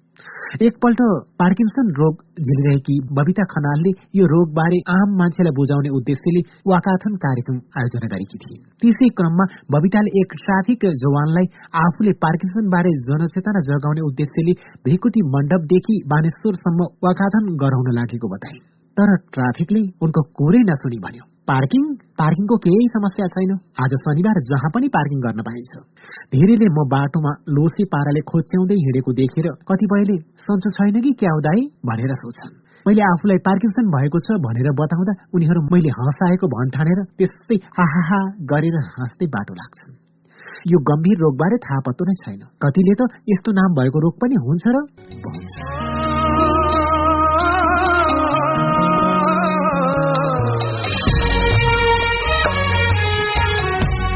वरिष्ठ गायिका तारादेवी पनि पार्किन्सन रोगबाटै बितेकी रहेछन्। संगीतकार नातिकाजी र गीतकार डाक्टर राममान पनि पार्किन्सनबाटै बितेका रहेछन्। यो पार्किन्सन रोगबाट हुने अप्ठ्यारा जसलाई पर्यो उसलाई र डाक्टरलाई मात्र थाहा हुन्छ। यो रोग अक्सर गरी पाको उमेरका मानिसमा देखिन्छ भने कोही कोही सानो उमेरकालाई पनि लागेको देखिन्छ। भनिन्छ पार्किन्सनका बिरामीको दिमाग बाहेक शरीरका अन्य कुनै पनि भाग चल्दैन। जस्तै हिँड्दा पाइला नचल्ने काम गर्न खोज्दा हात नचल्ने अथवा चले पनि बिस्तारै मात्र चल्ने कुरा गर्दा जिब्रो लरबरिने स्वर सानो हुँदै जाने। कापीमा लेख्दा सुरुमा अक्षरहरू एउटै आकारका भए पनि बिस्तारै अक्षरहरू कमिला जस्तै साना साना हुँदै जाने। अनुहार झोक्राइरहेको जस्तो देखिने हाँस्दा मात्र अनुहारमा चमक आउने नहाँसी बस्दा अनुहार एकदमै बिरामी र पीर परेको मान्छेको जस्तो देखिने जस्ता अनेक समस्या हुन्छन्। एक दिन मलाई डाक्टर बसन्त पन्तले जापानबाट डाक्टर ताकोमी ताएर आउँदैछन् भन्ने खबर सुनाए। डाक्टर ताकोमीसँग भेटका निम्ति समय मिलाएर खबर गर्ने पनि उनले बताए। यो खबर पाएको केही दिनपछि नै मैले डाक्टर ताइरालाई भेट्ने मौका पाएँ। डाक्टर ताइराले मलाई पुरै जाँचेर हेरेपछि अपरेसन गर्नुपर्ने बताए। खर्च कति लाग्छ भनेर हिसाब गर्दा साढे सत्र लाख रुपियाँमा अपरेसन सम्पन्न हुने रहेछ। डाक्टर पन्तले शुल्क घटाउन सक्ने अनेक उपाय निकालेर चौध लाख रुपियाँसम्ममा अपरेसन गर्न सकिने बताए। यता यशोदाको क्यान्सर उपचारमा निरन्तर खर्च भइरहेको छ। त्यसमाथि अर्को चौध लाख यो सम्झेर म अलिक हस्किएँ। अपरेसनका लागि एकपल्ट घरमा सल्लाह गर्छु भनेर डाक्टर पन्तसँग बिदा मागेर फर्किए सोही दिन बेलुका एउटा भोजमा सम्पूर्ण अस्पतालकै न्युरोलोजिस्ट डाक्टर सीमा राज भण्डारीसँग भेट भयो। उनले डाक्टर ताइराले के भन्नुभयो दाई भनेर सोधिन्। मैले सबै कुरा बताएपछि डाक्टर सीमाले भनिन् उसो भए गर्नुहोस् दाई अपरेसन गर्नुहोस् नत्र पछि गएर यो पार्किन्सनले तपाईँलाई एकदमै गाह्रो पार्छ। अहिले पैसाको मुख नहेर्नुहोस् उनले मेरो स्वास्थ्यबारे आत्मादेखि नै पीर गरेरै भनेकी थिइन् जस्तो लाग्यो। घरमा आएर छोरा एमनसँग सल्लाह गरे उनले गुगलमा यसबारे लेखिएका अनेक सामग्री पढेर अपरेसन गर्नै पर्ने बताए। अमेरिकामा रहेकी छोरीलाई पनि यसबारे सबै कुरा बताए। उनले पनि डिप ब्रेन स्टुमुलेसन नामक उक्त अपरेसन गर्दा राम्रो हुने सल्लाह दिए। सबैको कुरा सुनेको भोलिपल्टै अर्थात् दुई हजार त्रिहत्तर असार पन्ध्र गति म अपरेसन गर्न तयार भएर माइती घर स्थित अन्नपूर्ण हस्पिटलमा भर्ना हुन गए। भर्ना भएको भोलिपल्ट अपरेसन थिएटरभित्र लगेर पूरा बेहोस नगराई टाउकामा मात्र लोकल एनेस्थेसिया दिएर अपरेसन गर्ने कुरा सुने मैले सोधेँ टाउकामा मात्र लोकल एनेस्थेसिया दुख्दैन? डाक्टरले भने शरीरका कुनै पनि अङ्गमा घाउ चोट लाग्दा दिमागले चाल पाउँछ तर दिमागलाई नै चोट पार्दा उसले केही थाहा पाउँदैन। त्यसो भए जति फोर्नुपर्छ फोर्नुहोस् मेरो टाउको भनेर म अपरेसन थिएटरको बेडमा लमतन्न परेर पल्टिएँ मेरो टाउकालाई धारा कस्ने रेन्जले कसे जस्तै गरेर मेसिनमा फिक्स गरे। त्यसपछि सिकर्मीले काठमा बर्माले पुवाल पारे जस्तै गरी मेरो टाउकामा पुवाल पारे।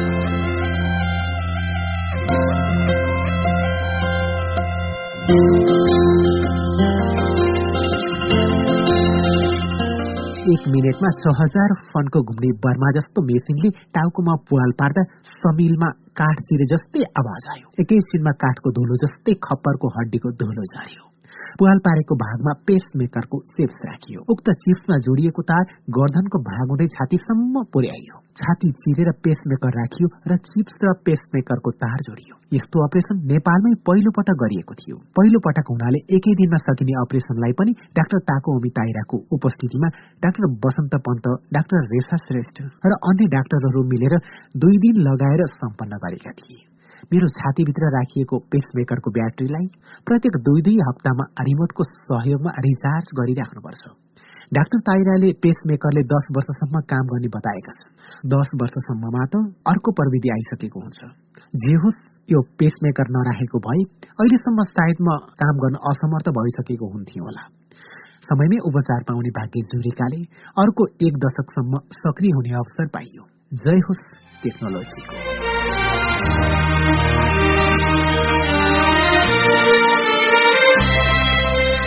मायाको भारी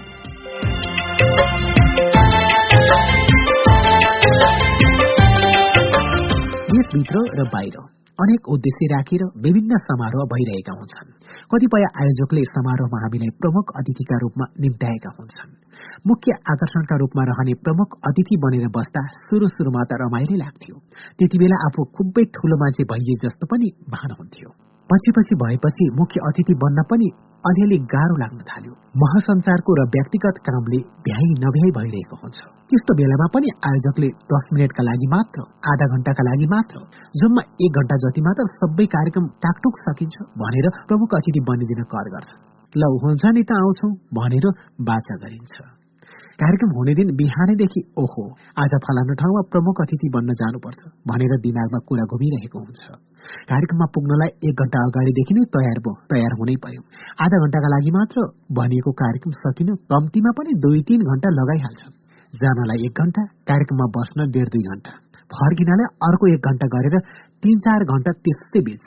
त्यस्तो दिन बाँकी केही घण्टामा ससाना खुद्रा काम त गर्न सकिन्छ।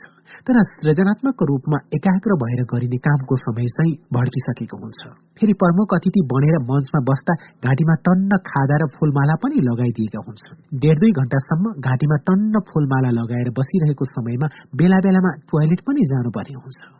टोयलेट जानलाई मञ्चबाट उठ्दा दर्शक दीर्घमा रहेका सबैले आफूलाई ट्वाल ट्वाल्टी हेरिरहेका हुन्छन्। त्यसरी उठेर जाँदा लौ प्रमुख अतिथिलाई पिसाब च्यापेर उठेर गयो। भन्ने हुन् कि भनेर आफूलाई अलिकति अप्ठ्यारो लागिरहेको हुन्छ। त्यसो भन्दैमा पिसाब रोकेर बस्न पनि सकिन्न आखिर जानै पर्छ। त्यस्तो बेला गर्नै नहुने काम गर्न गए जस्तो गरी बिस्तारै लोरुक्क परेर मुसु मुसु हाँस्दै मञ्चबाट उठेर टोयलेट गइन्छ।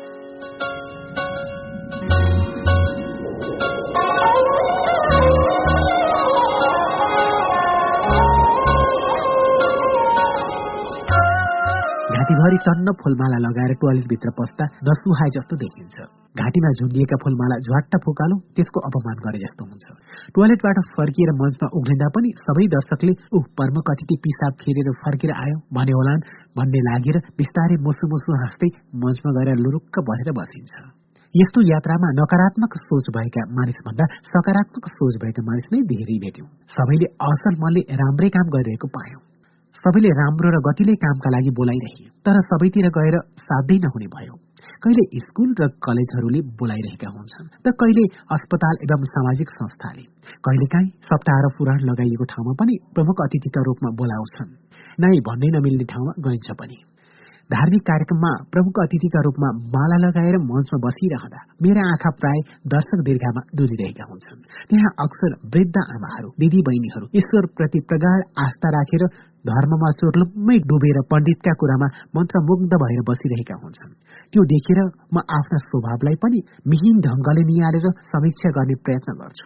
आफूले आफैलाई निहाल्दा मलाई लाग्छ म दुःख र आपत परेका बेलामा मात्र हे भगवान हे प्रभु हे परमात्मा भनेर देवतालाई सम्झिने गर्छु। सुखका बेला देवतालाई केही वास्तै गर्दिन रिस उठेका बेला त धत यी देवता सेवता भनेका केही पनि होइन। ढुङ्गालाई देवता सम्झेर पूजा गरेको मात्र हो। देवी देवताका मूर्ति पनि आफसे आफ बनेका होइनन् क्यार। मान्छेले कल्पना गरेर कुदेका त हुन् भन्छु कहिले नास्तिक नास्तिक त कहिले आस्तिक आस्तिक जस्तो हुन्छु। तर मेरो मन जतिसुकै नास्तिक बनिरहेको अवस्थामा पनि पूजा गरिएका देवताका मूर्तिहरूलाई खुट्टाले धकेल्न चाहिँ सक्दिन। त्यसैले यो संसारमा ईश्वरप्रति आस्था राख्ने र नराख्ने दुई थरी मानिस मध्ये म ईश्वरप्रति आस्था राख्नेहरू मध्येमै पर्छु भन्ठान्छु। त्यसो भन्दैमा दिनहु पूजापाठ गरेर पनि हिँड्दिन। दिनका दिन पूजापाठ गर्दैमा देवता भयङ्कर खुसी हुन्छन् भन्ने पनि लाग्दैन। वास्तै नगर्दैमा देवता बेचकन रिसाउँछन् भन्ने पनि कहिले लाग्दैन।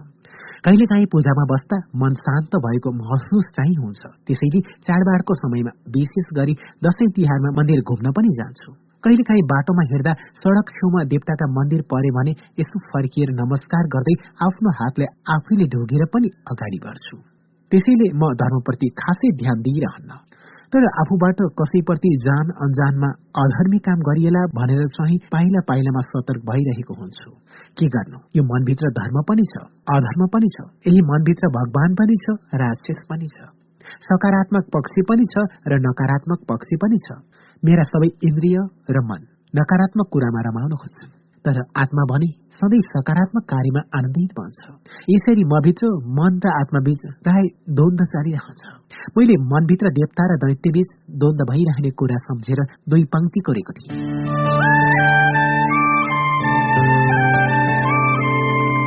यही मनभित्र बस्दछ ईश्वर यही मनभित्र छ राक्षस। मनको राक्षस शान्त गर न गर। जगाऊ मनको ईश्वर हेन र जगाऊ मनको ईश्वर। सक्दैन मानिस ईश्वरले झै लासमा सास भर्न। सक्दैन मानिस ईश्वरले झै लासमा सास भर्न। सक्दछ तर ऊ असुर बनेर जगत विनाशै गर्न। विनाश होइन विकास गर्न नर। यही हो मानव कर्म। यही मनभित्र बस्दछ राम।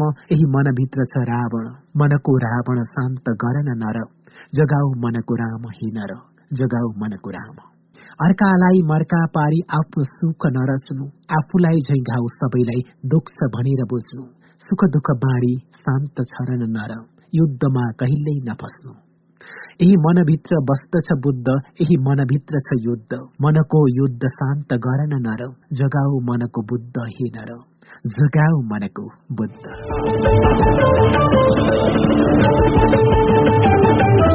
सधैँ नरम छैन गरम।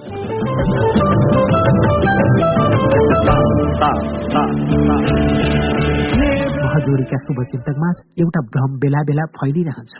त्यो हो म र हरिबीच भएको काल्पनिक मनमुटाव जहाँ जाँदा पनि हामीलाई प्राय शुभचिन्तकहरूले सोधिरहेका हुन्छन्। महजोडी एकपल्ट झण्डै फुट्यारे अघि यस्तो जिज्ञासा राख्नेले अक्सर भन्ने गर्छन् फुट्न हुन्न है फुट्न हुन्न। तपाईँहरू कहिले पनि फुट्नुहुन्न तपाईँहरू पनि फुट्नुभयो रे भनेको सुन्दा कस्तो दिक्क लागेको थियो यस्तो प्रश्न जिज्ञासा राख्नेहरूलाई हामीले आश्वस्त पार्दै छैनौ फुटेका छैनौ किन फुट्ने हामी हामी भर्खर भर्खर जोडिएका हौ र उहिले मास्टर रत्नदास प्रकाशका पालादेखि टाँसिएका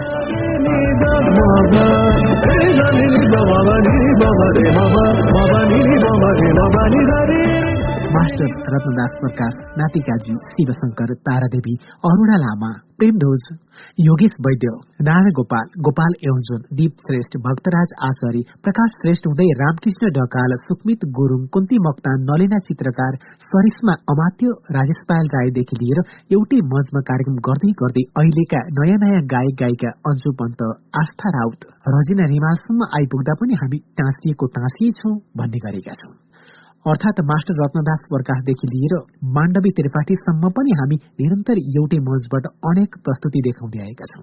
कोही कोहीले हामीले ठट्टा गर्दै भन्ने गरेका छौँ। हेर्नुहोस् हामी यसरी टाँसिएका छौँ कि कुनै विज्ञापन एजेन्सीले कुनै सुपर ग्लोको विज्ञापन गर्दा यो सुपर ग्लो यस्तो ग्लो हो जुन एकपल्ट टाँसेपछि महजोडी जस्तै टाँसिएको टाँसिए हुन्छ। कहिल्यै छोड्दैन भनेर विज्ञापन बनाए हुन्छ। के गर्नु? राम्रा कुरा सम्झाउन गाह्रो हुन्छ। नराम्रा कुरा बिर्साउन झन गाह्रो हुन्छ। यस्तै भएको मात्र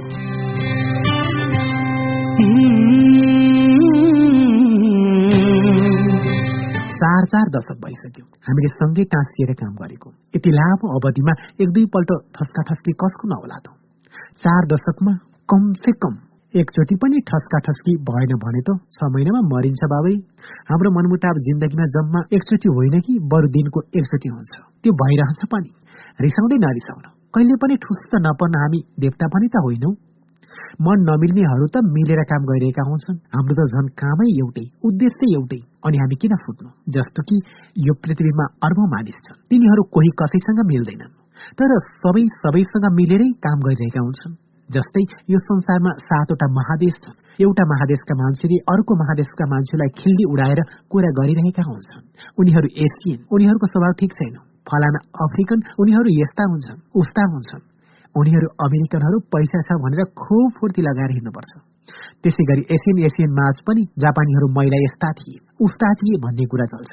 उनीहरू इन्डियन उनीहरू पाकिस्तानी उनीहरू बङ्गलादेशी भनेर एउटा देशका मानिसले अर्को देशका मानिसलाई गिज्याइरहेका हुन्छन्।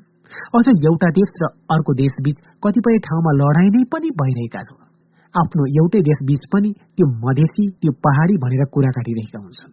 पहाडी पहाडी बीच पनि त्यो बाहुन त्यो नेवार भनेर एकले अर्कोलाई गिज्याएर होस्याएर कुरा गरिरहेका हुन्छन्। त्यसै गरी नेवार नेवार बीच पनि त्यो प्रधान तिनीहरू बरे तिनीहरू उराए तिनीहरू यस्ता हुन्छन् उस्ता हुन्छन् तिनीहरू ज्यापुहरू तिनीहरू तिनीहरू सियो सियो अर्थात् श्रेष्ठहरू तिनीहरू यस्ता उस्ता। त्यही श्रेष्ठ श्रेष्ठमा पनि तिनीहरू पाँच थरी हामी छ थरी ऊ माथि ऊ तल भनेर कुरा काटिरहेका हुन्छन्। हुँदा हुँदा एउटै परिवारमा पनि ऊ ठोली भाउजूको पक्षमा लागेर कुरा गर्ने मान्छे ऊ कान्छी भाउजूपट्टिको मान्छे। ऊ सासूको कुरा मात्र सुन्ने ऊ बुहारीले भनेको कुरा मात्र पत्याउने भनेर मनमुटा भइरहेको हुन्छ। यस्तै हो संसारमा। कोही कसैसँग मिल्दैन। मै राम्रो मनै ठिक ऊ बेठिक कुण्ड कुण्ड पानी मुण्ड मुण्ड विचार। अलग अलग बुद्धि अलग अलग बुझाइ। सबैमा राम्रा पक्षी पनि हुन्छन् नराम्रा पक्षी पनि हुन्छन्। नराम्रा नराम्रा सोचाइलाई मिलेसम्म सच्याइ दिने सच्याउन खोज्दा पनि रिसाउन खोज्छ भने आँखा चिम्ले राम्रा राम्रा पक्षीलाई आत्मसात गर्दै जाने। यसरी नै चलिरहेको छ यो दुनियाँ। मेरा नराम्रा बानी बेहोरालाई हरिवंशले सहिदिएका हुन्छन्। हरिवंशका नराम्रा आनी बानीलाई मैले पजाइदिएको हुन्छु। उनका राम्रा राम्रा बुद्धि मैले पनि लिइरहेको हुन्छु। मेरा राम्रा विचारलाई उनले पनि आत्मसात गरिरहेका हुन्छन्। यसरी नै हाम्रा पाइलाले लड्दै लड्दै हाँस्दै हँसाउँदै चार दशकको यात्रा छिचोल्दैछन्। यो सामान्य उपलब्धि होइन। मित्रताको उदाहरण बन्न चाहन्छौ हामी। राष्ट्रिय एकताको लोगो बन्ने उद्देश्य छ हाम्रो।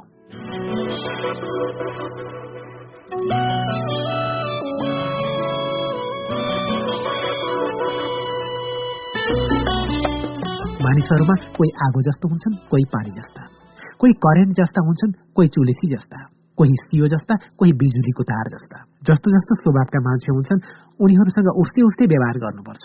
जस्तै कोही मान्छे करेन्ट जस्ता हुन्छन् ती करेन्टलाई नाङ्गो तारले छोयो भने आफैलाई फ्याँकिदिन्छन् या मारि नै दिन पनि सक्छन्। तर तिनमा मिलाएर चिमफिट गर्यो भने बत्ती बाल्न सकिन्छ।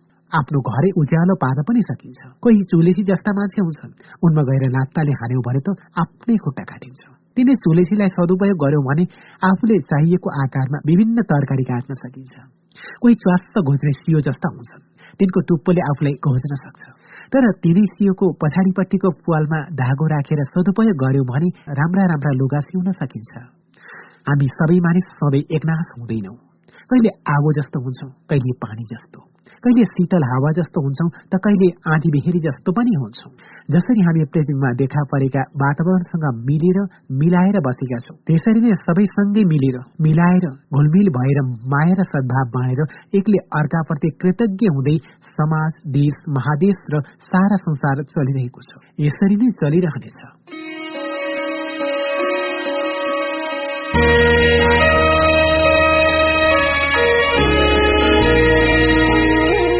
यसरी नै हरिवंश पनि कहिले करेन्ट जस्तो कहिले आगो जस्तो कहिले पानी जस्तो कहिले शीतल हावा जस्तो कहिले बच्चा जस्तो त कहिले पाको न पाको बुढो जस्तो भइरहेका हुन्छन्। उनको मोड हेरेर उनको इच्छा बुझेर उनको स्वभाव र अवस्थालाई बुझेर म समझदारी लिएर काम गर्ने गर्छु। म पनि कहिले करेन्ट जस्तो कहिले आगो जस्तो कहिले पानी जस्तो भइरहन्छु। त्यति बेला मलाई हेरेर हरिवंशले समझदारी लिएर काम गर्छन्। कहिले काहीँ उनी बच्चा जस्तो भइदिन्छन्। त्यति बेला म पाएको बुढो जस्तो भएर सम्झाइ बुझाइ फकाई फुलाई शान्त पार्ने प्रयास गर्छु। कहिलेकाहीँ मदन दाई मेरो प्रतिद्वन्दी हुनुहुन्छ। म मदन दाईको प्रतिद्वन्दी हुँ भनेर हरिवंशले मेरो इज्जत गरेका हुन्छ। त्यति बेला म सबैलाई भनिदिन्छु हरि र ममा हरिवंश सयमा सय नै हुन् म सुन्ने मात्र हुँ। तर त्यो सयको पछाडि सुन्ने उभिँदा हामी दुवै हजार हजार हुन्छौँ। मैले त्यस्तो भन्दा हरिवंश फेरि म भन्दा पाको बुढो हुँदै मदन दाई सुन्ने म सय होइन। मदन दाई उनान्से म एक मात्र हुँ भन्छन् मैले हरिवंशलाई प्रतिद्वन्दी होइन। सधैँ एउटा अद्वितीय सहयात्रीका रूपमा लिएको छु। वास्तवमा यसरी नै हाम्रो सहयात्रा अगाडि बढिरहेको छ। दुई घोडे बगीका घोडाहरू जस्तै एउटै चालमा जसरी बगीका दुई घोडाले आफ्नो एउटै गन्तव्यलाई ताकेर अगाडि बढ्नु राम्रो हुन्छ। दुईवटै घोडा मध्ये एउटाले अर्कोलाई सहयात्री नठानेर प्रतिद्वन्दी ठान्यो र आफू एक्लै बेस्कन कुद्न खोज्यो भने बग्गी दुर्घटनामा पर्छ। अलग अलग घोडा कुदेको हेर्नुभन्दा दुईवटा घोडा एउटै चालमा हिँडेको र त्यसले बग्गी तानेको राम्रो देखिन्छ। त्यस्तो बग्गीको शोभा महत्व र शक्तिमा धेरै फरक हुन्छ जुन गहकिलो र कलात्मक पनि हुन्छ। त्यो गहकिलो वातावरण सबैसम्म महकिलो हुन्छ। हरि र म दुवैजना एउटै गाडीमा बसेर गोडिरहेका बेला हरि र मेरो मुड अरू बेलाभन्दा अलिक फरक हुन्छ। त्यति बेला हामी प्राय पुराना पुराना कुरा गर्न थाल्छौँ। आफ्ना दुःख सुखका कुरा गर्न थालेका हुन्छौँ। एकले अर्कालाई प्रशंसा पनि गर्छौँ। एकले अर्कालाई सम्झाइ बुझाइ पनि गर्छौँ। त्यति बेला हामी आफू होइनौँ। हाम्रो आत्मा आत्मामा बोलिरहेका हुन्छौँ। हामी बीचको आत्मीयताका धेरै कुरा त हरिवंशले आफ्नो पुस्तक चिन हराएको मान्छेमा पनि लेखिसकेका छन्। उक्त पुस्तकमै उनले यस्तै केही लेखेका छन्। एक समय मलाई एक्लै काम गर्ने भूत चढेको थियो। त्यति बेला मलाई फिल्म भन्ने फिल्मको स्क्रिप्ट लेखेर चलचित्र निर्माण गर्ने इच्छा लाग्यो। त्यसमा मदन दाईले अलिकति माइन्ड गर्नुभयो। त्यसरी एक्लै काम गर्ने भूत मलाई पछि पनि चढिरह्यो। फेरि मैले त त साह्रै नि बद्री चलचित्र बनाए। कुरा जब त्यति नै हो। तर त्यति एउटा चलचित्रमा मलाई नदेख्ने बित्तिकै ल भएछ। यिनीहरू फुटेछन् भनेर जुन सहयोग गराइयो त्यो अत्यन्त राम्रो भयो। हामीले दर्शक श्रोताको राय लिन पायौँ। फुट्न हुन्न भन्ने बारे हामीलाई थाहा नै थियो। त्यसमाथि आम शुभेच्छुका तर्फबाट पनि सकारात्मक खबरदारी पाइयो। तर मैले हरिवंशको एक्लै स्क्रिप्ट लेख्ने चाहनालाई रोक्नु हुँदैन। मैले रोक्ने प्रयास गरेको पनि छैन। करिब चार दशक लामो सहयात्रामा हामीले निर्माण गरेका अधिकांश टेलिचलचित्रको स्क्रिप्ट एक आपसमा बसेर सल्लाह र हाँसखेल गर्दै लेख्दै आएका थियौं। हाम्रो पहिलो टेलिचलचित्र फिफ्टी फिफ्टीदेखि निरन्तर रूपमा पन्ध्र गति घाँस काट्ने खुर्किएर दशैं वनपाली रात लाल पूर्जा लक्ष्मी चिरञ्जीवी सुर बेसुर ओहो असल लोग्नी लेफ्ट राइट लेफ्ट डायबिटिज लगायत थुप्रै टेलिचलचित्रका स्क्रिप्ट संयुक्त रूपमा लेखेका थिए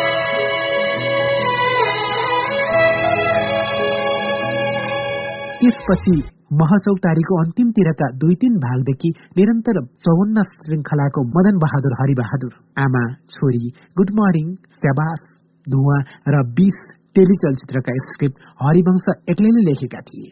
हामी दुईको घरको दूरी बेला बेलामा आइपर्ने परिवारको स्वास्थ्य स्थिति मलाई लागेको पार्किन्सन रोगको उतार चढाव जस्ता अनेक परिस्थितिले गर्दा हामीले कहिले सँगै त कहिले हरिवंशले एक्लै काम गर्ने परिस्थिति निर्माण भयो। काम भनेको समय अनुसार र परिस्थिति अनुसार नै गरिन्छ। यस्तो परिस्थितिलाई बुझ्ने स्वभावले गर्दा नै हामी यति लामो समयसम्म सहयात्रा गर्न सफल भएका छौँ। यिनै सहयात्रीको जीवनमा हामी कसैले नसोचेको घटना भयो पत्नी वियोगको ठूलो वज्रपात खेप्नु पर्यो। मीरा आचार्यसँग मेरो र परिवारको पनि आत्मीय सम्बन्ध गाँसिएको थियो। त्यो सम्बन्धको आत्मीयताले गर्दा हरिवंशलाई चोट पर्दा मेरा आँखा धेरै पल्ट रसाएका थिए। अझ पनि मीरालाई सम्झँदा एक सेकेन्ड मात्रै किन नहोस् मेरो मन स्तब्ध भएकै हुन्छ। यो कुरा हरिवंशले मात्र बुझेका छन्। मीराको सम्झना हाम्रो हृदयमा सदा रहिरहनेछ श्रद्धाका साथ चलिरहनेछ।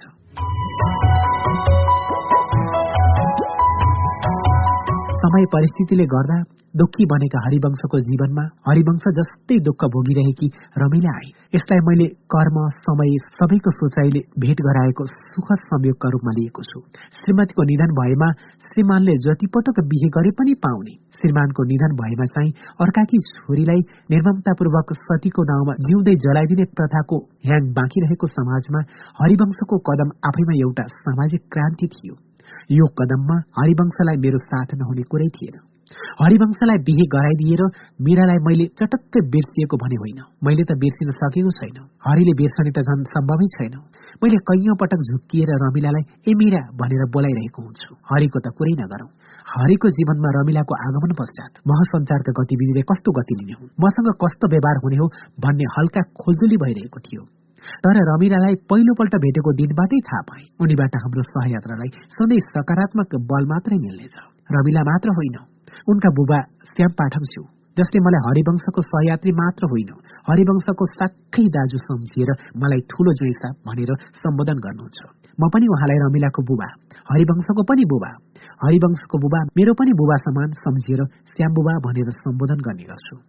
उहाँहरूको परिवारै मलाई राम्रो रमाइलो र उद्यमी लाग्छ। हरिवंशका लागि रमिला जुराइदिएकोमा वसुन्धरा भूषालजीप्रति म सधैँ कृतज्ञ छु रमिलाले मलाई हरिलाई जस्तै समझदारीपूर्ण मिठो र असल व्यवहार गर्छिन् महाजोडी भन्ने नामलाई अझ दिगो राख्ने कार्यमा रमिलाको व्यवहारबाट अझ बढी बल पुग्ने कुरामा म विश्वस्त छु सम्बन्धको फैलावटले हामी दुईको परिवारलाई धेरैतिरबाट गाँसेर राखेको छ अब त यस्तो लाग्छ म र ह फुट्न चाहेर पनि सक्दैनन् सम्बन्ध र स्नेहका धेरै तन्तुली हामीलाई धेरैतिरबाट बलियो बनाएका छन्।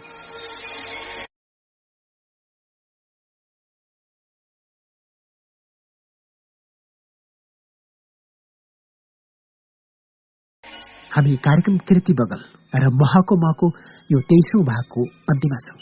आजको भागमा हामीले मदन कृष्णलाई लागेको पार्किन्सन रोग र त्यस उपचार पद्धतिको बारेमा त्यसै गरी मदन कृष्ण र हरिवंशको जीवनमा आइपरेका पत्नी वियोगका कारुणिक घटनाहरू अनि महाजोडीको रूपमा काम गर्दा आफूहरूप्रति आम जनसमुदायले देखाएका माया आफूहरू एकअर्कामै भएको अगाध माया र विश्वासको पनि चर्चा गरिएको छ।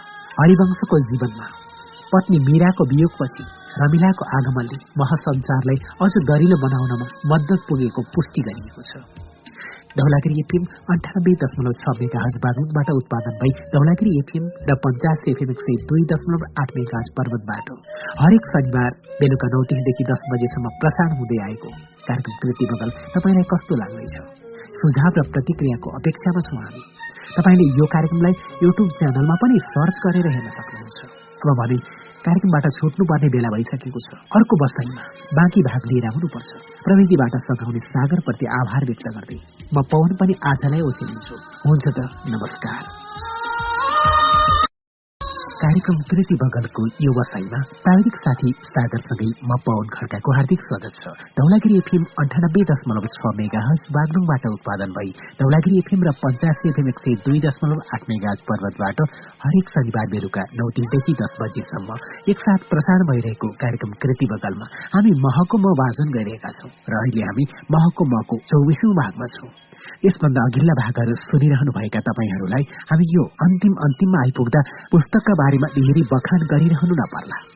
सम्पूर्ण दर्शक श्रोताहरूको मन मस्तिष्कमा रहेका जिज्ञासाका हर बिन्दुहरूलाई हर बिम्बहरूलाई मेट्ने प्रयासमा पुस्तकको प्रयास छ। मदन कृष्णका बारेमा उत्सुक जो कोहीका लागि पनि यो पुस्तकले उहाँको वैयक्तिक जीवनदेखि कला यात्राका जीवन भोगाएका सम्पूर्ण पक्षीहरूलाई यथाशक्य सरल र सठिक रूपमा प्रस्ट्याउने चेष्टा गरिएको छ। आजको भाग सुरु गरौँ। हुन्छ त पेज नम्बर दुई सय अठहत्तरदेखि अगाडि।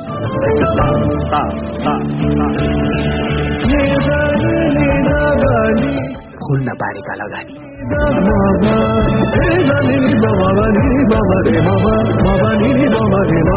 दुईजना मिलेर साझेदारीका रूपमा काम गर्नेहरू संसारमा धेरै छन् तर अधिकांश साझेदार समयक्रममा छुट्न फुट्न अझै भनौ कुटाकुट गरेर झगडै गरेका र वर्षौंसम्म मुद्दा मामिलामा अल्झिएर बोलचाल नै बन्द भएको पनि हामीले प्रशस्तै सुनेका छौं। त्यसमाथि पनि कला क्षेत्रमा दुईजना मिलेर काम गर्नेहरू त अझ थोरै छन्। भारतमा संगीतकारहरू शंकर र छन्। लक्ष्मीकान्त र प्यारेलाल कल्याणजी र आनन्दजीहरू जस्ता चार पाँच जोडा छन्। अन्तर्राष्ट्रिय स्तरमा ख्याति कमाएका लरेल एन्ड हार्डीको हास्य जोडीलाई धेरैले देखेका छन्। तर कैयौं देशमा मिलेर वर्षौंसम्म काम गरेका जोडीको उदाहरण बिरलै पाइन्छ। मैले बाँचेको समयमा हरिवंश र मनै यस्तो अववाद जोडी हो जसले करिब चार दशकदेखि निरन्तर सहयात्रा गरिरहेको छ। सहयात्राको यति लामो समय सम्झिँदा पनि मलाई गर्व लाग्छ। यस्तो लाग्छ भगवानले नै हामी दुईलाई मिलेरै काम गरेर खाऊ भनेर पठाएको हुनुपर्छ। भनिन्छ माया सुन हो भने मित्रता हिरा। माया रूपी सुनलाई टुक्राउन सकिन्छ र यसलाई फेरि जोड्न पनि तर मित्रता रूपी हिरा टुक्रियो भने त्यसलाई फेरि जोड्न सकिँदैन। तर हरिवंश र मेरो मित्रता जोड्न मिल्ने माया लिन मिल्ने समझदारी एकले अर्कोलाई गर्नुपर्ने सद्भाव पालना गर्नुपर्ने अनुशासन मिलेर गरेका संघर्ष भोगाई र अनुभवहरू तथा दर्शक श्रोताको माया सुझाव जस्ता विभिन्न विषय मिलेर बनेको बलियो सम्मिश्रण हो। यो सम्बन्ध छुट्न फुट्न र टुट्न सजिलो छैन। हाम्रो शरीर र स्वास्थ्यका कारणले कुनै दिन म अथवा हामी कुनै पनि काम गर्न नसक्ने भयौं भने पनि महाजोडी भन्ने नाम मित्रता ध्वजाका रूपमा सदा फहराइरहनेछ।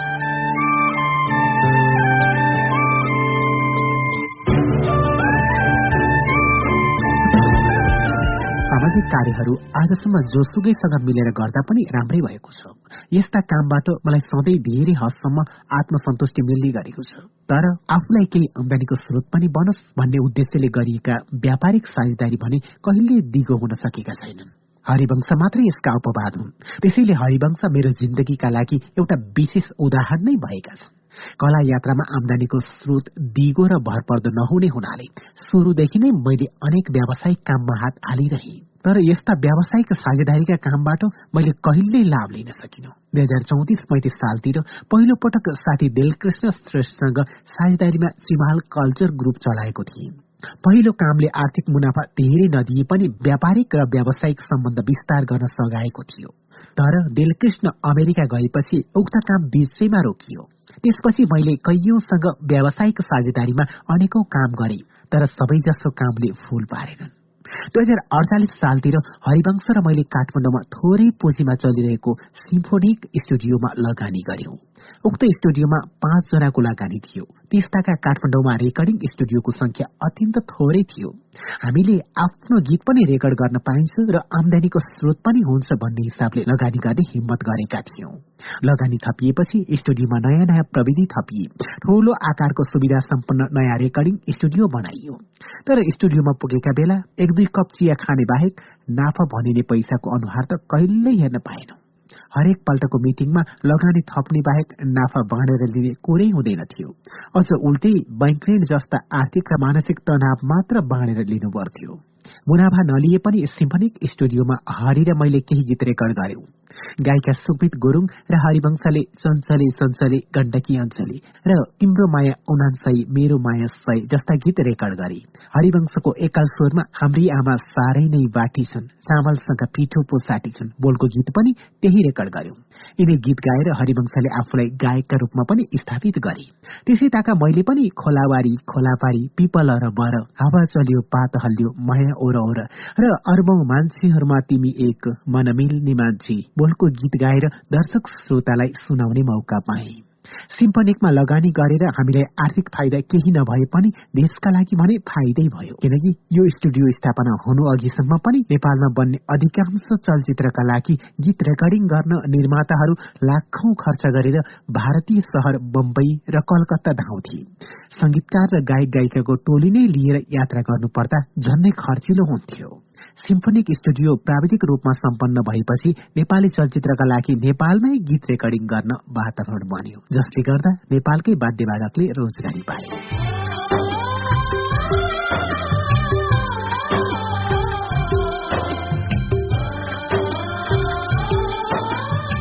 सिम्फोनिकमा भएका अत्याधुनिक रेकर्डिङ मेसिन र ती चलाउने रेकर्डिस्ट दीप तुलाधारका कारण यो सबै सम्भव भएको थियो। त्यो समयमा अत्यन्त कुशल रेकर्डिस्ट थिए। उनका आँखा अलिक कमजोर थिए तर उनी काममा चाहिँ निकै बेजोड। त्यस्ताका सिम्फोनिक चौबिसै घण्टा व्यस्त भइरहने एकमात्र स्टुडियो थियो।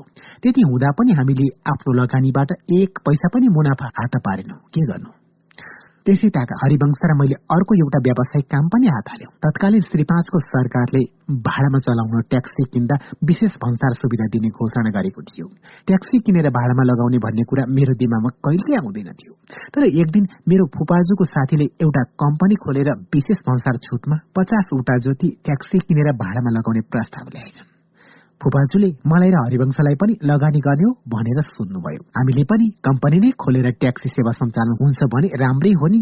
आफूले हेर्नु पनि नपर्ने र आमदानीको गतिलो स्रोत पनि हुने सोचेर लगानी गर्यौं। कम्पनीको नाम बगी क्याब राखियो। कम्पनीले सुरुमा एघारवटा मात्र मारुति बिहान किन्यो। पहिलो दिन नै एघारवटा मारुति बिहान मध्ये सबैभन्दा अघिल्लो बिहान आफू बसेर एघारवटा गाडी एघारजना ड्राइभरले लस्करै हाँकेर सड़कमा गुडाएको रेले गुडेको जस्तो देखियो। मैले आफूलाई ट्याक्सीको मालिक होइन रेलकै मालिक सम्झे। रमाइलो पनि लाग्यो। तर ट्याक्सीले पनि फुल पारेन। करिब एक वर्ष चलाएर मुनाफा खासै नभएपछि कम्पनीले सबै पार्टनरलाई एउटा एउटा ट्याक्सी बाँडेर दियो र बाँकी ट्याक्सी बिक्री गर्यो। कम्पनी बन्द गर्ने बेलामा कर कार्यालयमा रहेको बाँकी करले उत्तिकै झमेला भयो। अनेक दौडधुप र झन्झटपछि बल्ल बल्ल कम्पनी विधिवत रूपमा बन्द गर्यो।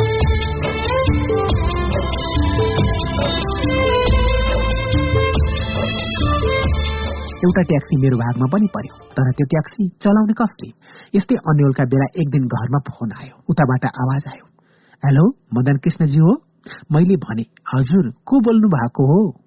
मलाई फोन गर्ने बहालवाला मन्त्री थिए। उनले भने तपाईँ कहाँ? चालक नभएर ट्याक्सी खाली छ हो? मैले हाँस्दै हो किन र? भनेर सोधे। मन्त्रीज्यूले आफू कहाँ अनेक समस्या लिएर आउने जिल्लावासीहरूको होल नै हुने बताए। उनले यस्तै यस्तै समस्या सुनाउँदै अन्त्यमा भने तपाईँ कहाँ भएको ट्याक्सी चलाउन ड्राइभर पाउनु भएको छैन भने मेरो एकजना मान्छेलाई पठाइदिन्छु। उसैलाई चलाउन दिनुहोस् न है। मन्त्रीको कुरा सुनेर मैले हुन्छ भनिदिए भोलिपल्ट एकजना तन्नेरी मन्त्रीज्यूले पठाउनु भएको भन्दै मलाई भेट्न आइपुगे। मैले तिनलाई लाइसेन्स छ भनेर सोधे। उनले लाइसेन्स देखाए। मैले एकपल्ट गाडी हाँकी हेर्नुहोस् न त भनेर साँचो दिए। तर उनले त यसरी गाडी हाँके कि भित्ता भित्तातिर न्याक्ने हो कि जस्तो गरी बाङ्गो टिङ्गो गरी चलाए। त्यो देखेर ओहो यो मान्छेलाई गाडी हाँक्ने प्र्याक्टिस नै पुगेको रहेनछ भन्ने लाग्यो। खै तपाईँले गाडी हाँकेको देख्दा मलाई त एकदमै डर लाग्यो। दुई चार दिन चलाउने प्र्याक्टिस गरेर आउनुहोस् अनि दिउला भनेर पठाए मेरो कुरा सुनेर उनी पनि अप्ठ्यारो मान्दै गए तर पछि फर्किएरै आएन पछि उक्त ट्याक्सी अनेक ड्राइभरको हातमा पर्यो। कहिले ब्याट्री फेर्नु पर्यो कहिले टायर फेर्नु पर्यो। कहिले के बिग्रियो त कहिले के बिग्रियो। कहिले आज नेपाल बन्दको दिन गाडी चलाएको सिसा नै फोडिदिए सर के गर्ने? भन्दै ड्राइभर सिसा फेर्न पैसा माग्दै आउँथिन्।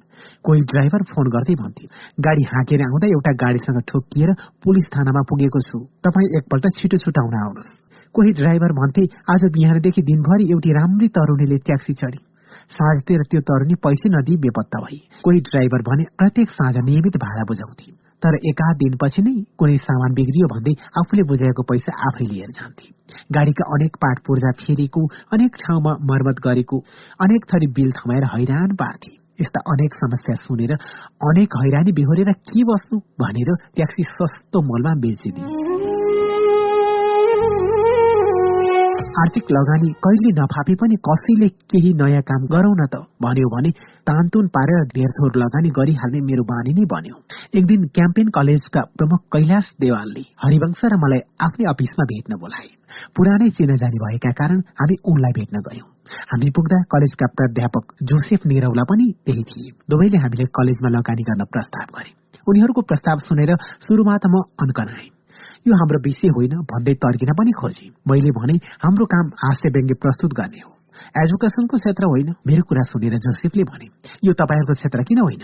हामी एक पटकमा दुई चार हजार विद्यार्थीलाई शिक्षा दिने एजुकेसनिस्ट हौ। तर तपाईँहरू त एकै पटकमा लाखौं मानिसलाई शिक्षित गराउने एजुकेसनिस्ट। त्यसैले शिक्षा तपाईँहरूको क्षेत्र होइन भन्न मिल्दैन।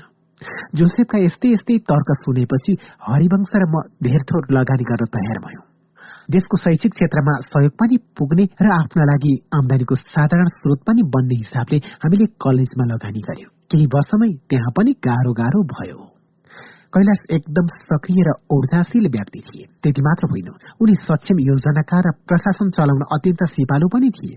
कमल पोखरीमा रहेको रसियन कल्चर सेन्टरको पूरै भुइँतलालाई कलेजको आफ्नो केन्द्रीय कार्यालय बनाएको थियो। सयौं व्यक्तिले रोजगारी पाइरहेका थिए।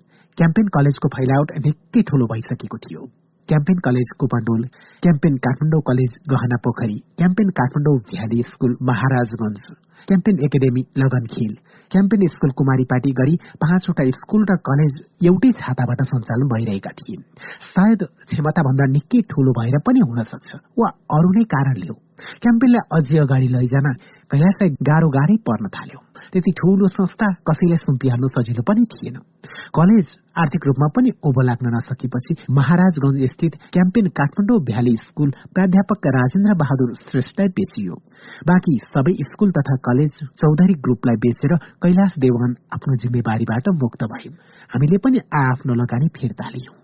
लगानी झिक्यो बस्नुपछि पनि विभिन्न देशमा कार्यक्रम गर्न जाँदा बेला बेलामा लाठी लाठी मान्छे हामीसँग हात मिलाउँथे र भन्थे सर म क्याम्पेनको विद्यार्थी हुँ नि। सरहरू पनि त्यहाँ आइरहनुहुन्थ्यो। यस्तो सुन्दा आफूले पढाएको त केही होइन। तैपनि रमाइलै लाग्थ्यो।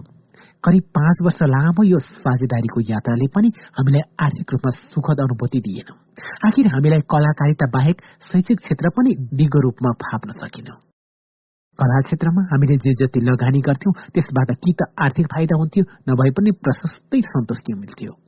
तर कला बाहेकका क्षेत्रमा लगानी गर्यो कि हामी केही वर्षमै पछुताउने अवस्थामा पुगिहाल्थ्यौं। तर पनि कसैले केही नवीन सोच र देशलाई नै फाइदा पुग्ने योजना सुनायो भने फाइदा लिन नसकिएका लगानीका पुराना कथा बिर्सिएर हामी सकारात्मक सोचका साथ धेरथोर लगानी गरिहाल्थ्यौं।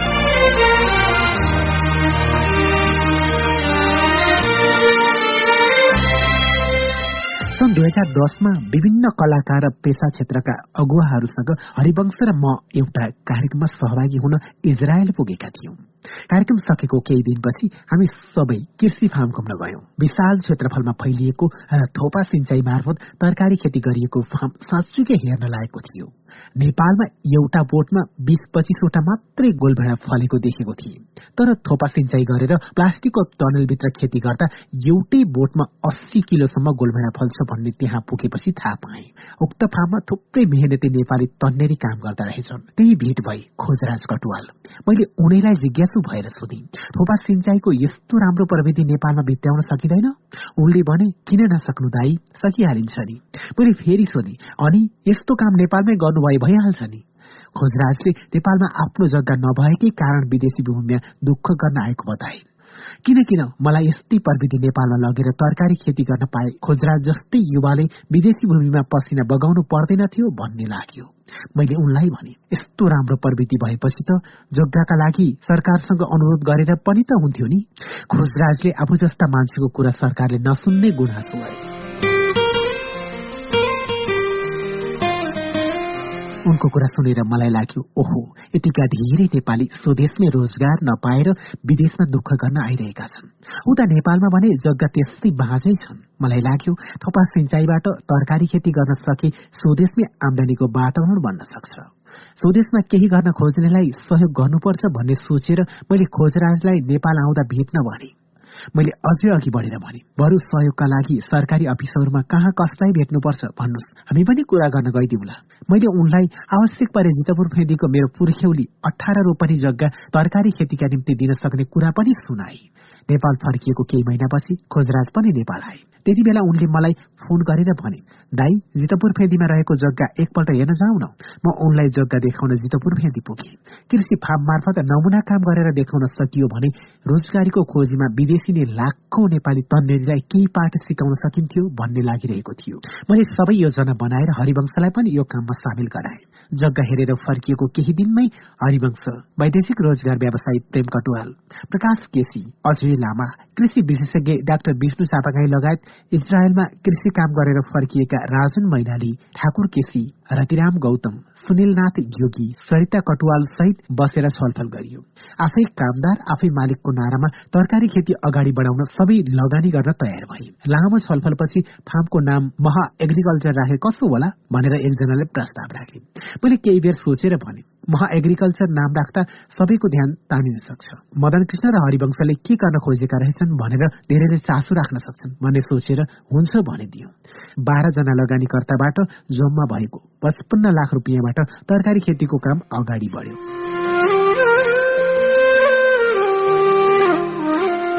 केही दिनपछि नै फार्मका लागि युद्ध स्तरमा काम अघि बढ्यो।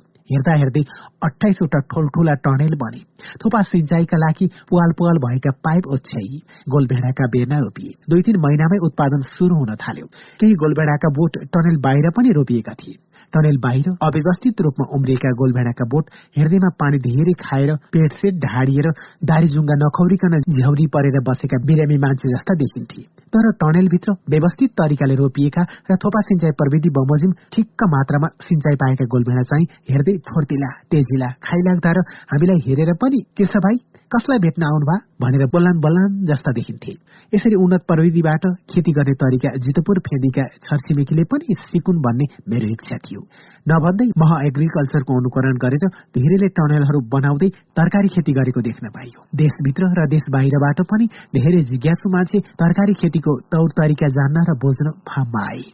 तत्कालीन प्रधानमन्त्रीदेखि उच्च पदस्थ सरकारी अधिकारी कैयौं उद्यमी र देशका कैयौं ठाउँबाट उत्साही कृषक मह एग्रिकल्चरमा आए।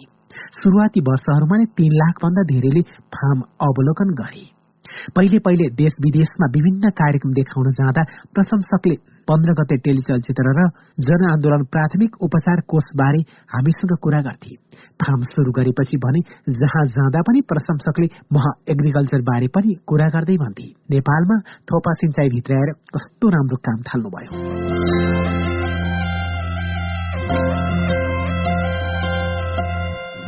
खोजराज राजुन ठाकुर र तिराम भाइहरू सबै मह एग्रिकल्चरकै काममा एकदमै व्यस्त थिए। साझेदार धेरै भएकाले अर्बौं रुपियाँ लगानी गरिएको ठूलै उद्योग चलाइराखे जस्तो हप्तै पछि मिटिङ भइरहन्थे। तर जति मिटिङ बसे पनि जो जतिसुकै व्यस्त भए पनि प्रतिफलको अनुहार कसैले देख्न पाएन। तरकारी बजारमा लगेर बेच्ने सबै कामको जिम्मा खोजराजले एक्लै गरेका थिए। त्यसैले उनी एकजनाले पैसा छुन पाए तर अरूले त सुग्नसम्म पनि पाएन। खोजराजले कति पैसा हेर्न र सुग्न पाए उनी आफै जान। तैपनि आज नभए भोलि केही होला नि त भनेर सबैजना काममा जोतिरहे। मह एग्रिकल्चरको अनुसरण गरेर तरकारी खेती गरेकाहरूले आमदानी गरेर हामीलाई देखाइसकेका थिए। तर सबैलाई बाटो देखाउने भइ खाएको बिचरा मह एग्रिकल्चर भने घाटे वैद्यले मरे समय तोकिदिएको बिरामी चाहिँ दिन प्रतिदिन सुस्ताउँदै गएको थियो। व्यवसाय विस्तारका लागि अनेक अवसर आए पनि महा भित्र आर्थिक अपारदर्शिता मौलाइसकेको थियो। सबैका निम्ति उदाहरणीय काम भए पनि प्रतिफल पटक्कै आइरहेको थिएन। म आफै पनि उक्त कामबाट अलग किन खोजिरहेको थिएँ। तर आफ्नै जग्गामा खेती भइरहेकाले अरूलाई जस्तो मलाई भन्ने बित्तिकै निस्कन सजिलो थिएन। सृजना र कला क्षेत्रमा मग्न भएर काम गर्ने स्वभावको मलाई अनेक झन्झटमा फसिरहनु उचित लागेन। त्यही बीचमा प्रेम कटवाल र अरू केही भाइले पनि आफ्नो लगानी झेके। म भने आफ्नो जग्गा अड्किएको र तीसौं लाख रुपियाँ फसिसकेको हुनाले बुताले भ्याएसम्म मह एग्रिकल्चर सपार्छु भनेर अन्तिमसम्म लागिरहे। कतैबाट पनि कुनै कुरा मिल्ने नदेखिएपछि अन्तत मह एग्रिकल्चर छिन्न भिन्न भयो। आर्थिक रूपमा मैले ठूलो नोक्सानी बेहोर्नु परे पनि देशभित्रै थोपा सिंचाईको शुरूआत भयो जसबाट धेरै किसान लाभान्वित भए।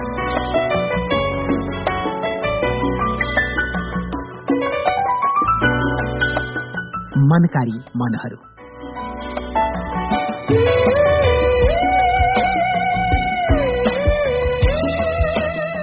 कलाकारिता क्षेत्रमा अगाडि बढ्दै जाँदा सबै जसो व्यक्ति र संघ संस्थाले हामीलाई सामाजिक कार्यकै निम्ति सदुपयोग गर्न चाहे। सामाजिक सन्देश समेटिएको कुनै पनि टेलिफिल्म टेलिसन्देश निर्माण गर्नुपर्दा सबैभन्दा पहिले हामीलाई नै सम्झने वातावरण बन्दै गयो। हामी पनि त्यस्ता काममा रमाउँदै लागि पर्दै गयौं। सामाजिक कामका लागि अर्थ संकलन गर्ने उद्देश्यले आयोजना गरेका कार्यक्रममा हामीले सक्रिय सहभागिता जनायौं। जसले गर्दा सामाजिक काममा प्रत्यक्ष परोक्ष भूमिका खेल्न पाइयो।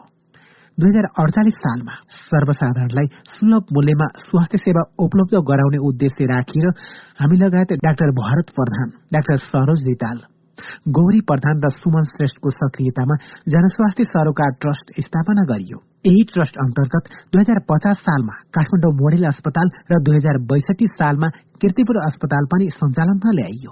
दुई बेडबाट शुरू भएको मोडेल अस्पताल र सोह्र बेडबाट शुरू भएको किर्तिपुर अस्पताल दुवै सय सय बेड क्षमतामा पोखिसके। स्थापना कालदेखि म ट्रस्टको अध्यक्ष र हरिवंश उपाध्यक्षको भूमिकामा छौं। अस्पताल सञ्चालनकै क्रममा राम्रा राम्रा डाक्टरको साथ पाएका कारण दुई हजार बैसठी त्रिसठीको जनआन्दोलनमा जनआन्दोलन प्राथमिक उपचार कोष खड़ा गर्ने हिम्मत आयो। त्यसबाट पाँच हजार भन्दा बढी घाइतेले निशुल्क उपचार पाए। यो कामबाट अस्पताल र हामीले नेपाली जनताका तर्फबाट प्रशस्तै सेवासी पायौं।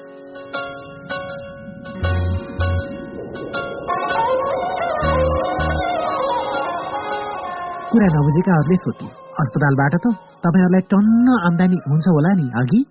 कतिलाई जवाब दिनु? यो संस्था नाफारहित उद्देश्यले खोलिएको गैर सरकारी अस्पताल मात्र हो। त्यसबाट हामीले तलब भत्ता र नाफाको त के कुरा? कुनै पनि बैठकबाट कसैले पनि एक पैसा भत्ता समेत लिँदैनौ। लिन पनि नपरोस्। दर्शकलाई हँसाएर गुजारा चलाइरहेको बानी। अस्पतालमा पिरे पिरले थलिएका बिरामीका आफन्तले जेनतेन तिरेको सेवा शुल्कबाट बसी बसी पैसा लिने कुरा कहिले मनमा आएन?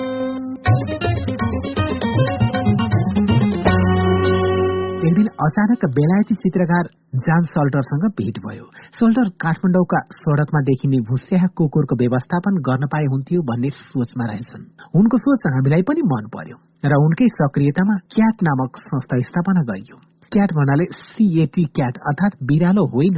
केएटी क्याट अर्थात काठमाडौँ एनिमल ट्रिटमेन्ट सेन्टर यो संस्थाले काठमाडौँका टोल टोलमा गएर भोस्याहा पोथी कुकुरहरूलाई पक्रिएर ल्याउँथ्यो। तिनलाई बन्ध्याकरण र आवश्यक औषधोपचारपछि जचाएर जहाँबाट ल्याइएको हो त्यही छोडिन्थ्यो। बन्ध्याकरणपछि पोथी कुकुरले छाउरा छाउरी जन्माउन सक्दैन। नजन्मिएपछि कुकुरलाई बिस स्क्वायर मार्नु पनि परेन। छटपटी मरेका कुकुर हेर्न पनि परेन। कति राम्रो। उक्त सेन्टरमा हरिवंश संस्थापक अध्यक्ष र म सदस्यको हैसियतमा सक्रिय रह्यौं। हामीभन्दा धेरै उत्साही र जागरिला साथीलाई जिम्मेवारी सुम्पिएर केही वर्षपछि हामी संस्थाबाट अलग भयौं। पत्रकार कनक मणि देशजितको सक्रियतामा खोलेको स्पाइनल इन्जुरी पुनस्थापना केन्द्रमा म शुरूदेखि संस्थापक सदस्यका रूपमा आबद्ध हुन पाए। गाउँघरतिरका थुप्रै मान्छे छानाबाट भिरबाट रुखबाट लडेर दुर्घटनामा परेर ढाड खुस्किएर हलन चल भएर जिन्दगी बिताइरहेका हुन्छन्। त्यस्ता मान्छेको उपचार र पुनस्थापना गर्न भनेरै यो केन्द्र खोलिएको थियो जसबाट हजारौं विपन्न बिरामी तथा घाइतेले उपचार पाइरहेका छन्। दुई हजार बहत्तरको महाभूकम्पमा परेर ढाड खुस्किएका सयौं घाइतेले यहाँबाट उपचार पाए।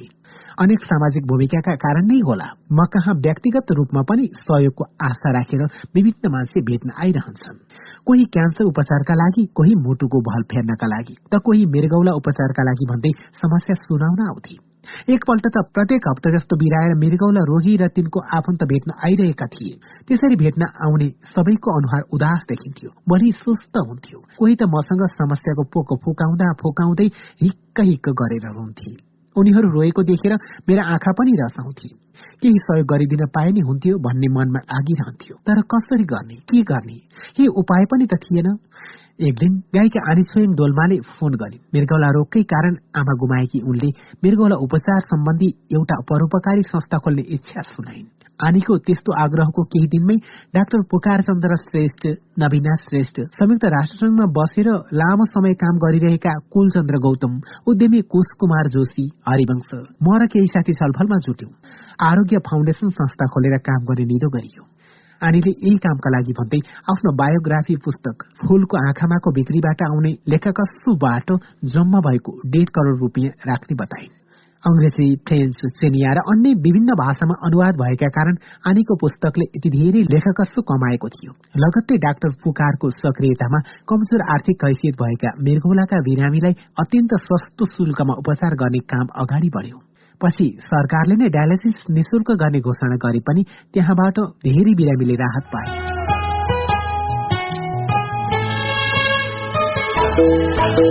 एक दिन अरूण पाउल र अमृता शर्मा हरिवंश र मलाई भेट्न आए। उनीहरूले पूर्व अमेरिकी राष्ट्रपति जिमी कार्टरले स्थापना गरेको हेबिटेट फर ह्युम्यानिटी नामक अन्तर्राष्ट्रिय संस्थाका लागि सद्भावना राजदूत बनिदिन अनुरोध गरे। श्रीलंकन नागरिक पाउल संस्थाको नेपाल प्रतिनिधि रहेछन् भने शर्मा कार्यक्रम निर्देशक। संस्थाले निम्न आयस्रोत भएका र घर परिवार विहीनलाई घर बनाएर सहयोग गर्दो रहेछ। यस्तो मानव कल्याणकारी काम सुनेर हरिवंश र मैले सद्भाव राजदूत बन्ने प्रस्ताव स्वीकार्यौं। विपन्नहरूको घर बनाउने काममा नेपाल घुम्न आएका विदेशी पर्यटक स्वयंसेवकका रूपमा खटिँदा रहेछन्। स्वयंसेवक पर्यटकलाई नेपालमा एक हप्ता बढ़ी बस्ने गरी घुम्न आउन भनिन्थ्यो र बढ़ी बसेको समयमा उनीहरू घर बनाउने काममा लागि पर्थे काम सकेपछि ती पर्यटक आफ्नो भ्रमण तालिका अनुसार नेपालमा विभिन्न ठाउँ घुम्न जान्थे। यस्तो काममा लाग्ने सबै खर्च पर्यटक आफैले बिहोर्थे। जसबाट नेपाली पर्यटक उद्योगलाई पनि टेवा पुग्थ्यो। सामाजिक काममा संलग्न हुन पाएकोमा विदेशीहरूले गर्व गर्थे र विपन्न समुदायका निम्ति पनि राहत पुग्थ्यो।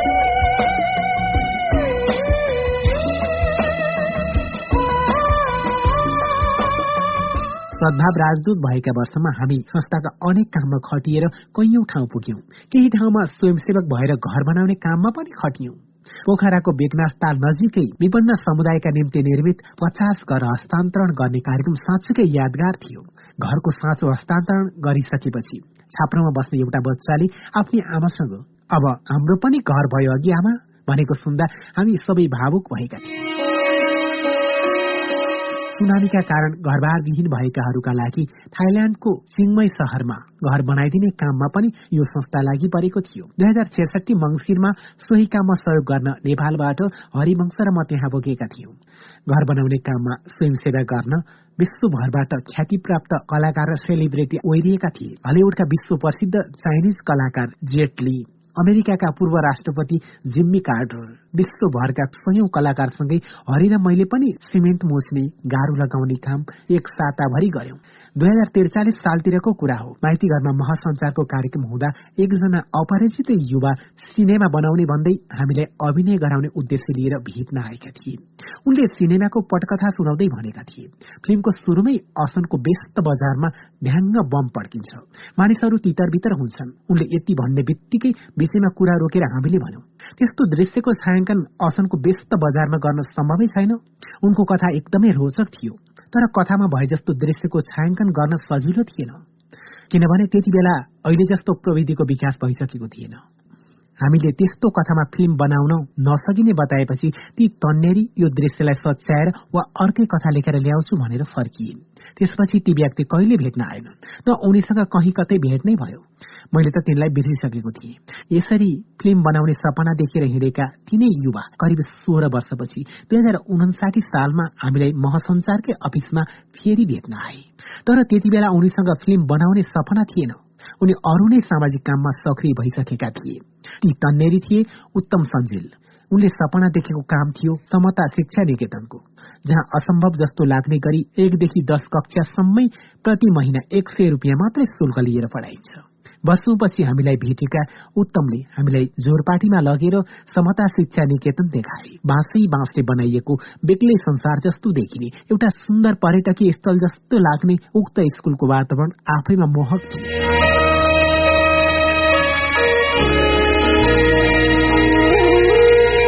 बालबालिकाहरूको मधुरो आवाजले हामीलाई त्यो ठाउँ कुनै तीर्थस्थल जस्तो लाग्यो। त्यही पुगेपछि हामीले थाहा पायौं गायिका आनी सिंह दोलमाले पनि स्कूल सञ्चालनका निम्ति सरसहयोग जुटाइदिएकी रहेछन्। सरकारी स्कूलहरूको पढ़ाई खस्किरहेको र निजी स्कूल सामान्य मान्छेको पहुँच बाहिर भइरहेको समयमा उत्तमको प्रयास आफैमा गतिलो उदाहरण थियो। न्यून शुल्कमा विपन्न र गरीब अभिभावकले आफ्ना छोराछोरी पढ़ाउने अवसर पाइरहेका थिए। उत्तमको अनवरत प्रयास देखेर हामीलाई पनि केही सहयोग गर्न पाए हुन्थ्यो भन्ने लाग्यो। तर हामीले सोचे जस्तो सहयोग गर्ने अवस्था पनि थिएन। कुनै किसिमले सहयोग जुटाइदिन पाए पनि हुन्थ्यो भन्ने लागिरहेको थियो। हामीले कहिले कसलाई कहिले कसलाई लगेर उत्तमसँग जोडिदियौं? हामीले जोडिदिएका मनकारीहरूले उत्तमलाई गाह्रो साह्रो पर्दा सहयोग गरिरहे। यस स्कूलसँग हाम्रो संलग्नता भन्नु नै स्कूल प्रति हाम्रो नैतिक समर्थन मात्रै हो। गाह्रो साह्रो पर्दा उपस्थित हुनु र सहयोग गर्ने कोही भेटिएमा स्कूलसम्म जोडिदिनु मात्रै हो। समताबाट भए गरेका उपलब्धिको जस्त उनै खटुवा उत्तमलाई नै जान्छ। दुई हजार सत्तरी सालमा संसारभर छरिएर रहेका रोटरी क्लबहरूले विश्वबाटै पोलियो उन्मूलनका निम्ति कार्यक्रम गरिरहेका थिए। रोटरी क्लब अफ त्रिपुरेश्वरमा आबद्ध भएका नाताले संस्थाका वरिष्ठ रोटेरियन रत्नमान साक्यले मलाई र हरिवंशलाई पोलियो उन्मूलनका लागि नेपालका तर्फबाट अन्तर्राष्ट्रिय सद्भाव राजदूत बन्न अनुरोध गर्नुभयो जुन हाम्रा निम्ति एउटा विशेष सम्मान पनि थियो।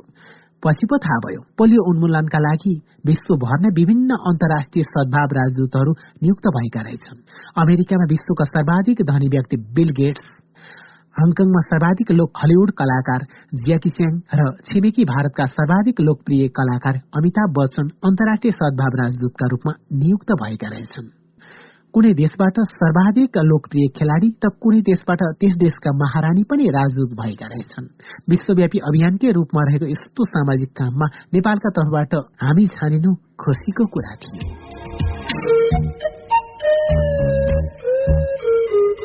हजुर हामी कार्यक्रम कृति बगल र महको म चौबिसौँ भागको अन्त्यमा छौँ। आजको भागमा हामीले महासञ्चारले र मदन कृष्णले व्यक्तिगत रूपमा अथवा महासञ्चारको तर्फबाट विभिन्न क्षेत्रमा गरेका आर्थिक लगानी र त्यसबाट प्राप्त गरेको प्रतिफलको बारेमा पनि थाहा पाएका छौं। धेरै जसो त महासञ्चारले कला क्षेत्र बाहेक अन्य क्षेत्रमा गरेका लगानीबाट शून्य उपलब्धि मात्र हाता परेको छ। त्यसै गरी विभिन्न क्षेत्रमा मनकारी भएर सहयोग गर्ने मन भएकाले धेरै ठाउँमा महासञ्चारको मनकारी हातहरू उठिरहेको सेवा र सहयोग प्रदान गरिरहेको कुरा पनि आजको भागबाट जानकारी भएको छ। धौलागिरी एफएम अन्ठानब्बे दशमलव छ मेगा बागलुङबाट उत्पादन भई धौलागिरी एफएम र पञ्चायत एफएम एक सय दुई दशमलव आठ मेगा पर्वतबाट हरेक शनिबार बेलुका नौ तीसदेखि दस बजेसम्म एकसाथ प्रसारण भइरहेको कार्यक्रम कृति बगल तपाईँलाई कस्तो लाग्दैछ सुनेर प्रतिक्रिया दिन नछुट्नुहोला अब भने हामी महको मको अन्त्य अन्त्यतर्फ पनि आइसकेका छौँ। अब यसभन्दा अगाडि एउटा भाग मात्र यानि कि पच्चिसौँ भाग मात्र तपाईँका लागि बाँकी छ जुन अर्को हप्ता मात्र हामी तपाईँलाई सुनाउनेछौँ। त्यस पछाडि पुनः अर्को पुस्तक वाचन हुनेछ। सुनिदिनु भएकोमा धेरै धेरै धन्यवाद। चाहनुभयो भने युट्युब च्यानलमा पनि सर्च गरेर हेर्न सक्नुहुन्छ महकुमालाई। हुन्छ त आजलाई भने प्रविधिबाट सघाउने सागरप्रति आभार व्यक्त गर्दै म पवन पनि बिदा माग्छु। नमस्कार। कार्यक्रम कृति बगलको यो श्रृङ्खलामा प्राविधिक साथी सागर सधैँ म पवन खड्काको हार्दिक स्वागत छ। धौलागिरी एफएम अन्ठानब्बे दशमलव छ मेगा हज बागलुङबाट उत्पादन भई धौलागिरी एफएम र पञ्चास एफएम एक सय दुई दशमलव आठ मेगा पर्वतबाट हरेक शनिबार बेलुका नौ तिनदेखि दस बजीसम्म एकसाथ प्रसारण भइरहेको कार्यक्रम कृति बगलमा अहिले हामी मदन कृष्ण श्रेष्ठको आत्मकथा महको म वाचन गरिरहेका छौँ। र आज हामी महको म पुस्तकको अन्त्यमा छौँ यानि कि महको म पुस्तक वाचनको पच्चिसौं श्रृङ्खलामा छौँ। अहिलेसम्मका भागहरूमा मदन कृष्णका जन्मदेखि विभिन्न चरणहरू पार हुँदै आजसम्म आइपुग्दा बेहोरेका विभिन्न परिस्थितिहरू भोग्नु परेका कठिनाईहरू सफलताका राजहरू सबै कुरा अवगत भइसकेको छ।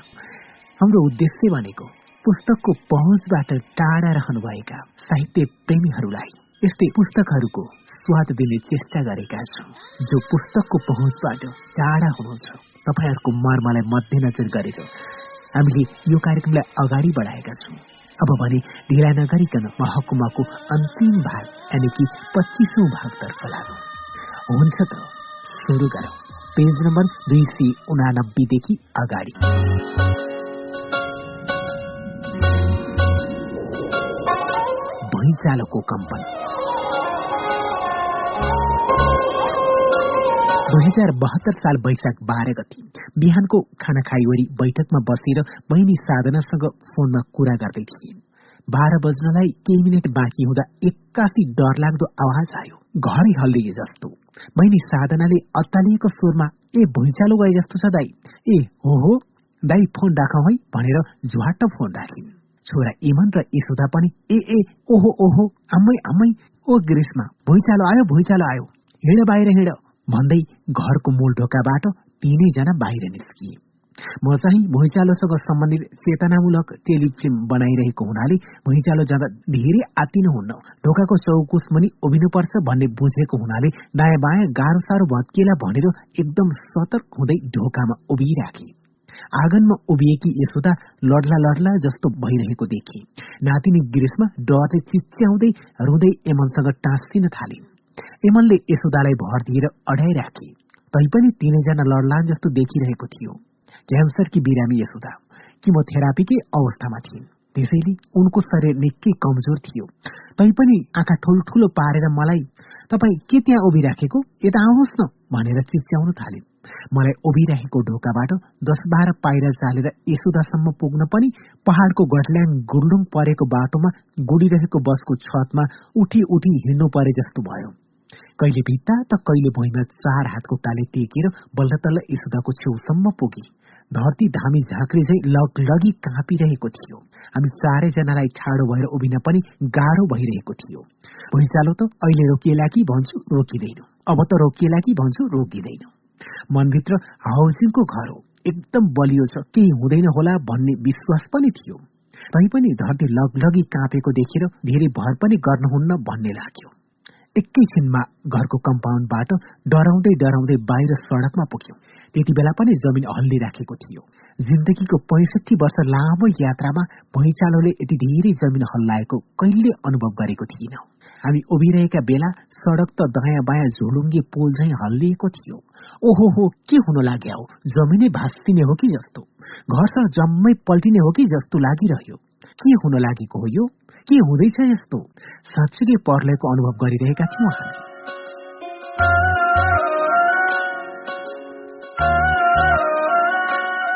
हाउसिङभित्रका घर घरबाट छिमेकीहरू सडकमा निस्किए। आँखा ठुल्ठुला पारेर उसले उसको मुख उसले उसको मुख हेर्दै थियौं। जमिन त फेरि हल्लियो। कसैले ठूलो मुङ्रोले ढुवाक ढुवाक ढुवाक ढुवाक हिर्काए जस्तो गरी जमिन धर्कियो सबैले भन्न थाले यो आफ्टर सक हो। आफ्टर सकलाई नेपालीमा परकम्प भनिदो रहेछ। त्यसअघि मैले परकम्प शब्द सुनेकै थिइनँ। त्यसपछि झ्वाट हरिवंशलाई सम्झी बहिनी साधनालाई सम्झी उनको घर अलि पुरानो थियो। हत्तपत्त साधनालाई फोन गरे तर उनको फोन लागेन। फेरि फोन गरे लागिन। फेरि गरे लागिन। सानी बहिनी साधनालाई फोन गरे लागिन। त्यसपछि हरिवंशलाई फेरि फोन गरे लागिन। फेरि गरे लागिन। नयाँ बजारको धाराधरमा रहेकी आमालाई फोन गरे उठेन। त्यसपछि सम्झिए नरेन्द्र कम्साकारको घर पनि पुरानो थियो। उनलाई पनि फोन गरे लागेन। फेरि गौरीशंकर धुजुलाई सम्झिए उनलाई फोन गरे लागेन। फेरि नयाँ बजार स्थित मामा घरमा फोन गरे उठेन। यसरी कहिले कसलाई कहिले कसलाई तारन्तार फोन गरिरहे। बल्ल तल्ल हरिवंशको फोन उठ्यो। भूकम्पको पहिलो लामो कम्पन भइरहँदा उनी महाराजगंज स्थित अमेरिकन एम्बेसी अघि सड़कमा गाडी हाँक्दै रहेछन्। त्यस्ताका हरिवंश लाजिमपाटको एघार तले अपार्टमेन्टको दोस्रो तलामा बस्थे। एघार एघार तलको अग्लो घर के हो होला? म केही सोच्न सकिरहेको थिइन। हत्तपत्त मोहित कहाँ छन् भनेर सोधे। उनी त ती अग्लो अपार्टमेन्टको कोठामै थिए उनले त घर हल्लिँदा कोठाका भित्ताहरू ठूलो आवाज गरेर चरक चरक चर्किएर पुवाटपट फुटेकै देखेका रहेछन्।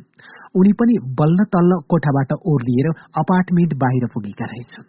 फेरि बहिनी साधनालाई फोन गरे। त्यति बेला पनि लागिन। त्यसपछि घर नजिकै रहेको अलिक अग्लो डिस्कोमा उभिएर काठमाडौँ सहर निहाले ठाउँ ठाउँमा बुङ बुङ धुलो उडिरहेको थियो। त्यो देखेर काठमाडौँमा धेरै मान्छे हताहत भयो होलान् भन्ने लाग्यो।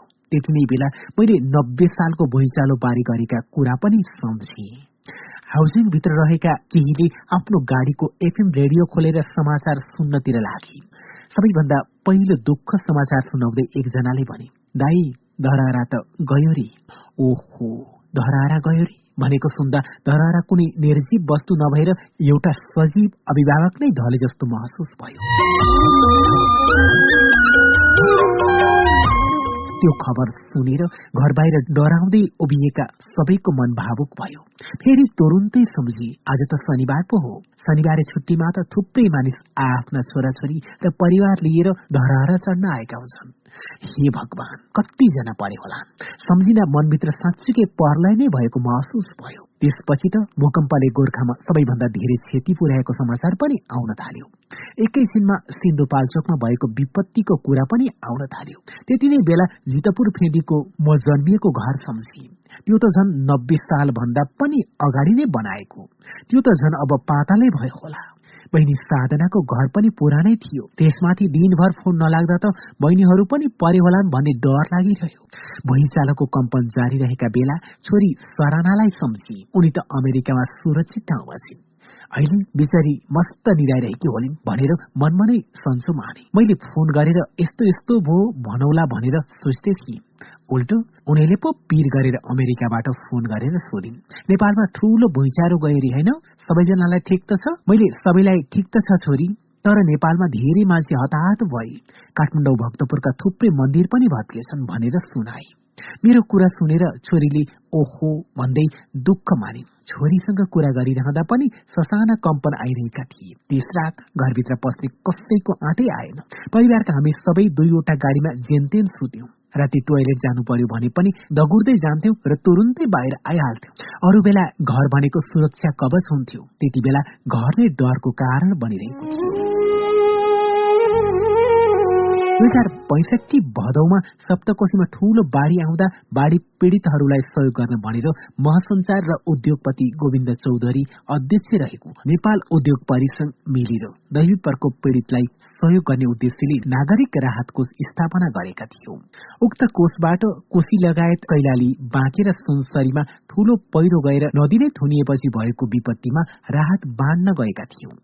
उक्त कोषमा धन पनि भएका र मन पनि भएका उद्योगपतिले मन फुकाएर रकम जम्मा गरिदिएका थिए। त्यही रकम हामीले विपत्तिमा परेका र गाँस बास समेत गुमाएका व्यक्तिहरूलाई बाँड्ने गरेका थियौं। भूकम्पको भोलिपल्टै तेह्र गति नागरिक राहत कोषको बैठक बस्ने कुरा थियो। तर त्यो दिन पनि ठूलै भुइँचालो गएका कारण बैठक बस्न सकेन। चौध गते दिउँसो मात्रै सबै जेनतेन जम्मा हुन सकियो। छलफलमा लामो खर्च नगरी तत्कालै राहत सामग्री जम्मा पारियो। छाउछाउ चामल दाल नुन तेल त्रिपाल लगायत सामग्री बोकेर भोलिपल्टै सिन्धुपाल्चोकको चौतारा पुग्यो।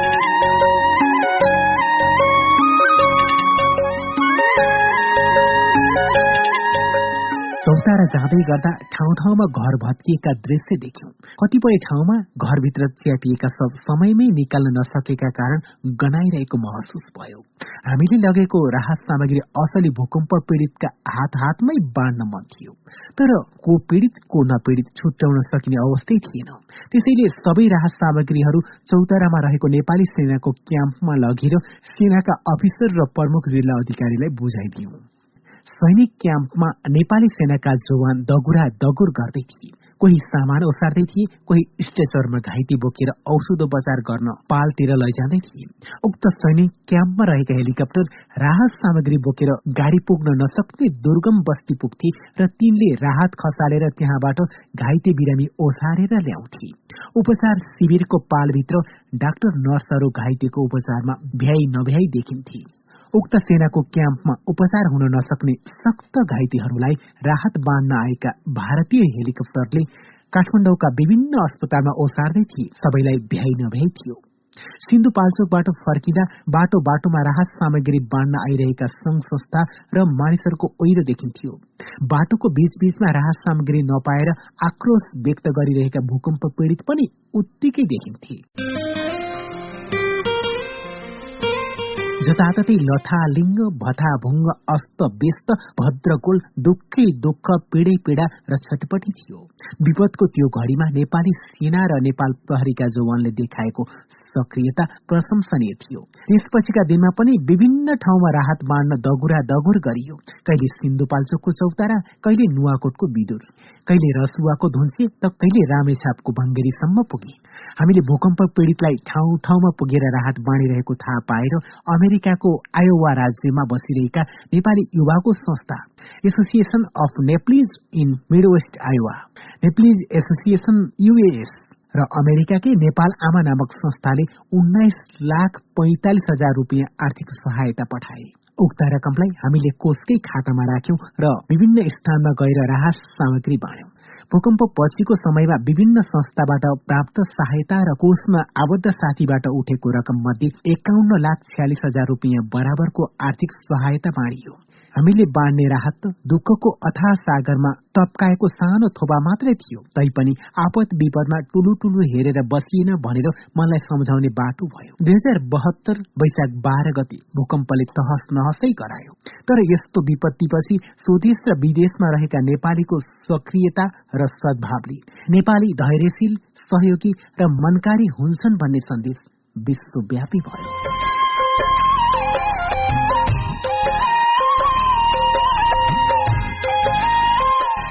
अब महाको म पुस्तकको अन्तिम पाना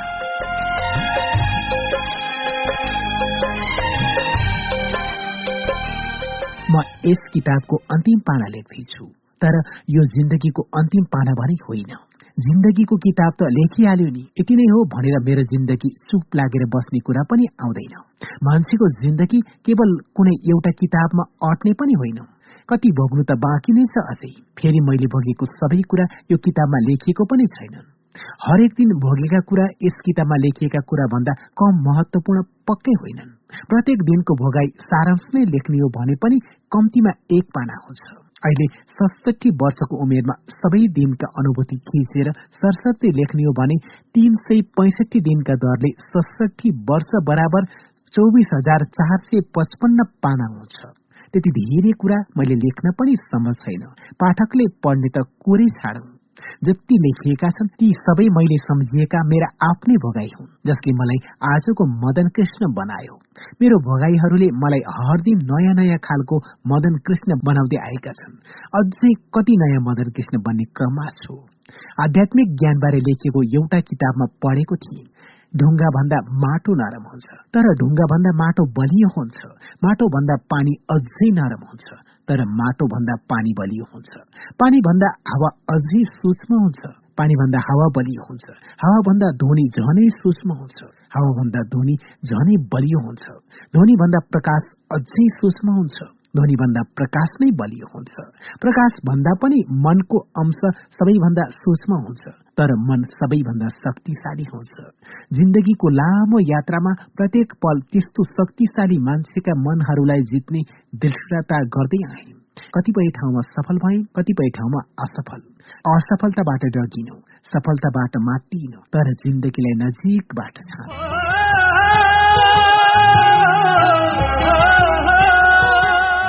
दुःख बिना जिन्दगी अधुरो हुन्छ। सुख बिना पनि जिन्दगी अधुरो हुन्छ। चरम दुःख र चरम सुख दुवै भोगेको छु मैले। दुःखको टाकुरामा उभिएर पनि जिन्दगीलाई हेरे। सुखको चुलीमा उभिएर पनि जिन्दगीलाई हेरे। यसोदा भन्छन् दिन सधैँ एकनाश हुँदैन। एकै नाशको भएको भए जिन्दगी के रमाइलो हुन्थ्यो र? फलफूल र खानेकुराको स्वाद पो खाने बित्तिकै थाहा पाउन सकिन्छ। तर जिन्दगीको स्वाद जति भोग्यो त्यति थाहा पाइँदो रहेछ। मेरो यात्रा साङ्गीतिक क्षेत्रबाट सुरु भयो। विनाशले सताएपछि मलाई केही वर्ष गीत गाउन गाह्रो भयो। त्यसपछि म हास्य व्यङ्ग्य क्षेत्रमा नै दत्तचित्त भएर लागे। विनाशले मलाई विनाश गर्न सकिन झन् त्यो मलाई वरदान जस्तै भयो। हास्य व्यङ्ग्यको चार दशक लामो यात्रामा कतिलाई व्यङ्ग्यको झटारो हानियो होला कतिको आनीबानीको नक्कल गरेर तिनको भूमिकामाथि खिसी गरियो होला। बिग्रे भत्केको विधि र व्यवस्थामाथि कति सिस्नो पनि लगाइयो होला। सबै कुरा सपिएलान् गतिलो विधि शासन र प्रणाली बन्ला र व्यङ्ग्य गर्ने विषय पनि खोज्दै हिँड्नु पर्ला भन्ने सोचेको थिए। हामीलाई विषयको अभाव त कहिले भएन। यसको मतलब जनताको दुर्दशा पनि कहिले सकिएन। पछिल्ला वर्षहरूमा हास्य व्यङ्ग्य क्षेत्रमा बढी नै लागे पनि संगीत क्षेत्रको पनि उत्तिकै माया लागिरह्यो। संगीत क्षेत्र मलाई जितपुर फेदीको घर जस्तै लाग्छ जहाँ म हुर्की बढे सुख दुःख भोगी धेरै दौडधुप गरे। हास्य व्यङ्ग्य क्षेत्र सुविधा सम्पन्न सहरको घर जस्तै भएको छ। म बेला बेलामा संगीतको घरमा पनि पस्छु अनि आफै हराउँछु। म आज जे जस्तो बनेको छु। मेरो वरिपरिको वातावरणले गर्दा बनेको छु। कुनै पनि वातावरण बन्न वरिपरिका सजीव निर्जीव सबैको उत्तिकै महत्वपूर्ण योगदान हुन्छ। कहिले काहीँ लाग्छ म जन्मे हुर्केको गाउँ जितपुर फेदीमा रहेका ठुल्ठुला ढुङ्गा जहाँ म बेला बेलामा खेल्न जान्थे।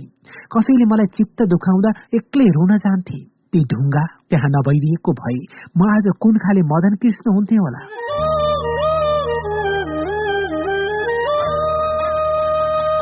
मेरो गाउँको घर अगाडि भएको त्यो नाट्येश्वरी मन्दिर त्यहाँ नभएको भए म आज कस्तो मदन कृष्ण हुन्थे होला।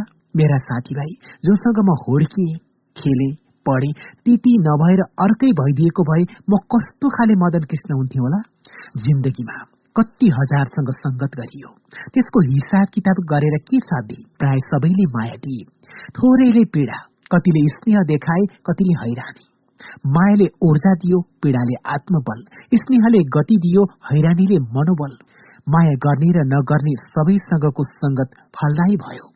माया मात्रै गर्नेहरू भेटेको भए जिन्दगीमा यति धेरै बाटो हिँड्न सक्ने थिइन कैयौंसँगको संगत एकैछिनको घाम जस्तो भयो। कैयौंसँगको संगत एकैछिनको छाया जस्तै भयो। तर हरिवंशसँगको संगत सधैँका लागि भयो। रिसाए पनि ठुस्किए पनि माया गरे पनि हरिवंश आफ्नै मनको घर जस्तो भयो।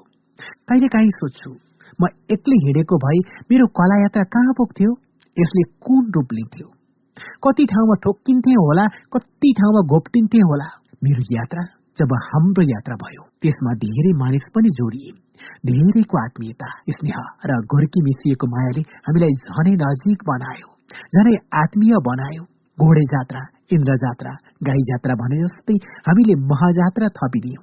हरिवंश जात्रा मात्रै भनेको भए पनि खल्लो सुनिन्थ्यो। मदन कृष्ण जात्रा मात्रै भनेको भए पनि कस्तो कस्तो सुनिन्थ्यो। तर महाजात्रा एउटा टिमको नाम भएकाले राम्रो सुनियो।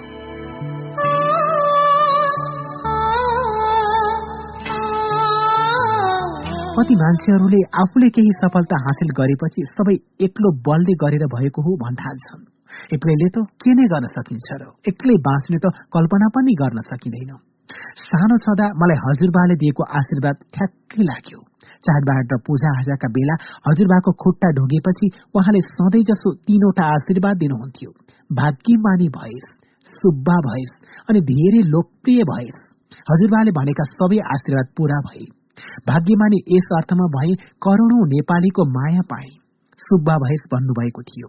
कृषि सूचना शाखामा सुब्बा सरहको जागिर पनि खाए धेरै थोरै लोकप्रिय पनि भए। स्वर्ग हुन्छ भने र हजुरबा त्यही हुनुहुन्छ भने उहाँले थाहा पाउनुभयो होला। मेरो नातिलाई मैले दिएको आशीर्वाद ठ्याक्कै लागेछ।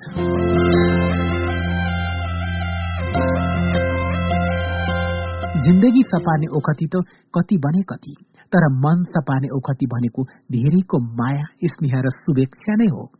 पार्किन्सन भएपछि डाक्टरले मेरो टाउको छेडेर एउटा यन्त्र राखिदिएको पनि तीन वर्ष नागिसक्यो डाक्टरले यन्त्रको आयु दस वर्ष तोकेका थिए। अझै सात वर्ष त यन्त्रकै आयु छ। त्यतिन्जेल अर्को प्रविधि आइसक्ला।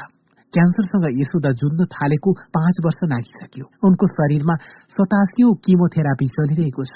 तैपनि सबैलाई हँसाउन सकिन्छ कि? सबैको अनुहारमा खुसी भर्न सकिन्छ कि भन्ने लागिरहन्छ। सबैको माया पाएरै मन बलियो भएको छ।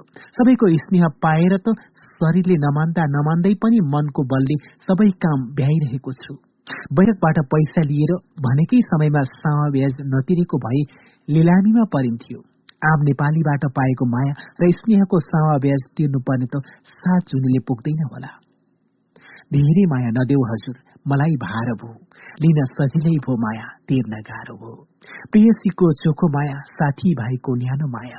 मेरो देशबाट पनि पाए धेरै धेरै माया। सबै माया जोड्दा एउटा सुन्दर पहाड भो। सबै माया जोड्दा एउटा सुन्दर पहाड भो। लिन सजिलै भो माया तिर्न गाह्रो भो। बच्चेदेखि अहिलेसम्म चुलबुले पो छु म। बच्चेदेखि अहिलेसम्म चुलबुले पो छु म। धेरै धेरै माया पाई पुलपुलेको छु म। सधैँ सबको साथ पाई जीवन सार भो साथ पाउन सजिलै भो छोड्न गाह्रो भो धेरै माया नदेऊ हजुर। मलाई भार भो लिन सजिलै भो माया तिर्न गाह्रो भो लिन सजिलै भो माया तिर्न गाह्रो भो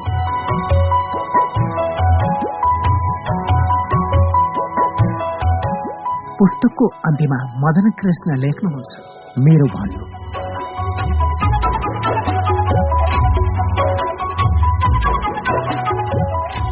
जस्तोसुकै अप्ठ्यारो अवस्थामा पनि जिन्दगीले बाटो खोज्ने नै रहेछ। छ वर्ष अघि लेख्न थालेको पुस्तक आज सकियो। परिस्थिति जति नै जटिल भए पनि जीवनमा जस्तोसुकै आँधीबेहरी आइरहे पनि म डगमगाइन। संयम भएर लेखि नै रहे। मेरी श्रीमती यशोदालाई क्यान्सर जस्तो प्राणघातक रोगले शिथिल बनाइराखेको पीड़ादायी अवस्थामा कुन वर्डले लेख्ने? कुन समयमा लेख्ने? कहाँ गएर लेख्ने? त्यसमाथि आफैलाई पनि पार्किन्सन रोगले सताइरहेका कारण कहिले हात चल्दैनथ्यो त कहिले दिमाग कहिले काममा व्यस्त भइन्थ्यो त कहिले पार्टी भोजमा कहिले घरमा समस्या त कहिले उद्घाटन विमोचनमा दगुरा दगुर यस्तै यस्तै अवस्था बीच लेखे मैले आत्मकथा। दोस्त स्कुले जीवन व्यस्त कलाकारिता अनि सँगसँगै जागिर खाने कामै तीस वर्षसम्म भ्याइ नभ्याइ एक्लै दौडधुप गरियो दुई हजार अडतिस सालदेखि मेरो कला यात्राको जीवनमा एक मनमिल्ने मान्छे सहयात्रीको साथ जोडियो त्यो साथ हरिवंश आचार्यको दुईजना मिलेर काम गर्न थालेपछि हामी महाजोडी हुन पुग्यौं र सहयात्रालाई निरन्तर जारी राख्दै आयौं। यति लामो यात्रामा अनेकौं उतार चढाव सुख दुःख हाँसु र हाँसुको अनुभवले एउटा जीवन बन्यो। भोग्नु त अझै कति बाँकी छ कति? के के भोग्नु पर्ने हो? दैव जानन्। मेरो यही जीवनकै एउटा सानो दस्तावेज हो महाकुम्भ।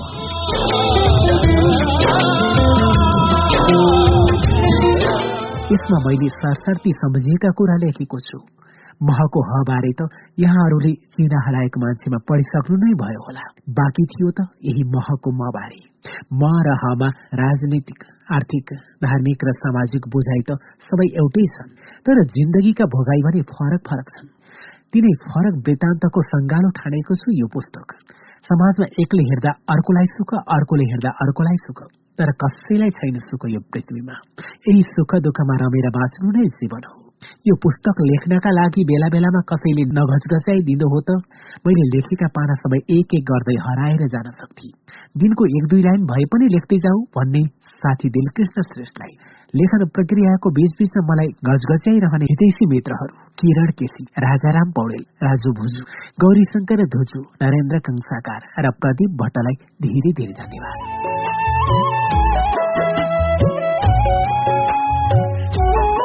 मैले लेखेका पाना एकत्रित गरेर पहिलो किस्ता टाइप गरिदिने रिङ्कु वज्राचार्य श्रेष्ठलाई आभार। त्यसै गरी दोस्रो तेस्रो र चौथो किस्ता टाइप र पुस्तकको लेआउट गरिदिने भाइ सरोज रम्तेललाई धन्यवाद। सुन्दर आवरण तस्विरका लागि किशोर कायस्थप्रति हृदयदेखि नै आभारी छु।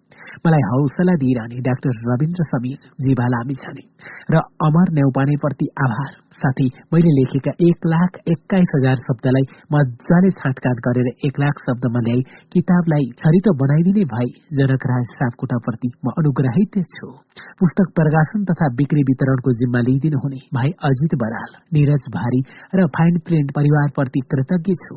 भाषा हेरिदिने भूमेश्वर पौडेल र मेधनी प्रसाद भण्डारीलाई विशेष धन्यवाद। मलाई पालन पोषण गरी हुर्काउने नानी फुपू उमालक्ष्मी आमा सुशीला श्रेष्ठ मेरा सबै चिन्ता चासो राखी माया दिइराख्ने बहिनीहरू साधना सबिना र भाइ निरव श्रेष्ठलाई धेरै धेरै माया।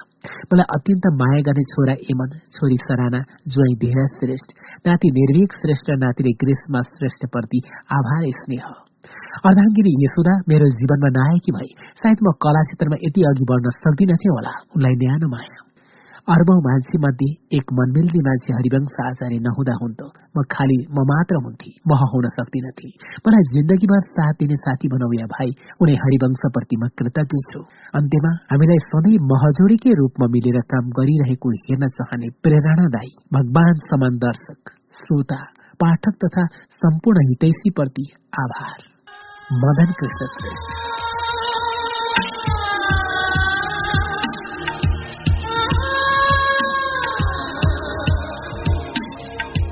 हजुर हामी मदन कृष्ण श्रेष्ठको आत्मकथा महको मह सकाइसकेका छौँ र कार्यक्रम कृति बगलको आजको भागको अन्त्यमा छु। तपाईँलाई यो पुस्तक महको म कस्तो लाग्यो?